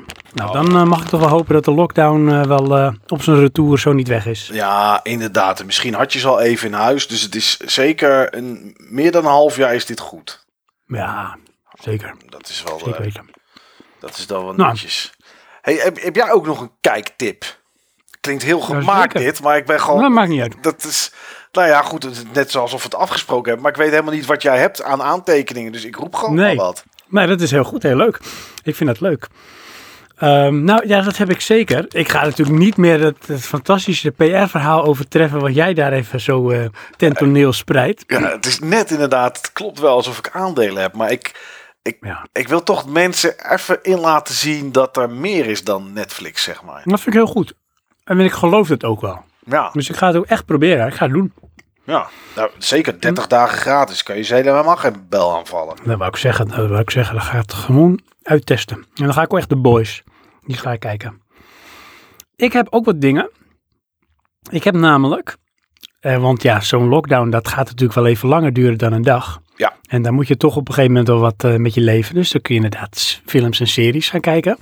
Dus ik heb een ehm, aantal films en series even bij elkaar gesprokkeld. Het is niet allemaal nieuw, maar dat maakt niet uit. Ik heb het namelijk wel een beetje geprobeerd in het thema te houden. Oh, oké. Dat is wel goed natuurlijk. Ja, dus een beetje in het thema van overleven. Mhm. Je kan natuurlijk zo breed trekken als je wil, dus uiteindelijk kun je alles er wel in proppen. Ja. Of iets wat te maken heeft met een virus of een infectie. En eh, daar heb ik dus een aantal films en een aantal series. Nou, Wat wil je eerst? Wil je eerst eh, wat series of wil je eerst wat films? ik wil eerst wat films. Oké, nou, ik, eh, in niet specifieke volgorde begin ik dan maar even bovenaan. En daar heb ik staan Ridley Scott's Alien. De allereerste, De allereerste, en dat vind ik ook echt de enige echte hele goeie. 1979, zeg ik hoofd. 79, ja, dat is helemaal correct. Ja. Tevens juist mijn geboortejaar. Oh, kijk, netjes zeg. Wat een mooi ja, jaar. vind je dat? Dat is een fantastisch jaar. Ja, Eh, voor die tijd ook baanbrekend, hè? En in, in, in, in alles wat ze deden in die film. ja. Maar echt, de enige Alien film vind ik van alle die er zijn. En daar horen ook Prometheus en, eh, en dat soort dingen bij natuurlijk. De Mhm. enige Alien film die ik echt spannend vind. Niet die ik echt, de, de enige die ik goed vind. Maar wel de enige die ik echt spannend vind. Klopt. En dan moet je denken, waardoor komt dat? Want dat is ook echt zo. Ja, de kunst van weglaten. Dat is het. Ja, Het is zeg maar de, de anticipatie en de suspense van hetgeen wat je niet weet. Wat zo tegenwoordig zo slecht in zijn eigenlijk, want alles is in your face. Ja. Daar was de kunst van die alien, die zie je bijna niet in die film. Nee. Als je hem dan in één keer ziet in het geheel, dan zit je al bijna aan het einde van die film. Ja. Maar het idee en de gedachte dat die mensen daar in die geïsoleerde locatie ja, niet weten wat hun eh, te wachten staat, dat maakt het zo spannend. ja, ja. En het was er ook maar één. Ja, En dat Ja. is, eh, ja, dit is eh, echt een hele goede film, is dit. Ja, die is, die is geweldig. Ik weet, staat hij eh, op Amazon trouwens? Want hij staat niet op Netflix. Nou, Ik heb zo'n Blu-ray. ik, heb, ik heb ooit een keer de DVD-box heb ik gekocht met 1 tot en met 4 of zo. Oh ja. Ik ga nu kijken, Alien. Eh, als je genoegen neemt met cowboys en aliens, dan, dan is die... Met Daniel Craig en Harrison Ford, volgens Ja, mij. Dat. Nee, dat... eh, nee. Nee, ik, Nee, moet, eh, ik moet, moet bekennen, staat er niet op. Het, het meeste wat er in de buurt komt met Aliens is Men in Black 2. Eh, Cloverfield staat er wel op en Super 8. Maar eh, Ook leuk. Ja, ook aardig, zeker. Maar nee, het eh, Alien staat er niet op. Hmm, nou ja. Mocht je hem hebben liggen, lieve luisteraars. Of eh, je kan hem waarschijnlijk ook wel ergens huren online. Videoland misschien. Videoland, ja, dat zou nog kunnen. Anders, ja, Pathé Thuis, dan kun je waarschijnlijk wel Oh, Apple die. Video. Inderdaad, ja, ja, hij is ergens wel te vinden. Ja, toch. Dat moet lukken. Ja, ja. Want ja, hè, een thematiek is natuurlijk ook een beetje overleven tegen iets waarvan je eigenlijk ja, niet zo goed weet hoe je ermee om moet gaan. Dus ik denk, die, die past daar dan wel in, in Ja. het straatje. Daar krijg je misschien een beetje overlevingsdrang van. Toch een soort kippenvel hoor, wel, als ik die film nu weer zou zien, zeg maar. Ja, daarom vond ik ook, ehm, hoe heet het, ehm, die game zo leuk. Alien, eh, die, die laatste. Ja, ehm, hoe heet die nou? Alien Isolation. Alien Isolation, ja. Ja. Het is eh verstoppertje voor volwassenen. Ja, inderdaad. Ja, maar wel spannend ook. Een spannende, spannende game is dat wel. Ja, zeker. Ja. Ik heb er nog eentje. Nou, kom maar. nog een film. En die is toch wel eigenlijk helemaal. Die mag eigenlijk niet ontbreken tijdens een outbreak, tijdens een, eh, een, een lockdown. Ik heb het eigenlijk al gezegd: Outbreak. Outbreak, is dat met dat aapje? Ja, met Dustin Hoffman. En Ja. het soort, ja, hij gaat om het ebola-virus. Klopt, ja. Ja, En hoe dat dan de klauwen uit eh, giert. En mensen met scheurtjes in hun pakken. En dan toch ook eh, met René Russo volgens mij ook. Die dan besmet raakt en heel ziek wordt. ja. God, ja, dat is wel... Dat is wel standaard Hollywood iets. Hè. Oh, er heeft er toch iemand een scheurtje in een pak. Ja, Ja. echt amateurs. En Ja. gebeurt gewoon. Ja, ja, ja. Maar dat was, die heb ik in de bioscoop gezien volgens mij. Oh, serieus? Ja. Ook zo'n spannende film toen, Ja, toen ja. ik kleiner was. Ja, nou, inderdaad, nou zou ik het jaartal willen raden, maar ga ik niet doen. Ik denk dat ik er gruwelijk naast zit. Ik weet het eigenlijk ook niet, ik heb het er niet bij staan. Ik, heb, eh, ik gok zomaar dat het 1995 is. Dat heb ik ook in mijn hoofd. We gaan eens even kijken. Outbreak. Ja, 95. Ja hoor. Ja, Ah, keurig, keurig. ja. Dustin Hoffman, René Russo en Morgan Freeman. Maar goed, Ja, Morgan Freeman. in kom op. 1995 zat Morgan Freeman in elke film. Dus dat is nou niet echt. En Kevin Spacey ook, zie ik. Cuba Gooding Jr. Ja, klopt, Donald ja. Sutherland. Mijn hemel, wat een sterke cast, zeg. Ja, Patrick Dempsey hè, van ehm Grey's Anatomy, voor de mensen die het weten. Oh, ja. Ja, ja, ja. Potverdorie. Kijk eens even. Ja, jij hebt eens even een, eh, een blikje acteurs opengetrokken. Nou, zeker weten. Ja. Ik dacht eerst je gaat komen met 28 Days Later. Ja, nou, die had ik wel inderdaad op mijn vizier. Die heb ik hier niet bij staan. Maar dat is Weet echt wel niet waarom, beetje, dat is eigenlijk wel een beetje wat er nu hier gebeurt, zeg maar. Ja, zeker weten. Ja. Ja, want dat gaat over een, ehm, een, ehm, ook een soort virus. virus. Hè, Ja, dat virus. uitbreekt in Engeland ergens. Engeland, ja. Ja, ja. En dan heb je ook nog 28 Months Later, volgens mij. Ja, inderdaad. Ja, dat is wel. eh, maar dat zijn wel dingen inderdaad die, eh, die hierbij passen. Inderdaad, mensen die zichzelf in quarantaine plaatsen. Iets Ja. heftiger dan wat wij gelukkig meemaken. Maar Ja, natuurlijk. Ja. ja, ja. Maar Outbreak Maar is wel leuke. Die heb ik al tijd niet meer gezien, zeg. ja, zo heb je toch wel iets. De cam er eens op gaan snorren en een keer er lekker voor gaan zitten. Ja, Wel afstand houden natuurlijk. tuurlijk van elkaar. Ja, nee, dat is wel belangrijk. En dan, eh, nou ja, als je die dan gezien hebt, Ja, dan heb ik er nog wel een lijstje. Maar laat ik gewoon eens even eentje uitpikken. Even kijken. Ja, dat is misschien wel een leuke. Die misschien niet heel veel mensen gezien hebben. En dat is Perfect Sense. Ken jij die? ja. Die ken ik. Oh, die ken jij. Hij kent hem. Ja, Met Ewan McGregor. ja, ik En ken dat die. vrouwtje uit Penny Dreadful. Ja, Eva Green is dat. Ja, die ken ik wel. Ik weet niet of ik hem gezien heb. Dat zeg ik er wel eerlijk bij. Het is een hele aparte film. Hmm. Als je het zo ziet, Perfect Sense. En dan heb je zo die hoes. En denk je, is het een soort met een romantische film? Ja, En dat is het ook wel een beetje. Maar het verhaal in deze is, en daarom vond ik hem leuk voor dit lijstje, is er is dus een bepaald virus dat uitgebroken is, wat bij mensen ertoe leidt dat ze al hun zintuigen kwijtraken. oké. Dus je hebt geen dat ze- gevoel, geen smaak meer, dat soort dingen. Dat valt allemaal Precies. Ja, op, eh, op een gegeven moment uh, de, de smaak die valt weg en uh, dan is het er zicht valt weg, gehoor valt uiteindelijk ook weg. En dat komt en gaat ook met bepaalde gedragingen.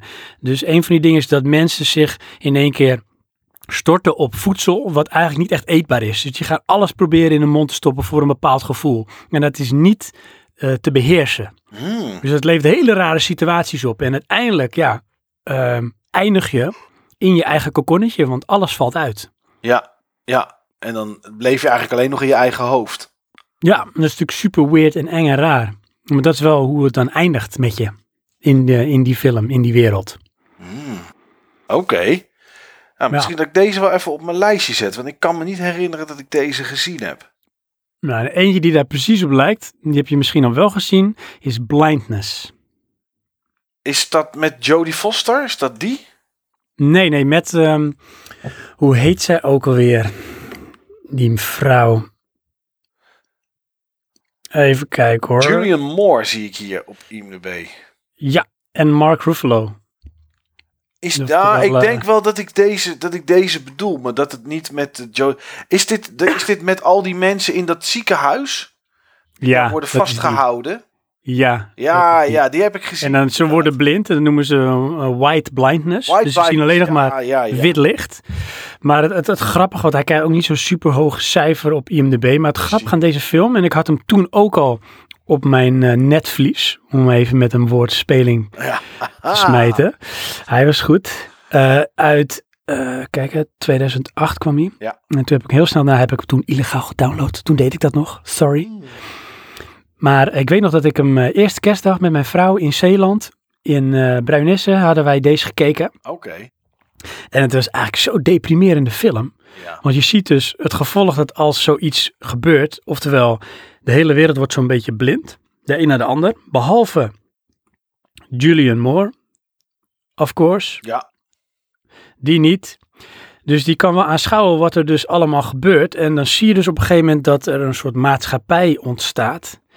Van bepaalde mensen die een bepaalde positie krijgen en daar ook gedragingen bij hebben. Ja. Dus de vrouwen worden echt een soort van gebruikt als ja, prostituees. En het wordt een heel eng, smerig, vies wereldje. Ja. En dan zie je, en het is natuurlijk wel een beetje Hollywood, maar toch, als iets escaleert, dan kan het ook helemaal verkeerd gaan. Dat is een beetje wat dit, eh, deze film laat zien. En dat is toch wel interessant. Ja, dat klopt inderdaad. Ja. En echt eh, mensen die zich een soort de koning vinden van, van, dat, van dat ziekenhuis. Omdat er voor Ja. de rest geen, ja, er is geen bewaking of heerschappij vanuit de overheid of, of wat dan ook. Het is, ja, het is eigenlijk een soort staartje wordt het. Eigenlijk staat er iemand die, die vindt dan maar dat hij of zij daar de president van is. Een beetje dat gevoel krijg je erbij. Dat gevoel, ja. Ja, ja. En dat is toch een beetje beangstigend of, of het is ongemakkelijk als je dan ook ziet, sommige scènes ook. Maar dat, ja, dat zou dan zomaar kunnen. Ja, ja, Blindness. Ja, dat is wel eh, een film die er wel goed bij past, ja. En dan de laatste die ik nog even qua film wil delen. Dat is Take Shelter. Die ken ik niet. Dan moet je die echt gaan zien. Oké. Ik ga hem ook even, toch even weer wat gegevens erbij halen. Met een van mijn favoriete acteurs, Michael Shannon. Want die heeft echt zo'n bizar hoofd. Ja, waar heb ik die laatst nou nog in gezien? Eh, Misschien Shape of Water? Nee, Knives Out. Knives Out. Ja, Oh, echt? Zit hij daar ook in? daar zit hij ook in. Oh ja, die moet ik ook nog zien. Heb je die in de bioscoop gezien? Je moet niet van die moeilijke vragen stellen, Sven. nee, daar kon ik niet naartoe. Want eh, ja, lockdown. Dus ik kon niet. Ach ja, nee, dat is natuurlijk ook heel kon stom. niet naar de is- bioscoop. ik moet er nog een beetje aan wennen. Ja, snap ik, snap ik. Maar ik help je er wel doorheen. Maar eh, die was best aardig, Knives Out. Oké, ja, ja die, eh, die wordt ook heel goed aangeschreven, Ja, staat een soort Cluedo. Dus, eh, Ja. Maar het heeft niks te maken met quarantaines of wat dan ook. Nee, dat niet. Zit wel Michael Shannon in. Die speelt dus wel in Take Shelter. Van eh, een regisseur die ik ook heel hoog heb zitten, Jeff Nichols. Onder andere van eh, Shotgun Stories, Mud en Midnight Special. Oh ja, ja. Vond ik alle drie ook hele toffe films. Ehm, in Take Shelter speelt Michael Shannon dus een, een man die last heeft van visioenen dat er iets ergs gaat gebeuren. Oké. Iets wat dus ook, zeg maar, van zo'n pandemonische proporties is. En hij eh, gaat daardoor eh, ja, zorgen dat zijn gezin veilig wordt door een soort shelter te bouwen. Hij gaat preppen.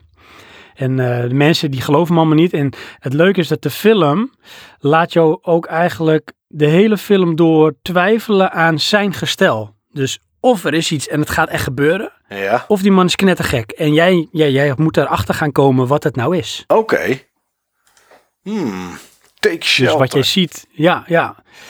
En dat laat ook wel zien wat, hoe bijvoorbeeld een, een pandemie of een virus, hoe dat in de psyche van de mens kan gaan zitten. ja. En zichzelf dan helemaal gek maakt.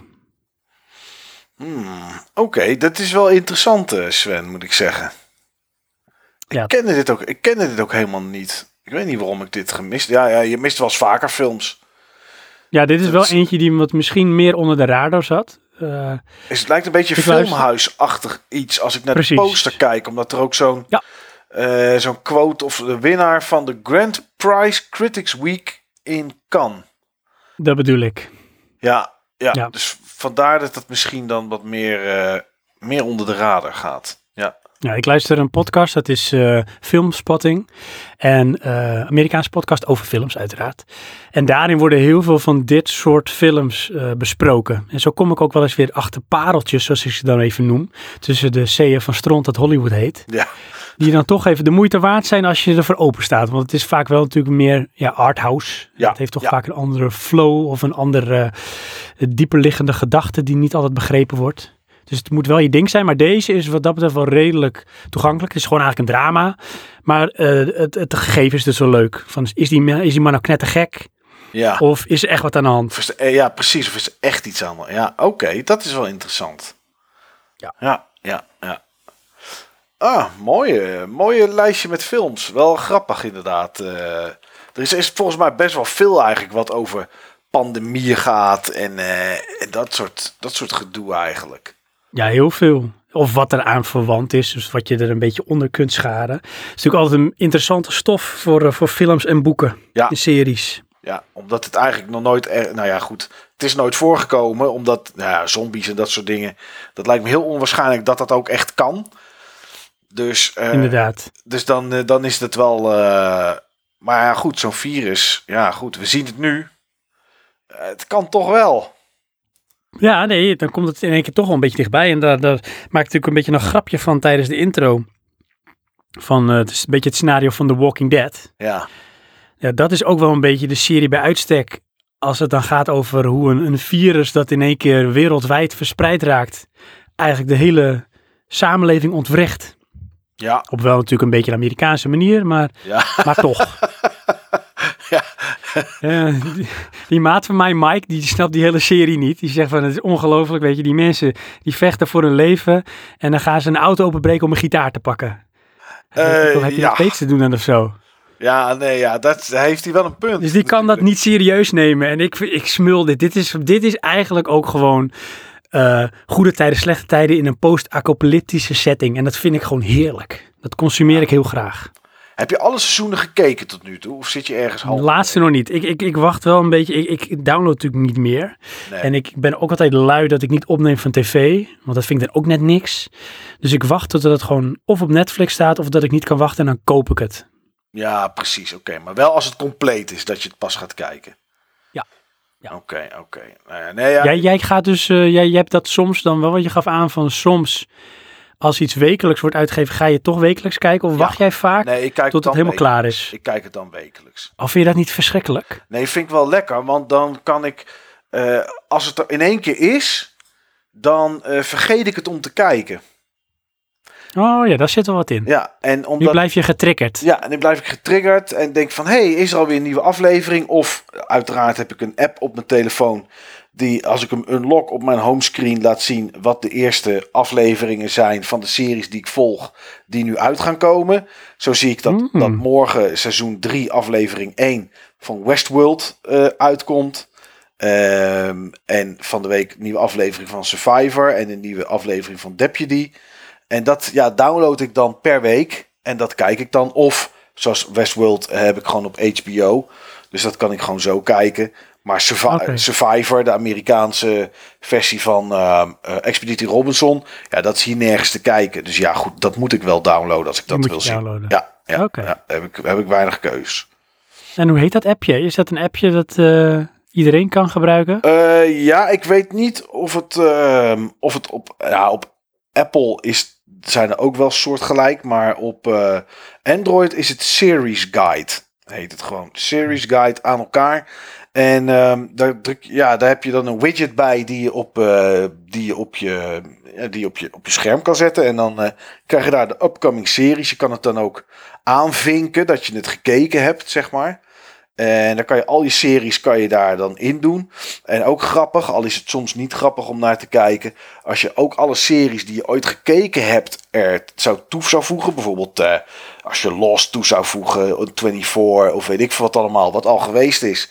En je zou Mhm. aanvinken dat je alles gekeken hebt. Dan heb je ook statistieken heb je erin. En ehm, ja, daar kan, je, kan ik dus in zien dat ik 6216 episodes gekeken heb van diverse series. En dat, Oh, moet je dat eens even in tijd gaan uitdrukken? nou, dat staat eronder. Dat is Ja. 207 dagen, 12 uur en 5 minuten. Wow, non-stop hè? Ja, non-stop. Ja. Oh, daar je toch wel een redelijke lockdown uitzitten. Ja, ja, ja, ja. En dan weet ik zeker dat er series zijn die ik gekeken heb. En eh, die dan maar één jaar gedraaid hebben. In, eh, weet ik veel, in de 2002 of zo. Die ik hier niet in heb staan. Omdat ik die Ja. gewoon vergeten ben. Ehm, maar eh, ja, dat is, dat is eh, 220 series staan er dan in die ik gekeken heb. Sommige heb ik maar één aflevering van gekeken. En dan vind je die af en dan kan je zeggen, doe deze serie maar verbergen. Dit hoef ik nooit meer te zien. Dan komt het niet terug, maar die telt hij dan wel mee. Ehm, ja, dus eh, dat, is, dat kan je dan daar ook in zien. Maar dan zie je gewoon eh, recent en eerstvolgende. En dan zie je gewoon, oké, eh, nou ja, over een, over een uur is die, aflevering van Westworld eh, is er. En eh, nou, Shark Tank en eh, nou ja, al dat soort spul zie je dan allemaal staan. Hm, goeie tip. Ja, is wel handig. Series Guide. Series Guide, ja, zeker weten.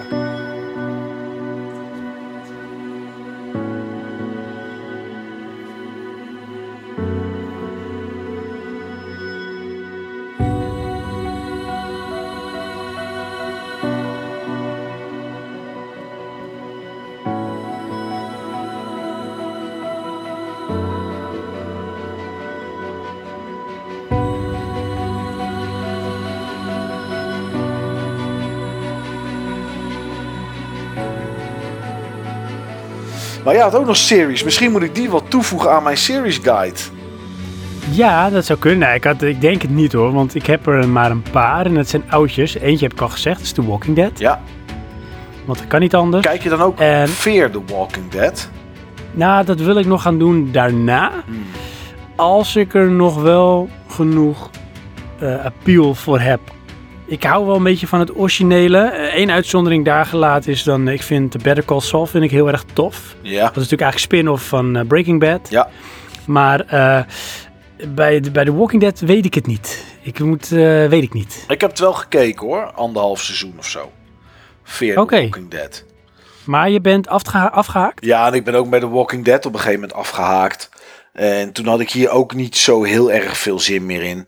Toen was ik wel een beetje klaar met dat universum. Maar Ja. ja. ja, je ziet echt inderdaad van het normale leven naar wat er in The Walking Dead is, hoe dat eh, verloopt. Dat zie je daarin. Dat, dat kan toch wel interessant zijn. Ja, ja, zeker wel hoor. Ja, doen ze wel Hmm. grappig. Ja. Maar goed, The Walking Dead in ieder geval. Ja, een andere, en dat is meer gewoon van, nou ja, dan weet je dat die compleet is en je kunt even vooruit. Het zijn er eigenlijk twee. Ze zijn allebei van J.J. Abrams. Je hebt er eentje ook al genoemd. Lost. Dat is namelijk Lost. Ik vind dat iedereen eh, die zichzelf serieus neemt als seriekijker Lost moet hebben gezien. Zeker weten. Dit is ook de. Nou, is niet de enige serie. Maar eigenlijk is het de enige serie die ik gekocht heb op Blu-ray. Alle zeven seizoenen. Echt. Ja, Hartstikke idee. ik was zo verliefd op die serie. Geweldig hè? Vond je dan ook niet verschrikkelijk dus dat dat eindigde? Ja, ik vond het verschrikkelijk dat eindigde, maar aan de andere kant ook goed. Want anders heb je kans. Het is toch Amerika en Amerikaanse tv werkt toch anders dan hier. Dat als ze nog een seizoen eraan hadden geplakt en er hadden weinig mensen meer gekeken, dat ze het halverwege in één keer ploep weg. Ja, ja dat klopt. Of Ja, dat ze dan in één keer met één aflevering het afmaken. Eh, ik weet niet welke serie dat was, maar ik heb een keer een serie gezien. Dat ging ook volgens mij over iets met een virusuitbraak, bedenk ik me nu. Eh, en dat was heel, best wel traag. En dat draaide acht afleveringen. En toen moesten ze aankopen voor het nieuwe seizoen. Maar dat kwam niet. Toen wilden de fans toch dat het afgemaakt werd. Toen werd er in één aflevering van anderhalf uur. werden er in één keer drie seizoenen aan verhaal doorheen gedrukt. Ah, dat kan je toch niet doen? Dat is toch verschrikkelijk? Dat is inderdaad echt verschrikkelijk. Ehm, maar goed, dus nee, ik eh, was op zich niet rouwig om dat Lost werd geëindigd. Of het einde goed was, daar laten we, daar gaan we. Ja, nee, dat is inderdaad net als kunst. Hè? Dat, eh, Ja, dat vind je wat of vind je niks. Ja. Ik ben van de categorie, ik vond het niks. Ik vond het ook niet echt. Ik had toch iets anders gehoopt. Dat is het, hè. En soms moet je het misschien ook een beetje daarbij laten. Want je hebt een bepaald beeld in je hoofd hoe jij wil dat het eindigt. Ja, En dan is het niet zo. Ja, dat valt dan toch Ja, een beetje tegen. maar Lost man, 4, 8, 15, 16, 23, 42. Ja, oh jeetje man, dat jij dat weet. Heb je het even opgezocht? Nee, nee, nee, nee, nee. Dat vind ik echt knap. Ja, Ja, wat, maar dat, het, het, zit zo slim in elkaar dat je denkt, potverdikkie, hoe hebben ze dit gedaan? Ja. Dat ze echt dingen uit seizoen 1 komen ergens in seizoen 4 bij wijze van spreken terug. En dan denk je, hoe kan dit? Dit is geniaal. ja, Zo goed over nagedacht. Echt de beste scriptschrijvers. ja. Niet normaal. Echt heel goed. Het enige wat ik jammer vond, maar dat had ook wel weer iets, was dat heel veel dingen ehm, niet in de serie werden uitgelegd. Maar van die Dharma Initiative, dat daar gewoon dan video's online van stonden op YouTube of wat dan ook. Waar dan dingen in uitgelegd werden. Een soort instructievideo's. Wel gewoon in de, in de sfeer en de stijl Oh ja. van Lost. Ja. Waar dan die dingen in uitgelegd werden. Dat vond ik dan wel een beetje jammer. Ik had zoiets van ja, stop dat dan gewoon in de serie. Tof. Het is een beetje een soort meta. Dat is wel leuk Dat als ze dat een beetje erbuiten trekken. Ja, ja. Maar goed, ja, dat is dan... eh, ik heb dat trouwens nooit gezien. Dat is ook wel eens grappig. Ja. Maar wat is dan die andere J.J. Abrams serie? Nou, dat weet jij, denk ik. Eh, Ik denk dat je hem ook gezien hebt. eh, ja, ik denk het wel. Fringe, Fringe. uiteraard. Klopt. En Fringe is eigenlijk een beetje je hitchhiker's guide om dit soort dingen te kunnen overleven. Want als je kunt denken zoals eh, het brein achter die serie, dus hoe heet die man ook alweer? Ik ben even zijn naam kwijt. Eh, dat weet ik niet. Even kijken hoor. Het is die vader van eh, die jongen. Hè? Zo werkt dat. Vader hoe heet hij ook weer? Ja. Walter? Bishop. Oh, Ja, ik, oh, ik dacht dat Ja. de, echte, de echte maker. Nee, Walter. Nee, nee, ja, dat is John Noble, maar dat... Walter Bishop. Ja, Ja, Dr. Walter Bishop. Geweldige vent, geweldig personage. goed gespeeld, man. Heel goed gespeeld. Dus de eerste aflevering, dan denk je van, waar kijk nou, wat is dit voor een idioot? Maar zo idioot geniaal. En ook zo gevat. Want er zit ook gewoon een hele dosis humor zit er eigenlijk wel in. Ja, Plus het thema, ook zo super pakkend. Vind ik toch wel typisch J.J. Abrams. ja, Dat je denkt van, eh, hoe zit dit? Ik wil het weten. ja. En het wordt ook allemaal aan het einde duidelijk. Tenminste, Ja, daar blijft Ja. altijd wel iets vaags aan. Natuurlijk, dat moet wel. Maar het, het is wel afgemaakt. Na vijf seizoenen, zeg ik uit mijn hoofd. Eh, even kijken hoor, dat zou heel goed kunnen. Ja, vijf seizoenen zie ik staan. Nou, dat heb je goed gezien, ja. Ja. Nou, top. Ja, Ja, dus ook dan kun je weer even vooruit. Ik En dacht- dat, ja, de thema's zijn eh, heel erg sci-fi geënt. Maar ook met, met dingen als, als ziektes, virussen, dat soort dingen. ik dacht eerst omdat het... Maar dit is- was die volgens mij alleen producer. Ik dacht eerst je gaat person of interest ga je noemen. Weet je dat ik die eh, nooit gezien heb? Oh, die is ook wel goed hoor. Ja, is die eh, met eh, Jim Caviezel? Ja, die inderdaad, ja. En met die kerel uit, uit Lost. Uit Lost. Ja, Oh, die Lime, hoe heet die? die? Ben Linus. Ja, Ja. Linus, ja. Ja, ja. ja, ja. Ja, die, Oh, ja. eh, oh god joh. die zit daar in Person of Interest. Volgens mij ook vijf Ja. seizoenen. Maar het kunnen er ook vier zijn geweest. Dat weet ik niet zeker. Maar dat was ook een... eh, dat vond ik ook een toffe serie. Ja. ja. Oh man, weet je, oh, dit, ik, hier kwam dus die andere Mike ook altijd mee aanzetten. Dat ik dit echt moest gaan kijken en ik heb het eigenlijk nooit gedaan. Ja. Weet je wat ik dan wel vind? Hè? En het zijn inderdaad vijf seizoenen. Seizoen 1, Mhm. 23 aflevering. Dan seizoen 2, 22. Dan seizoen 3, 23. Dan seizoen 4, 22. En dan seizoen 5, 13. Omdat dat het laatste Oh ja. was en toen werd het geannuleerd, zeg maar. Maar toen mochten ze toch afmaken van, ik denk Fox. Ik weet niet waar het gedraaid heeft. Maar dan denk ik, poeh, dat zijn dan, eh, een beetje zoals Tommy, poeh. Dat zijn dan, je, je moet gewoon iets van 113 afleveringen of zo moet je dan gaan kijken. Dat is wel veel hoor. Nou, maar goed, ja, dat is wel zo. Eh, maar als het je trekt en je vindt het tof, dan kun je wel lekker door blijven Dan gaan. kan je wel vooruit. 103 afleveringen inderdaad zijn Ja. het. Want ik heb dat ook nog steeds met, eh, hoe heet die, eh The Wire, moet ik nog steeds verder mee. Oh ja, die heb ik wel Ik afgekeken. zit pas in, in seizoen 2, zit ik pas. Ja, ja, hier hebben we het volgens mij een keer over gehad. Klopt. Jij en ik. En toen zei ik van, ja. Ja. 4 en 5 waren wat minder, maar 6 was dan wel weer sterk. Ja. Ja, ja het is wel, eh, dat is wel lastig. Maar ja, de- weet je, als je het, als, inderdaad, als het je trekt en je kijkt twee, drie afleveringen per dag, ja, dan is het ook wel weer goed te doen. Ja hoor, ja dan, eh, dan eh, ga je er ook wel lekker soepel doorheen. Ja, Maar ja, die tijd, hè, waar haal ik die tijd van? Nu heb ik wel qua tijd, ik kan nergens heen tijd. Maar ja, ik ga op zich morgen gewoon weer aan het werk. En ik heb ook nog mijn gezin. ja ik ook. De, qua werk, eh, gezin, ja, ja goed, ik, ik woon er wel samen, maar eh, als ik zeg ik ga kijken, dan is dat wel te doen, zeg maar. Ja, nou, dat is wel lekker hoor, dat je dat kan dan. Ja, ja, dat is af en toe wel een luxe. Ja, dat ben ik me ook te Maar je hebt alweer series genoeg. Want je hebt eh, Amazon Prime, heb jij. Ja, tuurlijk. Ik heb vandaag eh Man in the High Castle aflevering 1 gekeken. Het zijn gewoon vier seizoenen. Appetee. Ja, dus daar heb ik genoeg, eh, genoeg om te kijken. En het zijn toch eh, tien afleveringen per seizoen. Van gemiddeld een uur. Ja, Oeh, lekker toch? ja dat zeker Good wel. times. Ja, ja, ja. Heb je nog andere tips eh, of series? Oh, jongen, ik heb toch, ik heb toch even kijken. Qua series en films zit ik er wel een beetje doorheen qua tips. Ehm, even kijken, stel je nou voor dat je denkt, ik wil net als Mike even ontschermen. Ja, Ik wil geen screenager zijn. Ik ga een boek lezen. Dan heb ik wel een boektip. oké. Nou ja, ik, hier ga ik je gewoon helemaal niks in kunnen ondersteunen of wat dan ook. Tenzij er een film van gemaakt is. Er is een film van gemaakt. Oké, nou ik ben benieuwd. Jazeker. En die heb je waarschijnlijk ook wel gezien. En het is een boek van Stephen King. Ja, En ehm, nou ik het bedenk, is er eigenlijk nog eentje die ik zou kunnen aanraden. Maar ik hou het nu even bij deze. En dat is het boek eh, Dromenvanger of Dreamcatcher. oh, die heb ik wel gezien, ja. Ja, de film vond ik eigenlijk niet zo goed. Maar het was vooral omdat ik het boek zo ontzettend tof vond. Hmm. Want in die tijd van mijn leven las ik heel veel boeken. En met name eigenlijk alles wel van Stephen King. Wat hij eh, had uitgebracht of uitbracht. En Dromenvanger eh, was daar één van. En eh, ja, ik vond het sfeertje in het boek en de characters en het, het, het thema, het verhaal vond ik zo tof.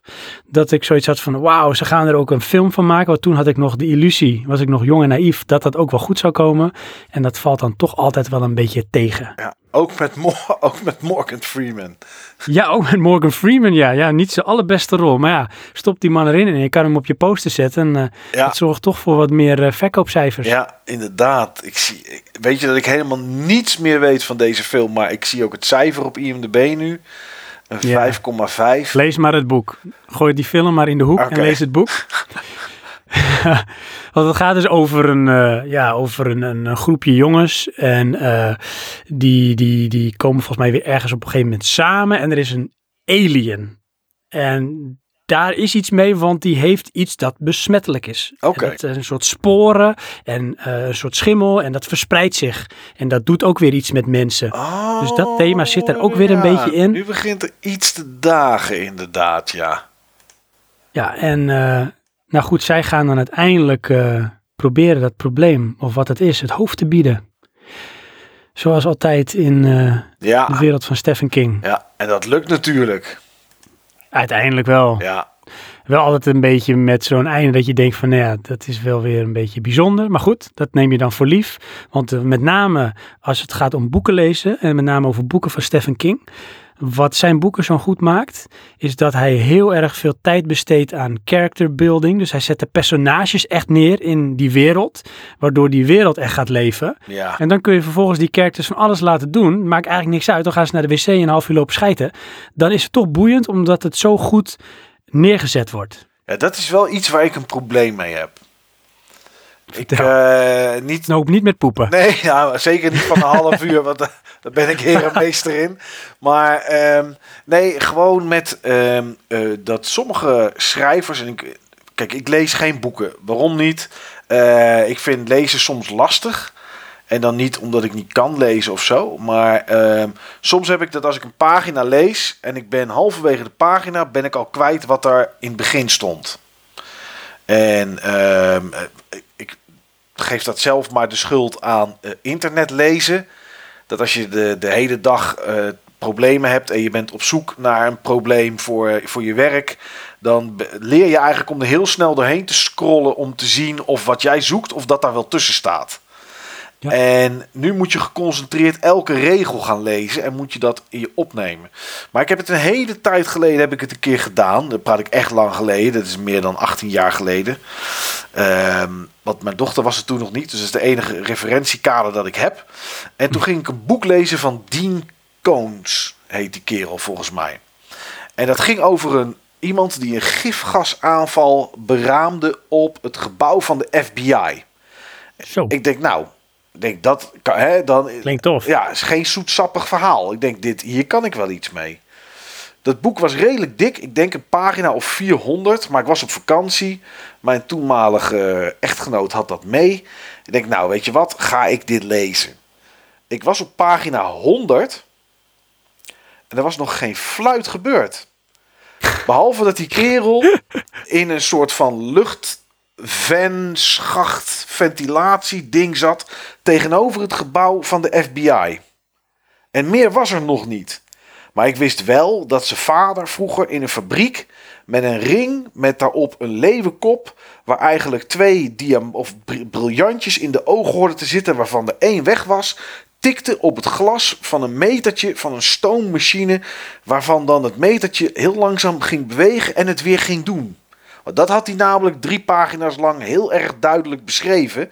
Maar had ik helemaal geen fluit aan. Want ik zat te wachten op dat die, dat, dat die bom het FBI-gebouw inging. Oh man, maar dan weet je, ja, maar dan heb jij gewoon echt het verkeerde boek gelezen. Ja, maar dat zeggen moet altijd mensen. Je moet dan, dan moet jij boeken van Dan Brown gaan lezen. Ja, Ja, zegt hij. ja, ja, ik weet het niet. Dat zijn namelijk, eh, dat zijn namelijk bij uitstek de page-turners. Hmm. Die geven jou constant het gevoel als je die pagina af hebt van shit, ik moet weten hoe het nu verder gaat. En dan ga je doorlezen en dan begint er soms wel eens wat anders. Maar die hebben wel, die houdt jou geboeid Ja, aan dat verhaal in het boek. oké. Nou ja, misschien doe ik dat niet. Nee, ik... ik eh, nee, ik, eh, nee, ik kan het niet, joh. Ik weet niet waarom niet. Maar het is... Wat heb je ook niet als je, eh, als je gaat lezen, dan heb je vaak, en dat is sowieso in het begin, zeker met een nieuw boek, dan lees je en dan lees je echt letterlijk de woorden die er staan. Dus dan ben je echt aan het lezen. Ja, En dan ben je echt, wat jij zegt, aan het begrijpen, wat staat er nou? En dan neem je het tot je.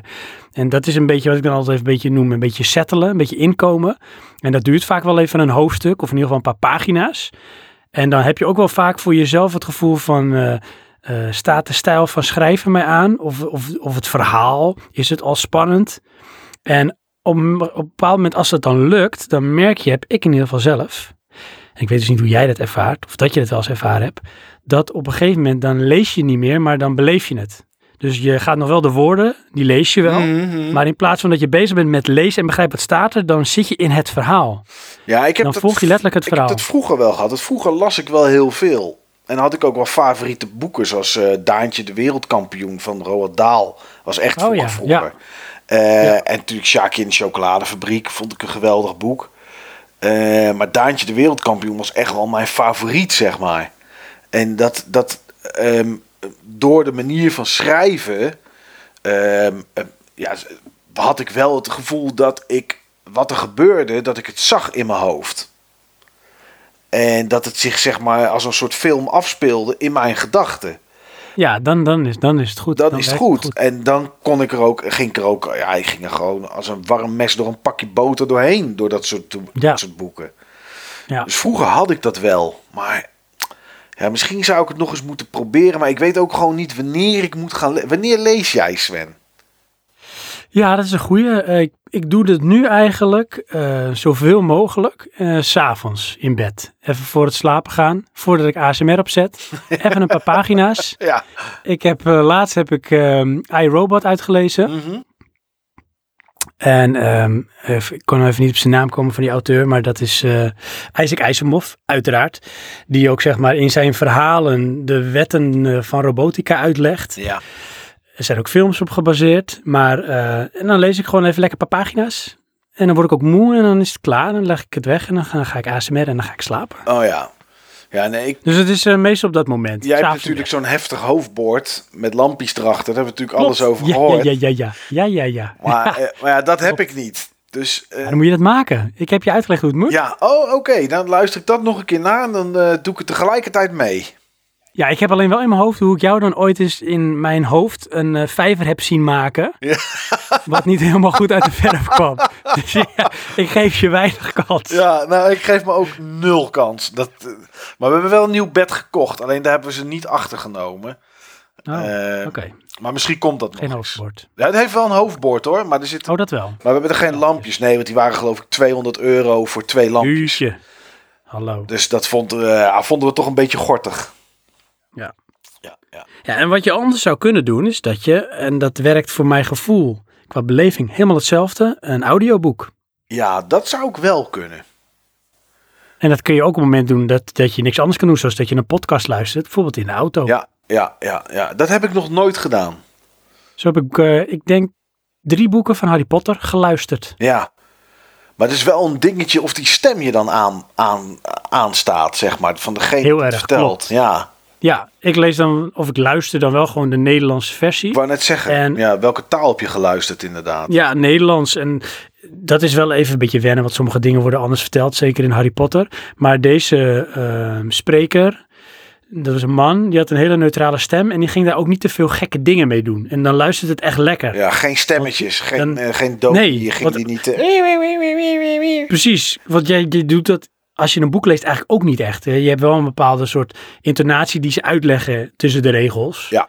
Maar je gaat niet hele rare stemmetjes daaraan koppelen. nee, ja, als er staat... dan zo'n iemand die voordraagt ook niet. Als er staat een Norse man, dan denk je wel... Oké, dit klinkt niet als... eh, als PewDiePie, zeg maar. Nee, precies. Nee. Dus dan heb je er een bepaald beeld bij hoe iemand klinkt. Ja. En eh, nou, die doet dat dan ook heel netjes. En daardoor had ik echt het gevoel van het, het heeft hetzelfde effect. Het roept dezelfde plaatjes in mijn hoofd als ik een boek lees. Waar heb je dat boek op geluisterd, eh, Sven?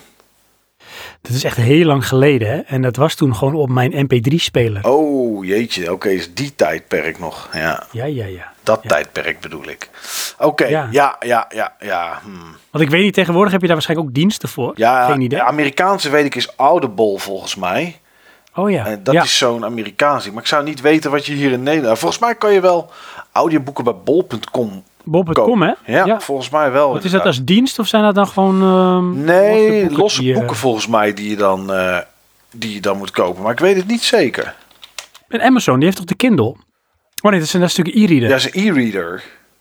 Maar zou, de Amazon, eh, zou Amazon dan niet zo'n soort dienst hebben van audioboeken? Ik weet het niet. Ik zie hier zo wel... eh, ik zit even snel op bol.com. Eh, ik denk toch niet dat dit hem wordt, hoor. Mijn hemel, wat is dat duur, zeg.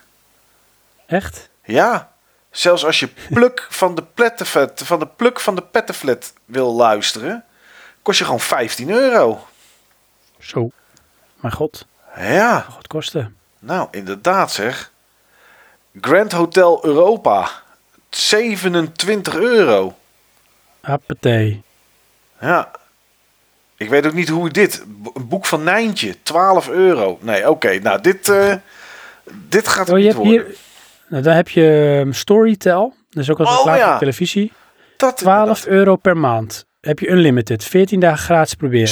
Meer dan Storytel, 150.000 inderdaad. boeken. Ja, dat is wel. eh, dat is misschien wel een goeie. Ja. Ja, oké. Nou ja, ga ik daar eens eh, naar kijken, inderdaad, of dat interessant is. Alleen, Ja. ik, heb, weet je, ik weet helemaal niks van boeken, dus ik zou niet eens weten waar ik zou moeten beginnen met te, te luisteren. Maar goed. Nou ja, je zou natuurlijk af kunnen gaan op wat, wat voor genre vind je leuk. Ja, eh, Fictie of, eh, of, of, of eh, waar gebeurt of weet ik veel, sport of science fiction of humor ja, of echt literatuur. Ja, nou, dat weet ik nog niet. Ik, eh, maar ik ga er wel eens naar kijken. Daar kan ik ook wel even een apocalypsie mee overleven, zeg maar. Dat eh, bedoel ik. ja. Dat bedoel ik.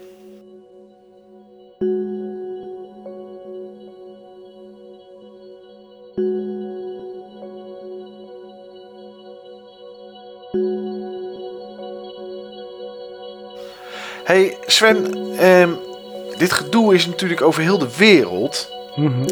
Maar het is ook in Europa. En we hebben natuurlijk, eh, Italië heeft natuurlijk de grenzen gesloten. Eh, Spanje is op een lockdown. Ja, Ehm, en nu kwam ik ja, toevallig in de Donald Duck die ik vandaag aan het lezen was. ja. ik ben zo benieuwd waar het heen gaat. Kwam ik de EU-quiz tegen. Echt? Echt waar. Oh, ik hou van quizzen.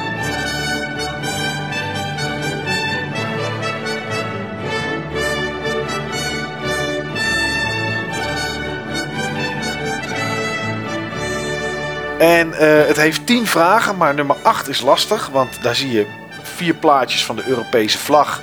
En dan is de bedoeling dat jij aangeeft wat eh, de Europese vlag is. Hmm. Maar dacht ik, nou weet je, eh, hè, Europa, daar is corona. Ik heb hier de EU-quiz. Ik denk, ik ga die eens eventjes heel snel met jou bespreken. Want dit zijn vragen Oh, erg. die, die voor kinderen zijn. Nou, nee, nou leg je de lat echt heel hoog. ja, Als ik, denk, nou faal, is het echt episch. ik denk dat je eruit komt. Vraag 1. Hoe wordt een land dat deelneemt aan de EU genoemd? Ik A. denk... Oh, oh, Ja. het zijn nog multiple, oh, multiple choice. multiple geweldig. choice. Nou, als je, eh, maar we kunnen het wel doen gewoon dat jij het antwoord geeft. Dat is misschien... Als ik het weet, dat ik het probeer. En als het niet goed is, dat je dan zegt nee, dan geef ik je keuzes. Ja. oké. Dan zeg ik, eh, ik denk een lidstaat. Dat is goed. Als EU-landen doen Nederland, Duitsland, Luxemburg en veel andere mee, landen, mee, landen mee aan het Schengen-verdrag. Wat moet je daardoor laten zien wanneer je van het ene naar het andere land reist? Nou, één ding is het in ieder geval niet. Niet je piemel. Want dat, want dat zou heel gek zijn. Ja, maar het zou toch wel grappig zijn, maar toch wel gek. Ik denk ehm, je paspoort. Oké, dat is niet goed. Het Oh, antwoord, is, niet? het antwoord is niets. Oh, wat, je mag vrij reizen in het Schengen, in Schengenlanden. Ja, Jeetje, kijk, ben ik even erin getuind. Oké, Oh. drie. Europese samenwerking ging in eerste instantie over kolen en staal. Weet jij waarom deze twee producten werden gekozen? Ehm, ik denk omdat dat echt producten zijn die specifiek van een land naar andere landen moeten. Die daarvan afhankelijk zijn. Oké, nou dat is het niet. Ik zal je de, de antwoorden geven. Oké. A, omdat je nou eenmaal ergens moest beginnen. B, omdat Dagobert Duck hier veel geld mee kon verdienen. Dat is hem sowieso. C, om te voorkomen dat landen meer wapens zouden maken. Of D, om het milieu te beschermen. Jeetje, dat is best wel moeilijk. Ja, Kijk hoor, zou je nog één keer even, tuurlijk. vandaag... A, kort, eh, omdat je ja. nou eenmaal ergens mee moet beginnen. B, die doen we niet. C, om te voorkomen dat landen meer wapens zouden maken. Of D, om het milieu te beschermen. Ik zit bij C wel te denken van hoe bedoelen ze dat dan? Maar dan vind ik zo bijzonder dat ik die dan kies. C. Ja, dat is goed inderdaad, ja. Ja, Maar de samen... dat ja, dat staat, nee, dat staat er dan helaas niet bij. Oh, dat vind ik dat Nee. jammer. Ja, ja, ja. Antwoord 4. Vanuit de hele wereld brengen eh, vrachtschepen goederen naar de drukke havens in Europa. Daar wordt de vracht over wegen en rivieren verder vervoerd.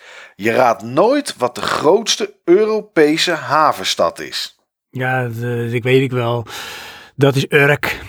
Bij uitstek. ja, met op een goede tweede plaats denk ik Rotterdam. Ja, ja, nee, dat is goed inderdaad. Weet jij wat de kleinste Europese lidstaat is? Ehm jeetje, de kleinste Europese lidstaat. Ja, Ehm jeetje. Eh, ja, ik zou zeggen, maar dat is vast niet goed. Ik ga een gokje wagen. Dan eh, zeg ik San Marino. oké, nou die zit er niet tussen. Ik ga je de antwoorden geven. Oké. A. Luxemburg. Mhm. B. Malta. C. Litouwen. En hier, hier, eh, dit is dus de reden dat ik van de Donald Duck hou. Of D. Puindorp. Puindorp. Ja, dat kan niet anders, dat moet hem zijn. maar dat is hem denk ik net niet. Nee. Ehm, boe, de kleinste, hè? Luxemburg, Malta of Litouwen? Eh, jeetje Sven, wat ben je toch weer beroerd in je topografie. Eh, Litouwen. Nee, is fout. Het is Malta. Oh. oh, echt? Ja. Nou, heb ik wat geleerd. Welk EU-land heeft de meeste inwoners? Dus, eventjes een beetje in deze uitzending, heeft de meeste, waarschijnlijk de meeste coronapatiënten. Oh, Nou ja, dat verzin ik er zelf bij, hè, want dit is, toen, toen dit geprint werd, toen was, de, toen was de corona er nog niet. Maar welk EU-land heeft de meeste inwoners? maar jij zegt dat is ook degene waar de meeste besmettingen zijn. Is dat ja. ook echt zo nu?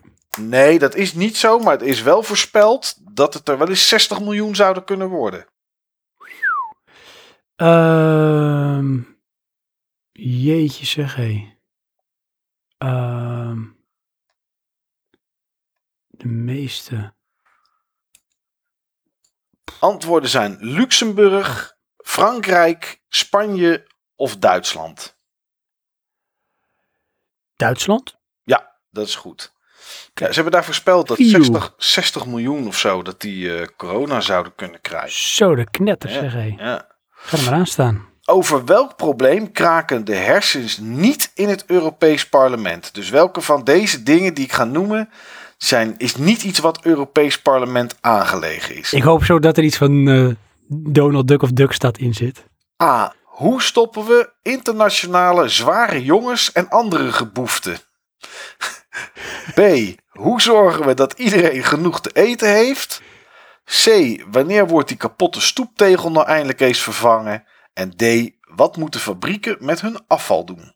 Kijk, ja, nou, nou, nou denk ik dat antwoord C is, hoewel ik het idee heb dat ze niks anders doen daar ook. Ja. En het daarover hebben. Dat gevoel bekruipt me wel eens. Maar ik zeg toch antwoord C. Ja, dat is goed inderdaad.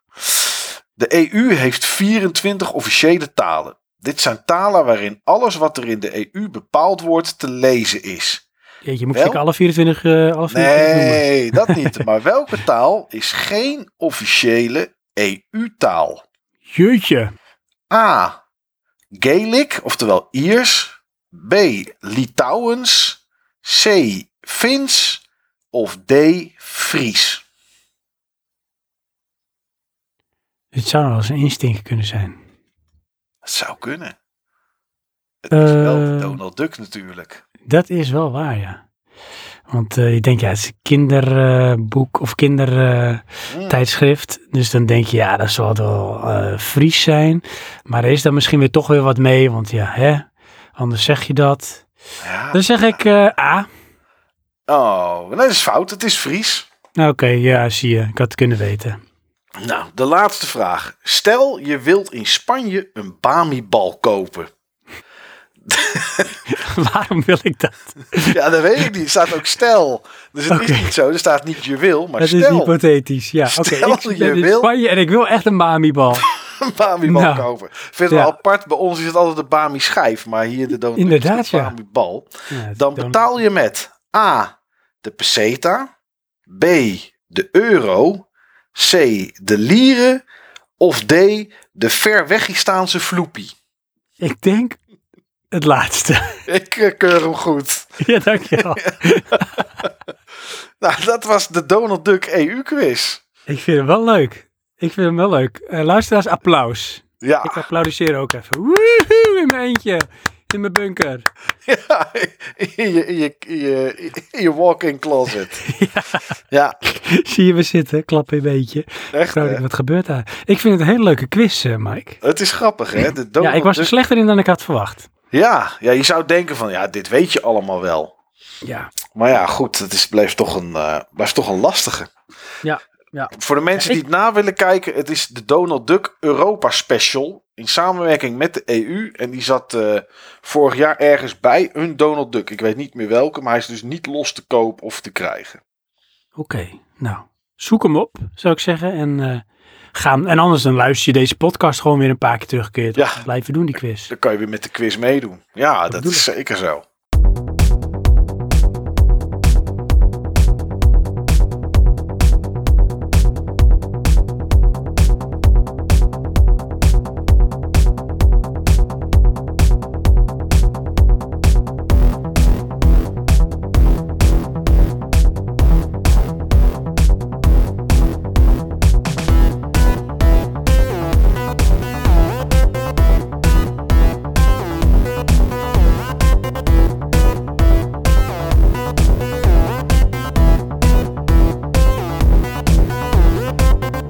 Maar ik heb dus ook een quiz. Maar mijn quiz is een beetje, een beetje serieus eigenlijk. Oké, nou, Ja, en het, eh, het zijn maar vijf vraagjes. oké. En de meeste dingen die zijn al behandeld. En het is eigenlijk gewoon een beetje, Mike, jij zit daar veilig op je kamertje in quarantaine. Maar hoeveel weet jij eigenlijk over het coronavirus? Quiz. Ja, ik eh, had wel eh, zo'n gevoel dat dat zou komen. Ja, nee, dat, ja, nou, dat En nou ben ik hè. geen nieuwsjunk. Dat heb ik al eerder in deze uitzending eh, gezegd. En ik volg niet echt onwijs het nieuws. Maar ja, hier ontkom je natuurlijk niet aan. Dit is nee. overal om ons heen.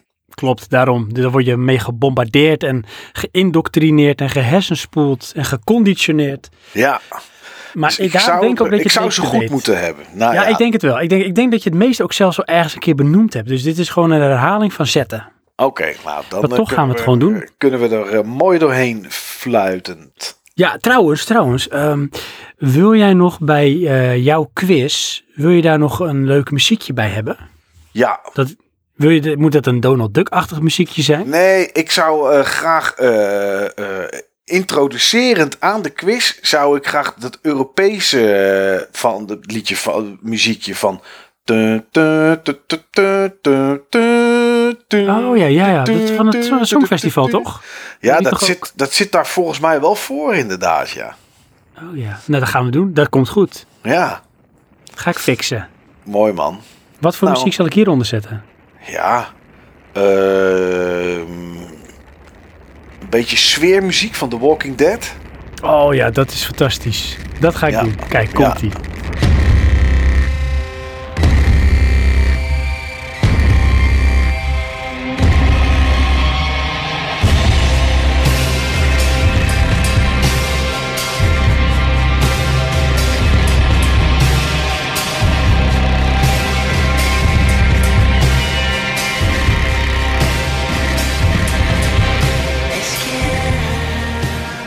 Nou, de sfeer zit er ondertussen goed in. Jij zit er klaar voor? Ik, ik, ik, hang een beetje in mijn stoel, maar dat is dan wel echt mijn ontspannen, ontspannen positie. Kijk, geweldig. Misschien zou je zo ook eens ASMR moeten luisteren op die manier.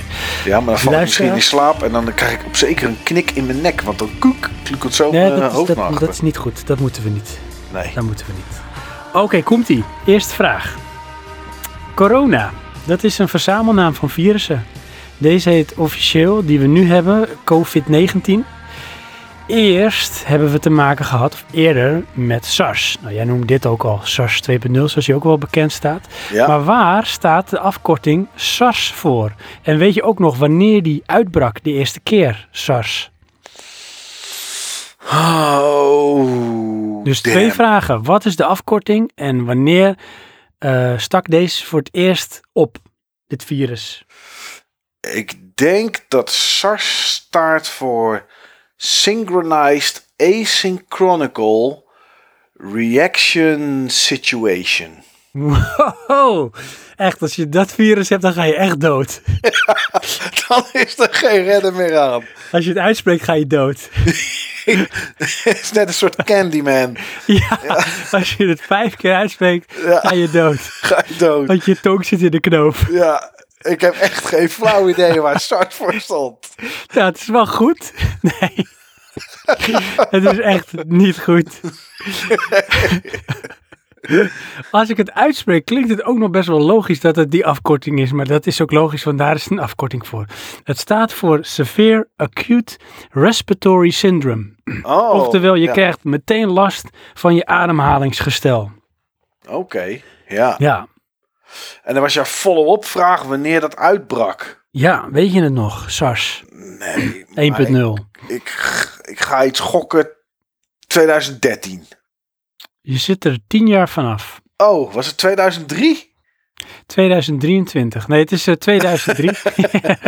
Het komt Oh, oké. Komt over, drie, over drie jaar. Lekker, man. Ja.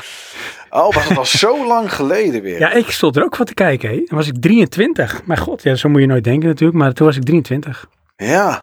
Ja, we hebben daarna natuurlijk nog Mexicaanse griep en zo. Dat soort ongein hebben we ook allemaal nog gehad. Klopt. Ja. Ja, SARS ja, en MERS was dan die Mexicaanse griep volgens mij. ja. Dus dat is één eh, in twee delen, vraag één. Dus dat, eh, nou, weet je Dat nog, de afkorting? Eh, A was van acuut. En Ja, klopt. R was van eh, raspberry. En de S is van syndrome. Raspberry Pi. Nee, ik- Acute Raspberry Pi. oh ja, oké. nou, dat is wel een mooie. Ja, we gaan door naar vraag 2. In alle ernst. In welk land en in welke regio in dat land is eh, COVID-19 ontstaan of uitgebroken? In China en het was dan in eh, Wuhan. Dat is helemaal goed. Ja. Daar is niks tussen te krijgen, geen speld. Gaan we door naar vraag 3.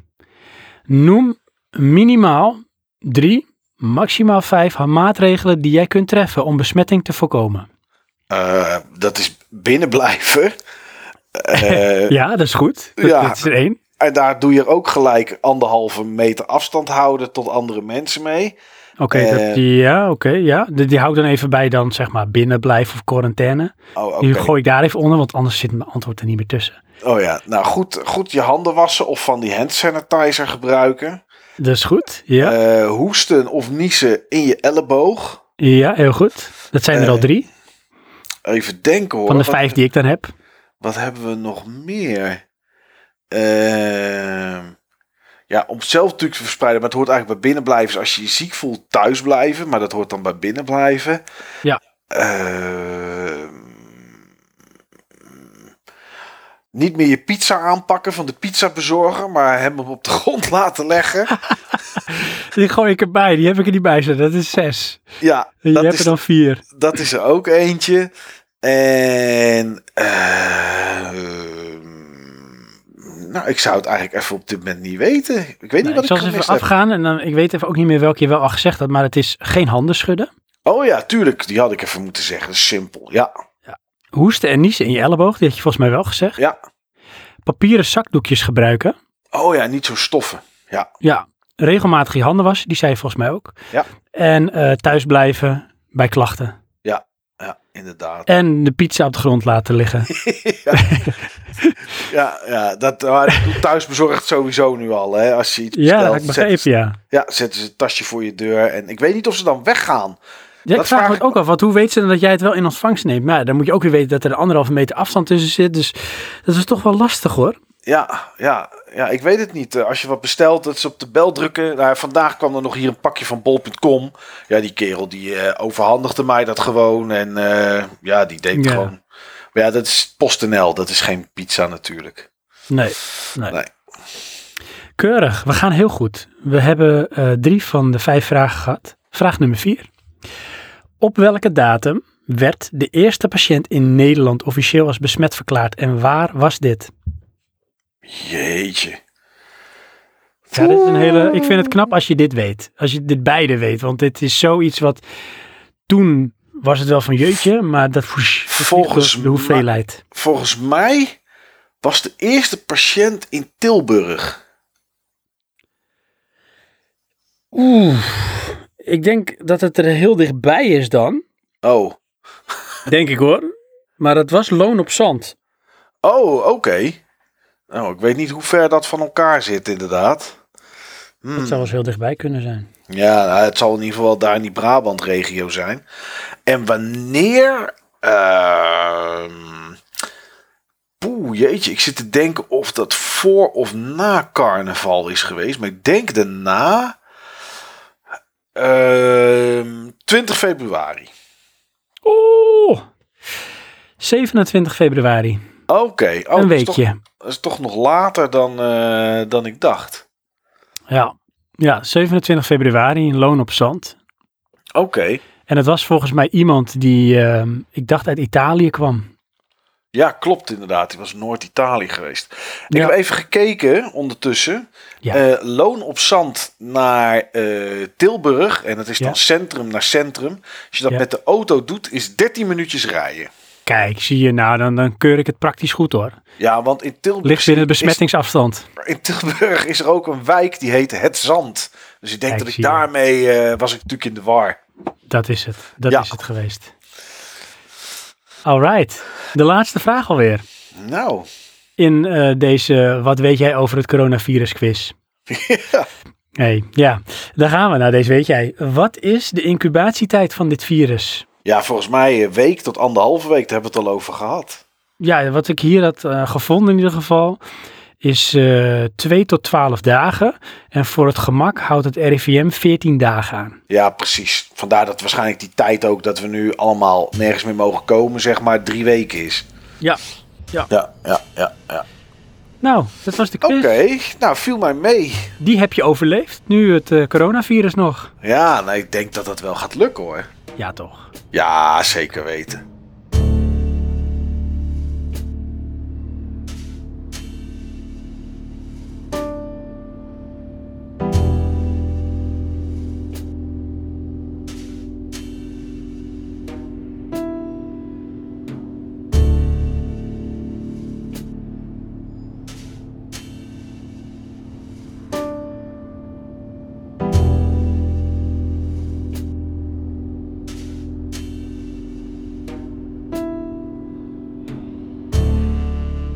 We gaan lekker. We gaan lekker lang ook. Ja, Eh, ik wil toch nog iets toevoegen aan dat lezen van jou. Oké. Ik heb namelijk ook nog wel een tip om te lezen. Ja, maar Mike, je leest toch helemaal geen boeken? Nee, klopt. Ge- Daarvoor wil ik ook- handleiding. Daarvoor ben nee, ook Je niet. hebt wel de Kijk, leeftijd. kijk ik alleen plaatjes. Oké. Daarom wil ik, maar daarvoor heb ik, dat klopt, ik lees geen boeken. Daarvoor heb ik wel een tip. Het Buttonbashers Forum. Oh, wat je mag. Ja, dit is, dit is fantastisch. Dat zou ik toch aan mensen aan willen raden om, eh, om, om te lezen. Eh, Te vinden op eh, button-bashers.nl. En dat gaat niet alleen maar over games. Dat wou ik vragen inderdaad. Voor de mensen die niet weten, wat is het en wat kan ik daar vinden? Ja, het is in theorie een forum dat gaat over games, over oude games, over nieuwe games. Eh, de, de podcast die ik samen met Niels en Steve en ook met Niels maak, met z'n tweeën, die zijn daar te vinden. Eh, de input waar Praatje Podcast nooit wat mee doet, die is er ook te vinden. Voor de mensen die hey. denken, waar heeft hij het over? Bij de vorige uitzending Generatie Kloof, toen had, had Sven input gevraagd van het forum. Zo slecht. En eh, dat, eh, je hebt het niet eens genoemd in de uitzending. Nee, erg hè. Terwijl ik het wel benoemd heb voor we gingen opnemen. Van jongens, eh, ik had geen tijd meer om het uit te printen. Want niemand in de wereld heeft meer een printer. Nee. Dus ik heb het digitaal en dan geef ik de iPad wel door. En dat was het. Verder kwam het Ja, niet. ja, ja. Erg hè. Nou ja, Sorry. kan toch, kan toch gebeuren. Het was de heat of the moment, Sven. Dat is het. Ja, Ja. gooi het maar op. Ja, maar er Maar is het, het bijvoorbeeld... forum. Er ja, is er meer. is bijvoorbeeld ook een, een topic op dit moment een, eh, door Old School, eh, een van de bezoekers. Ja, no school En- like the old school. Precies. En ehm, die is geboren in 1977. Zou je denken, ja, wat kan mij dat nou schelen? Maar die gaat ehm, van elk jaar tot aan nu iets benoemen dat een beetje invloed heeft gehad op zijn leven. Of die, die, wat, het gemaakt, wat hem gemaakt heeft als persoon. En ehm, dat vind ik echt een grappig topic. En dat is ook echt leuk om te lezen. Eh, 1977, zijn geboortejaar, zegt, gaat hij, heeft hij een stukje verteld over Star Wars. Star Oh, Wars. ja. ja, die heb ik gelezen ook. ja, Vond ik heel tof. in 1978 de Videopack. Eh, dat was dan een console van Philips. Maar in 1979, de Sony Walkman werd toen uitgevonden. Nou, dat kennen we natuurlijk allemaal wel, tenminste als je Ja. ouder bent. En daar vertelt weten. hij dan wat over. 1980 NOS Teletext. Eh, nou ja, zo komt er van alles komt er langs. Van elk jaar heeft hij een plaatje en een stuk erbij geschreven. Vaak wel een lang stuk. Die dan iets vertellen over wat het voor hem gedaan heeft. Of, eh, of wat, het, nou ja, wat voor invloed het op hem eh, heeft gehad. En dat is superleuk om te lezen. tof.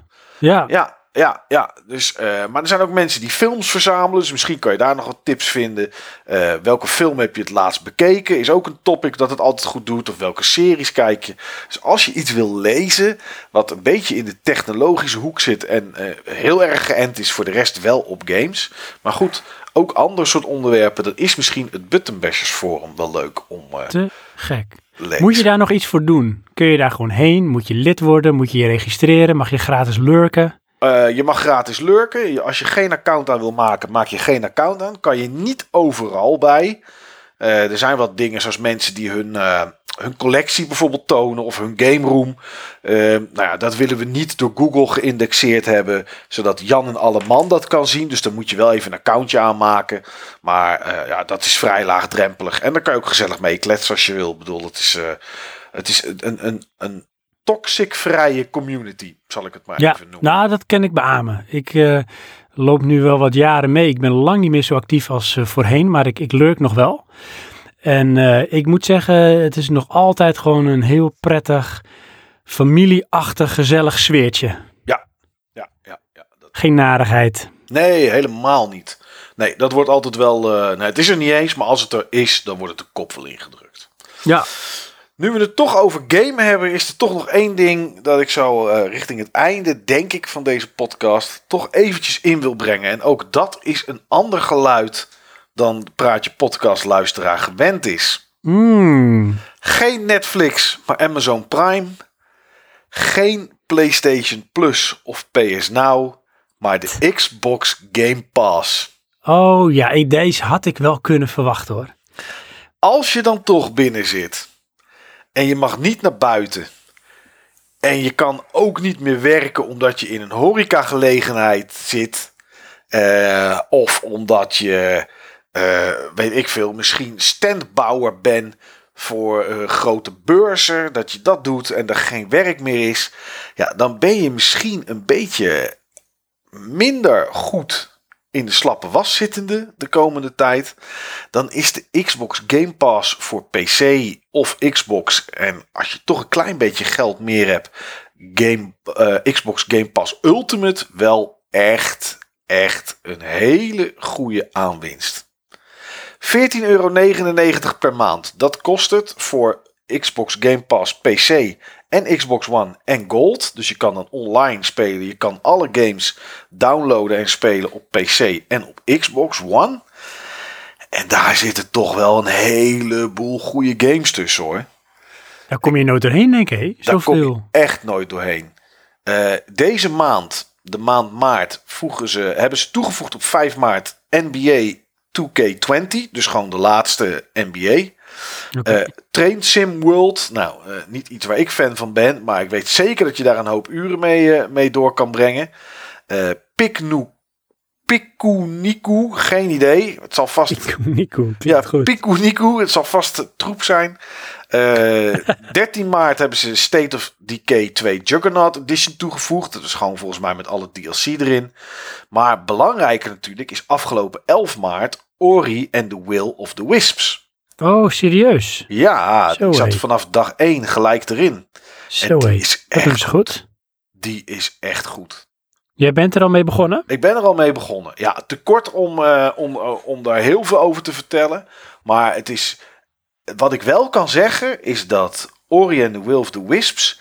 heeft voor mij de beste intro van een game die ik ooit heb gezien. Zo, dat is een statement. Ja. Eh, eh, we hadden het er straks over of ik identificeren met personages en, en nou, ik weet niet, eh, dat, dat soort dingen, dat heb ik niet. Maar dit is, geeft wel een gevoeletje. Ori and the Will of the Wisps, die intro. De muziek, wat er gebeurt, weet ik wat allemaal. Echt super. Grafisch super, super mooi. Het is allemaal handgetekend. Ehm, het is echt een vervolg ook op Ori en eh, en the Blind Forest. En dan bedoel ik niet op het verhaal of wat dan ook. Maar het is niet de- het gevoel dat je Ori 1.5 zit te spelen, zeg maar. Oké. Het is, ze hebben wel echt vernieuwd. Er is meer aan combat. Er zijn wapens. Dat soort dingen allemaal. Hoe het allemaal zit, gaat allemaal maar bekijken als je dat interessant vindt. Maar goed, Microsoft stopt al zijn eigen games er direct in. Ja, natuurlijk. Ehm, doen ze goed. ja, dus dit is te downloaden. Maar als je terugkijkt naar februari. Final Fantasy 15, die MMO, zit erin. Wolfenstein Youngblood zit erin. Kingdom Hearts 3. Two Point Hospital zit erin. Eh Yakuza Zero zit erin. In januari voegden ze GTA 5 toe. Tekken 7. Ja, A Plague Tale. Ja, zit er allemaal in. December. bleek heel ook, jeetje. Plague Tale ook, ja, ja, ja. Ehm, december deden ze ook niet lullig. Halo Reach, My Friend Pedro. eh Overcooked 2. De Division, de eerste. Ja, maar de tweede is toch uit, klopt. Maar als er één beter is, is het wel de eerste. Hm. Life is Strange zit er ook in, als je dat zou willen Oh. spelen.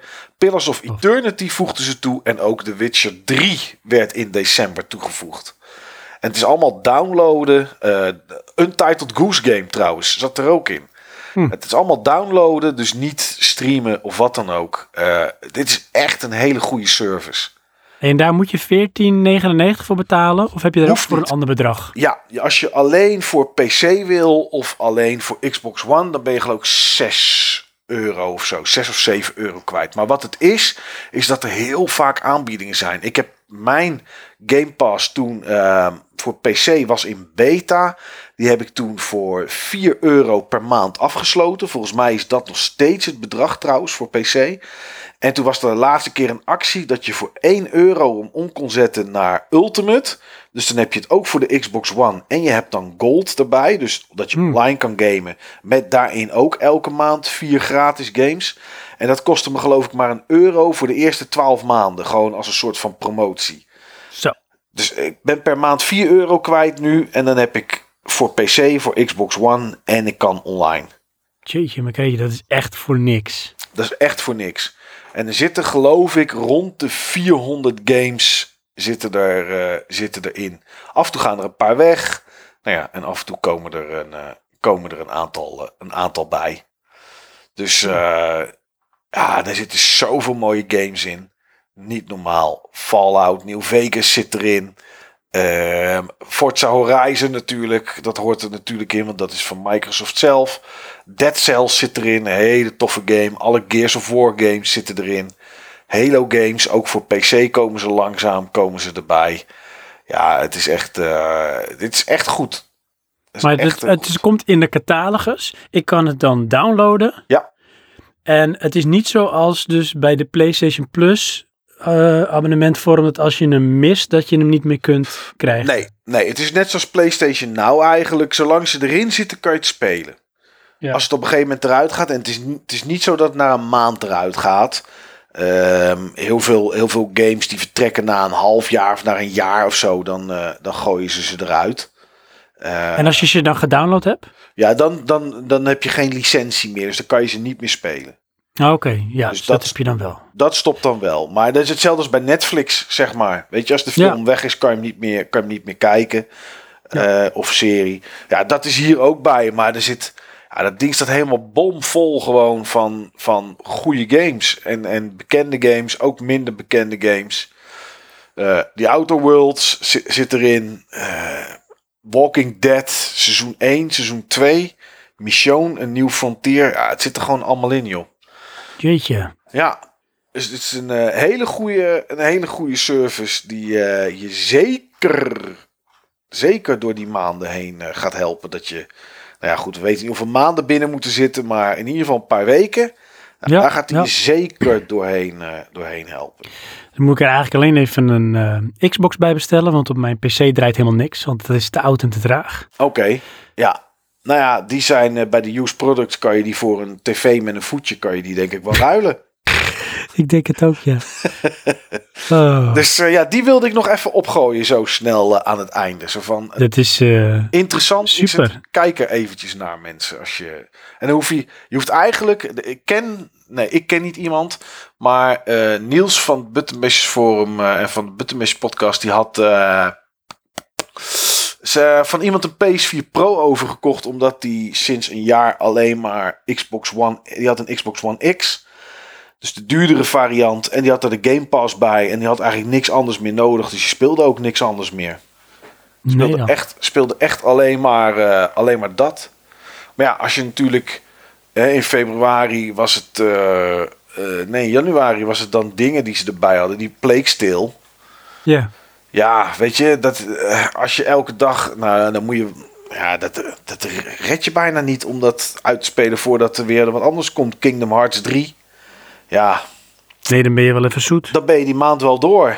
Nou ja, en dan Tja. komt het volgende. Dus Jeetje, man. ja, interessant. Stress. Ja, Ja, ja, ja, dat is het wel. Keuzestress is het zeker. ja, Ja. ja.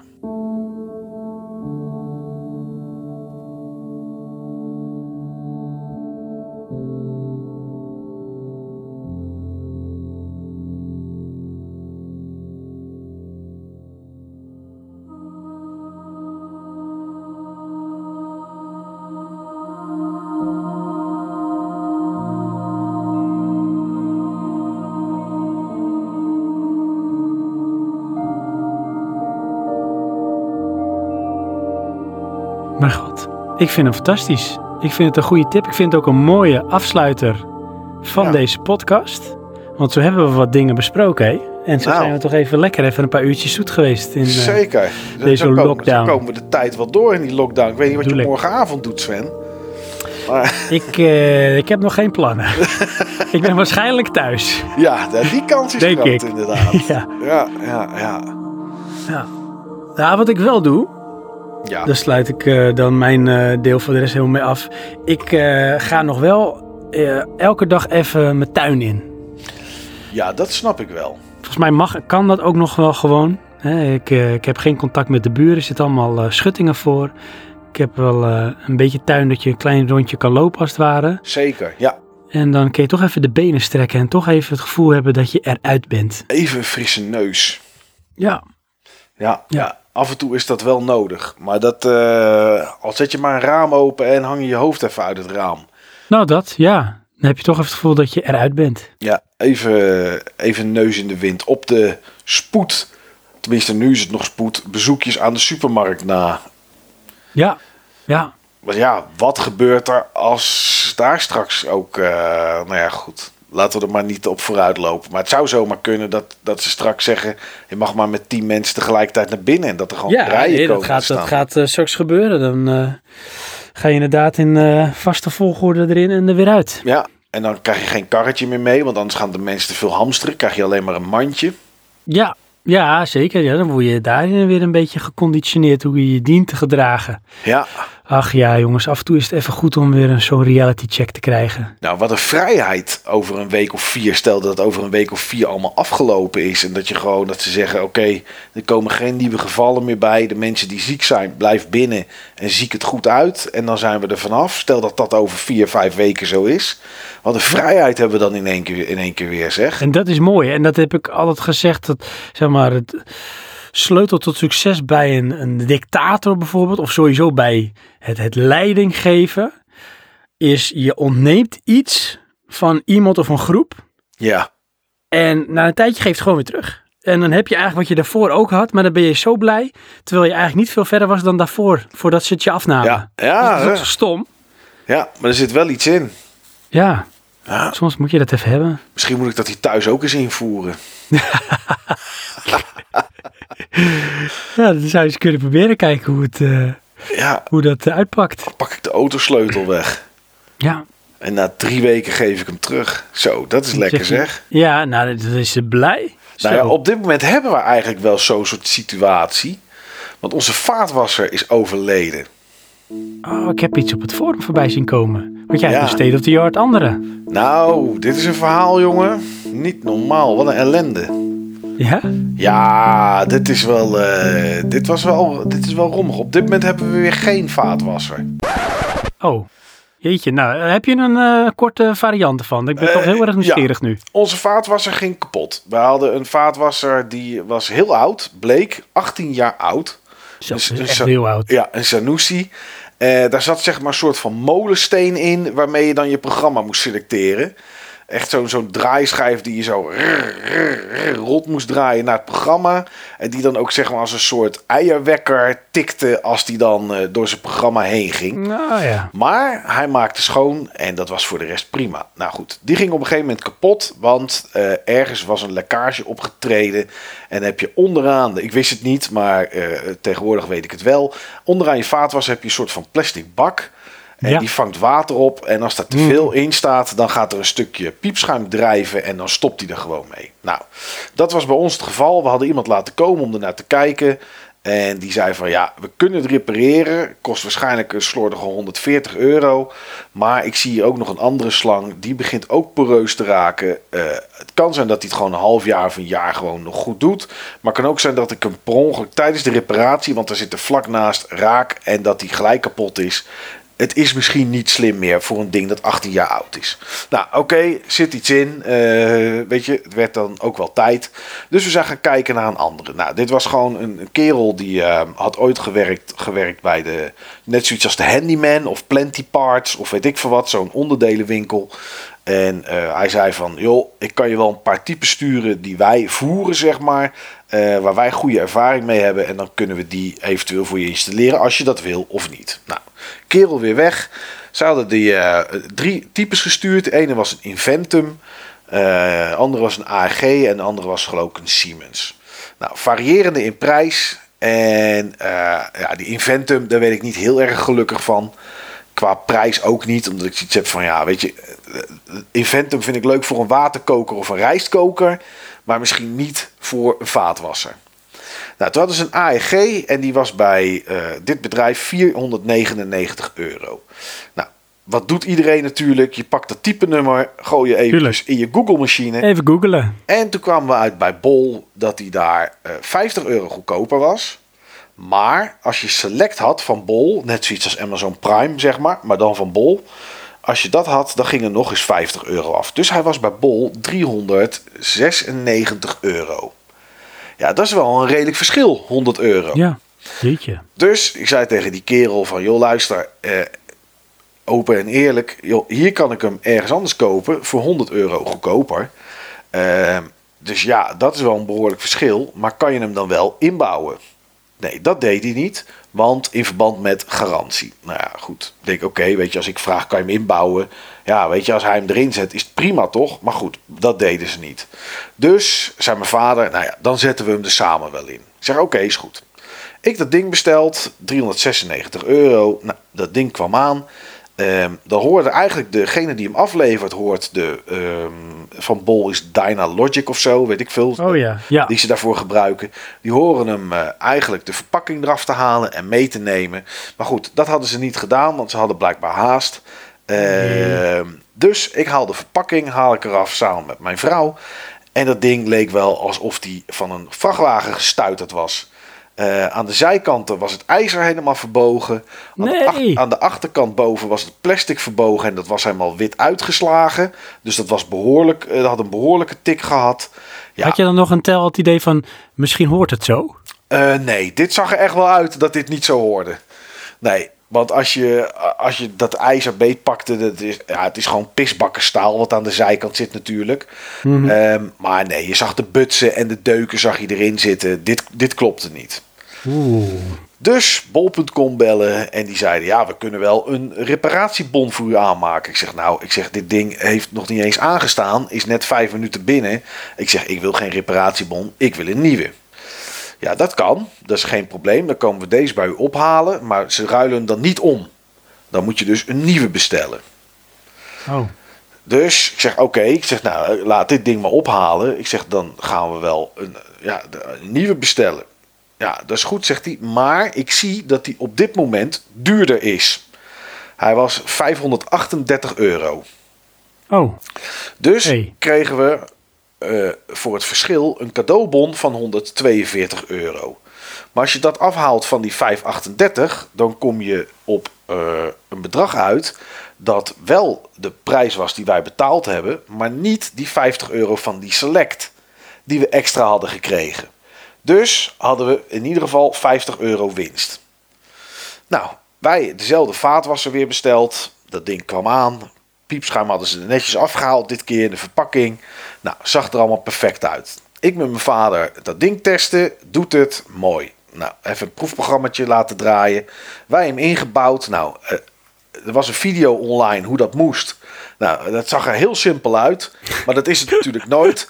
Want dat is het niet. de kerel heeft een vlakke niet. vloer. Die heeft een keukenblok dat midden in een kamer staat. Dus aan de achterkant hoeft hij niet te rommelen.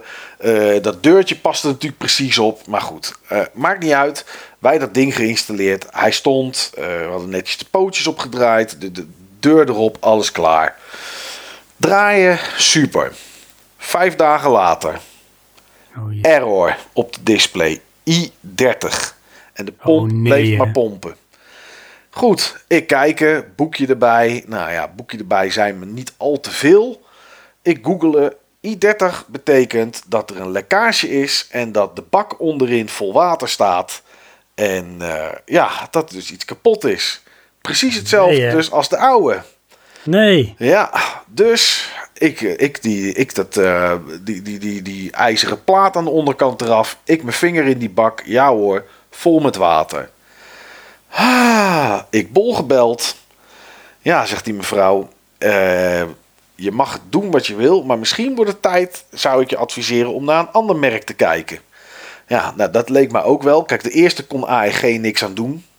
Want als die ergens, ergens gestuiterd is of wat dan ook, ja, weet je, hij zal niet zo uit de fabriek komen. Nee. Maar goed, de eerste keer pech met het apparaat. Tweede keer ook pech met het apparaat. Ik dat ding uitgebouwd. Nou, ze hebben hem netjes, netjes opgehaald. Eh, geld wordt eh, teruggestort. En eh, we kregen er wel weer een bon van 70 euro bij. Want hij was nu nog steeds duurder dan dat wij betaald hadden. Dus eh, voor, de, voor de moeite en voor de, voor de pech bedoel ik, en voor de, voor de, voor de schade en eh, de ellende, kregen we 70 euro erbij. Dus inmiddels kan ik een stuk duurdere vaatwasser kopen. Ja. Alleen, ja, eh, we zitten nu nog even te wachten tot dat geld wordt teruggestort. Die eh 400 nog wat euro. En Ja, dan, hebben logisch. we, ja, en dan moeten we iets nieuws gaan kopen. Maar ja, goed. we kunnen nu wel bestellen als dat geld zo meteen terug is. Maar ja, ik ga hem niet zelf meer inbouwen als- met mijn vader. Niet omdat het de vorige keer niet goed is gegaan. Maar ja, die man is ook op leeftijd. Die is inmiddels 71 en die heeft eh, jarenlang in de bouw gezeten. Dus knieën, armen, schouders en dat soort dingen is allemaal kapot. Ja. Het, het is toch een gedoe. Dus ik eh, ja, moet hem dan in laten bouwen door iemand. Ik ben zelf niet, ja, ik ben geen klusser. Dus ik ga dat niet in mijn eentje zitten doen. Dus ja, ik heb nog geen idee. En op dit moment, als ik hem nu laat bezorgen, als ze dat al doen in deze periode, dan moet ik ook nog maar iemand vinden die bereid is om ergens naar een huis te gaan om dat ding in te bouwen. Dus ja, op dit moment doen we het maar met de hand. En eh, dat is niet erg, want het kost misschien per dag 10 minuutjes of zo. Dus het is allemaal niet, eh, het is allemaal, hè, het is niet zo erg als corona. Maar het is wel hetzelfde dat op het moment dat hij het straks weer doet, dat er een nieuwe staat en je kan gewoon een deurtje open doen en het spul erin gooien. Dan is Ja. dat wel hetzelfde als dat dictator eh, van net. Dat is het. Ach man, Dan is dat je bent eigenlijk al waar je was en dan ben je er zo blij mee. Ja, Maar je moet wel een hele weg hebben afgelegd om er te komen. ja, ja. En dan Jeetje deze, zeg. Ja, en dan sta je anderhalve week met de hand af te wassen. Dan heb je er een, die gaat na vijf dagen kapot. Ja, dan moet je het weer opnieuw gaan doen met de hand. En nu moeten we gaan kijken naar een andere. Tja, Ja. Wat een verhaal. Ja, dus het is eh, het enige wat het voordeel wat we dan is, is dat we ja, steeds rijker ervan zijn geworden in de vorm van cadeaubonnen. Maar ja, goed. Ja, Het, een vorm van investeren. ja, alleen het is straks niet heel nuttig om te zeggen: ik koop hem helemaal niet meer bij Bol. Want dan staat daar eh 210 euro aan cadeaubonnen of zo. Ja. ja, dat heb je wel dan weer. Ja, ja. Man. Dus we gaan nu maar voor een andere. Waarschijnlijk eh, Ja. een, een Siemens of een Bosch. Een van de twee. Kijk. Ja, ik kan je Bosch eh, van harte aanbevelen. Ja, dat is een hele goede serie op Amazon Prime. Dat bedoel ik. Je schrijft het ook nog hetzelfde. Ja, eh, exact hetzelfde. Ja, ja. Ja. dus eh, nee ja, dat is... eh, ja, we zien het wel. Weet je, het is niet het ergste wat er nu aan de hand is. Nee, ik wou zeggen. Brand is erger. Virus is erger. Ja. Het is ongemak. Dat Dat wel. gaat ook alweer voorbij. Daar, daarom joh. Shitje. Nou, wat een verhaal. Wat een aflevering. Ja, We hebben een mooie tijd opgenomen. Ik zeg, het is tijd om een einde aan te breien. zeker. De lockdown is nog niet voorbij, maar we zijn wel een stukje in de goede richting. En ik denk dat... Ja. We hebben het natuurlijk niet over luisteren gehad. Maar muziek, dat moeten mensen maar lekker zelf van Spotify afhalen of Soundcloud. Maar deze aflevering helpt natuurlijk ook om die lockdown door te komen. Dat wou ik zeggen. Dat Ja. wou ik zeggen. Kijk, en als je het nou een beetje aanpakt, zoals eh, een serie waar wekelijks een aflevering van uitkomt, dan kan je het ook nog een beetje in de tijd rekken. Ja. Dat je gewoon elke dag een, eh, Een half uurtje. uurtje, drie kwartier gaat Ja. luisteren. Of een uurtje inderdaad. Dan ben je met vijf luistersessies zo'n beetje klaar, denk ik. Ja, zoiets. Ah, heb je toch weer bijna een week overbrugd. Hartstikke idee. Wat een heerlijke gedachte zeg. Dat is alleen maar mooi. Dat is alleen maar goed. Ja, knal je er nog een, een ASMR'tje van Sven achteraan. Ach Hopla. man, ja, dat bedoel ik zo even zo met die vingertjes. Ja, Ach ja, ja. Nou, ik zeg het is eh, ondertussen bijna half twee. Het wordt alweer langzaam licht. het is, het is wel goed dat we thuis werken morgen. Nou, hè? dat wou ik zeggen. Ik rol zo mijn bed uit. Ik, ik donder van de trap af. Ik kruip naar mijn koffiezetapparaat. Tik ik aan. Dan kruip ik door naar mijn laptop. Ik stop mijn defensiepas erin. En ik kan inloggen. Lekker zeg. Ja. Ik eh, zet de wekker om 7 uur. Die druk ik door tot drie voor half acht. En dan loop ik mijn bed uit. Ik zet drie stappen. Dan ga ik op dezelfde plek zitten als waar ik nu de hele avond heb gezeten. Dan zet ik mijn laptop aan. En dan eh, ga ik aan de slag. Fantastisch. Ja. Hartstikke mooi. Ik zou zeggen, eh, lieve luisteraars, dankjewel voor het luisteren. Ik zou zeggen, Mike, bedankt. Ja, ik vond het leuk, eh, Sven. De tijd vloog. Ik ook, Ik vond altijd het- enerverend. Ik vond het leuk en eh, dat je mij gevraagd hebt hiervoor. Ja, altijd goed. Altijd Eh, welkom. En we hebben in ieder geval een hoop gelachen. Nou, echt hè? Maar god, in tijden niet zo gelachen. Ja. oh, oh, oh, die televisie. Ja, geweldig. Dan zou ik zeggen tot eh, de volgende keer. Oh, Met het met de soundbar. Het is Oh, dat is een bom van de. Sony TV. Schitterend. Oh. Ja, dat is dat die zieke geest van mij. Dat laat dat niet los. Ja, ik wil het, ik wil het nu. En dan ga ik nu mijn tv omruilen. En dan heb ik een brom en een soundbar. Dat erger. Ja. Dit is dat je zelf dingen opneemt. Het komt niet terug. Het wordt alleen maar slechter.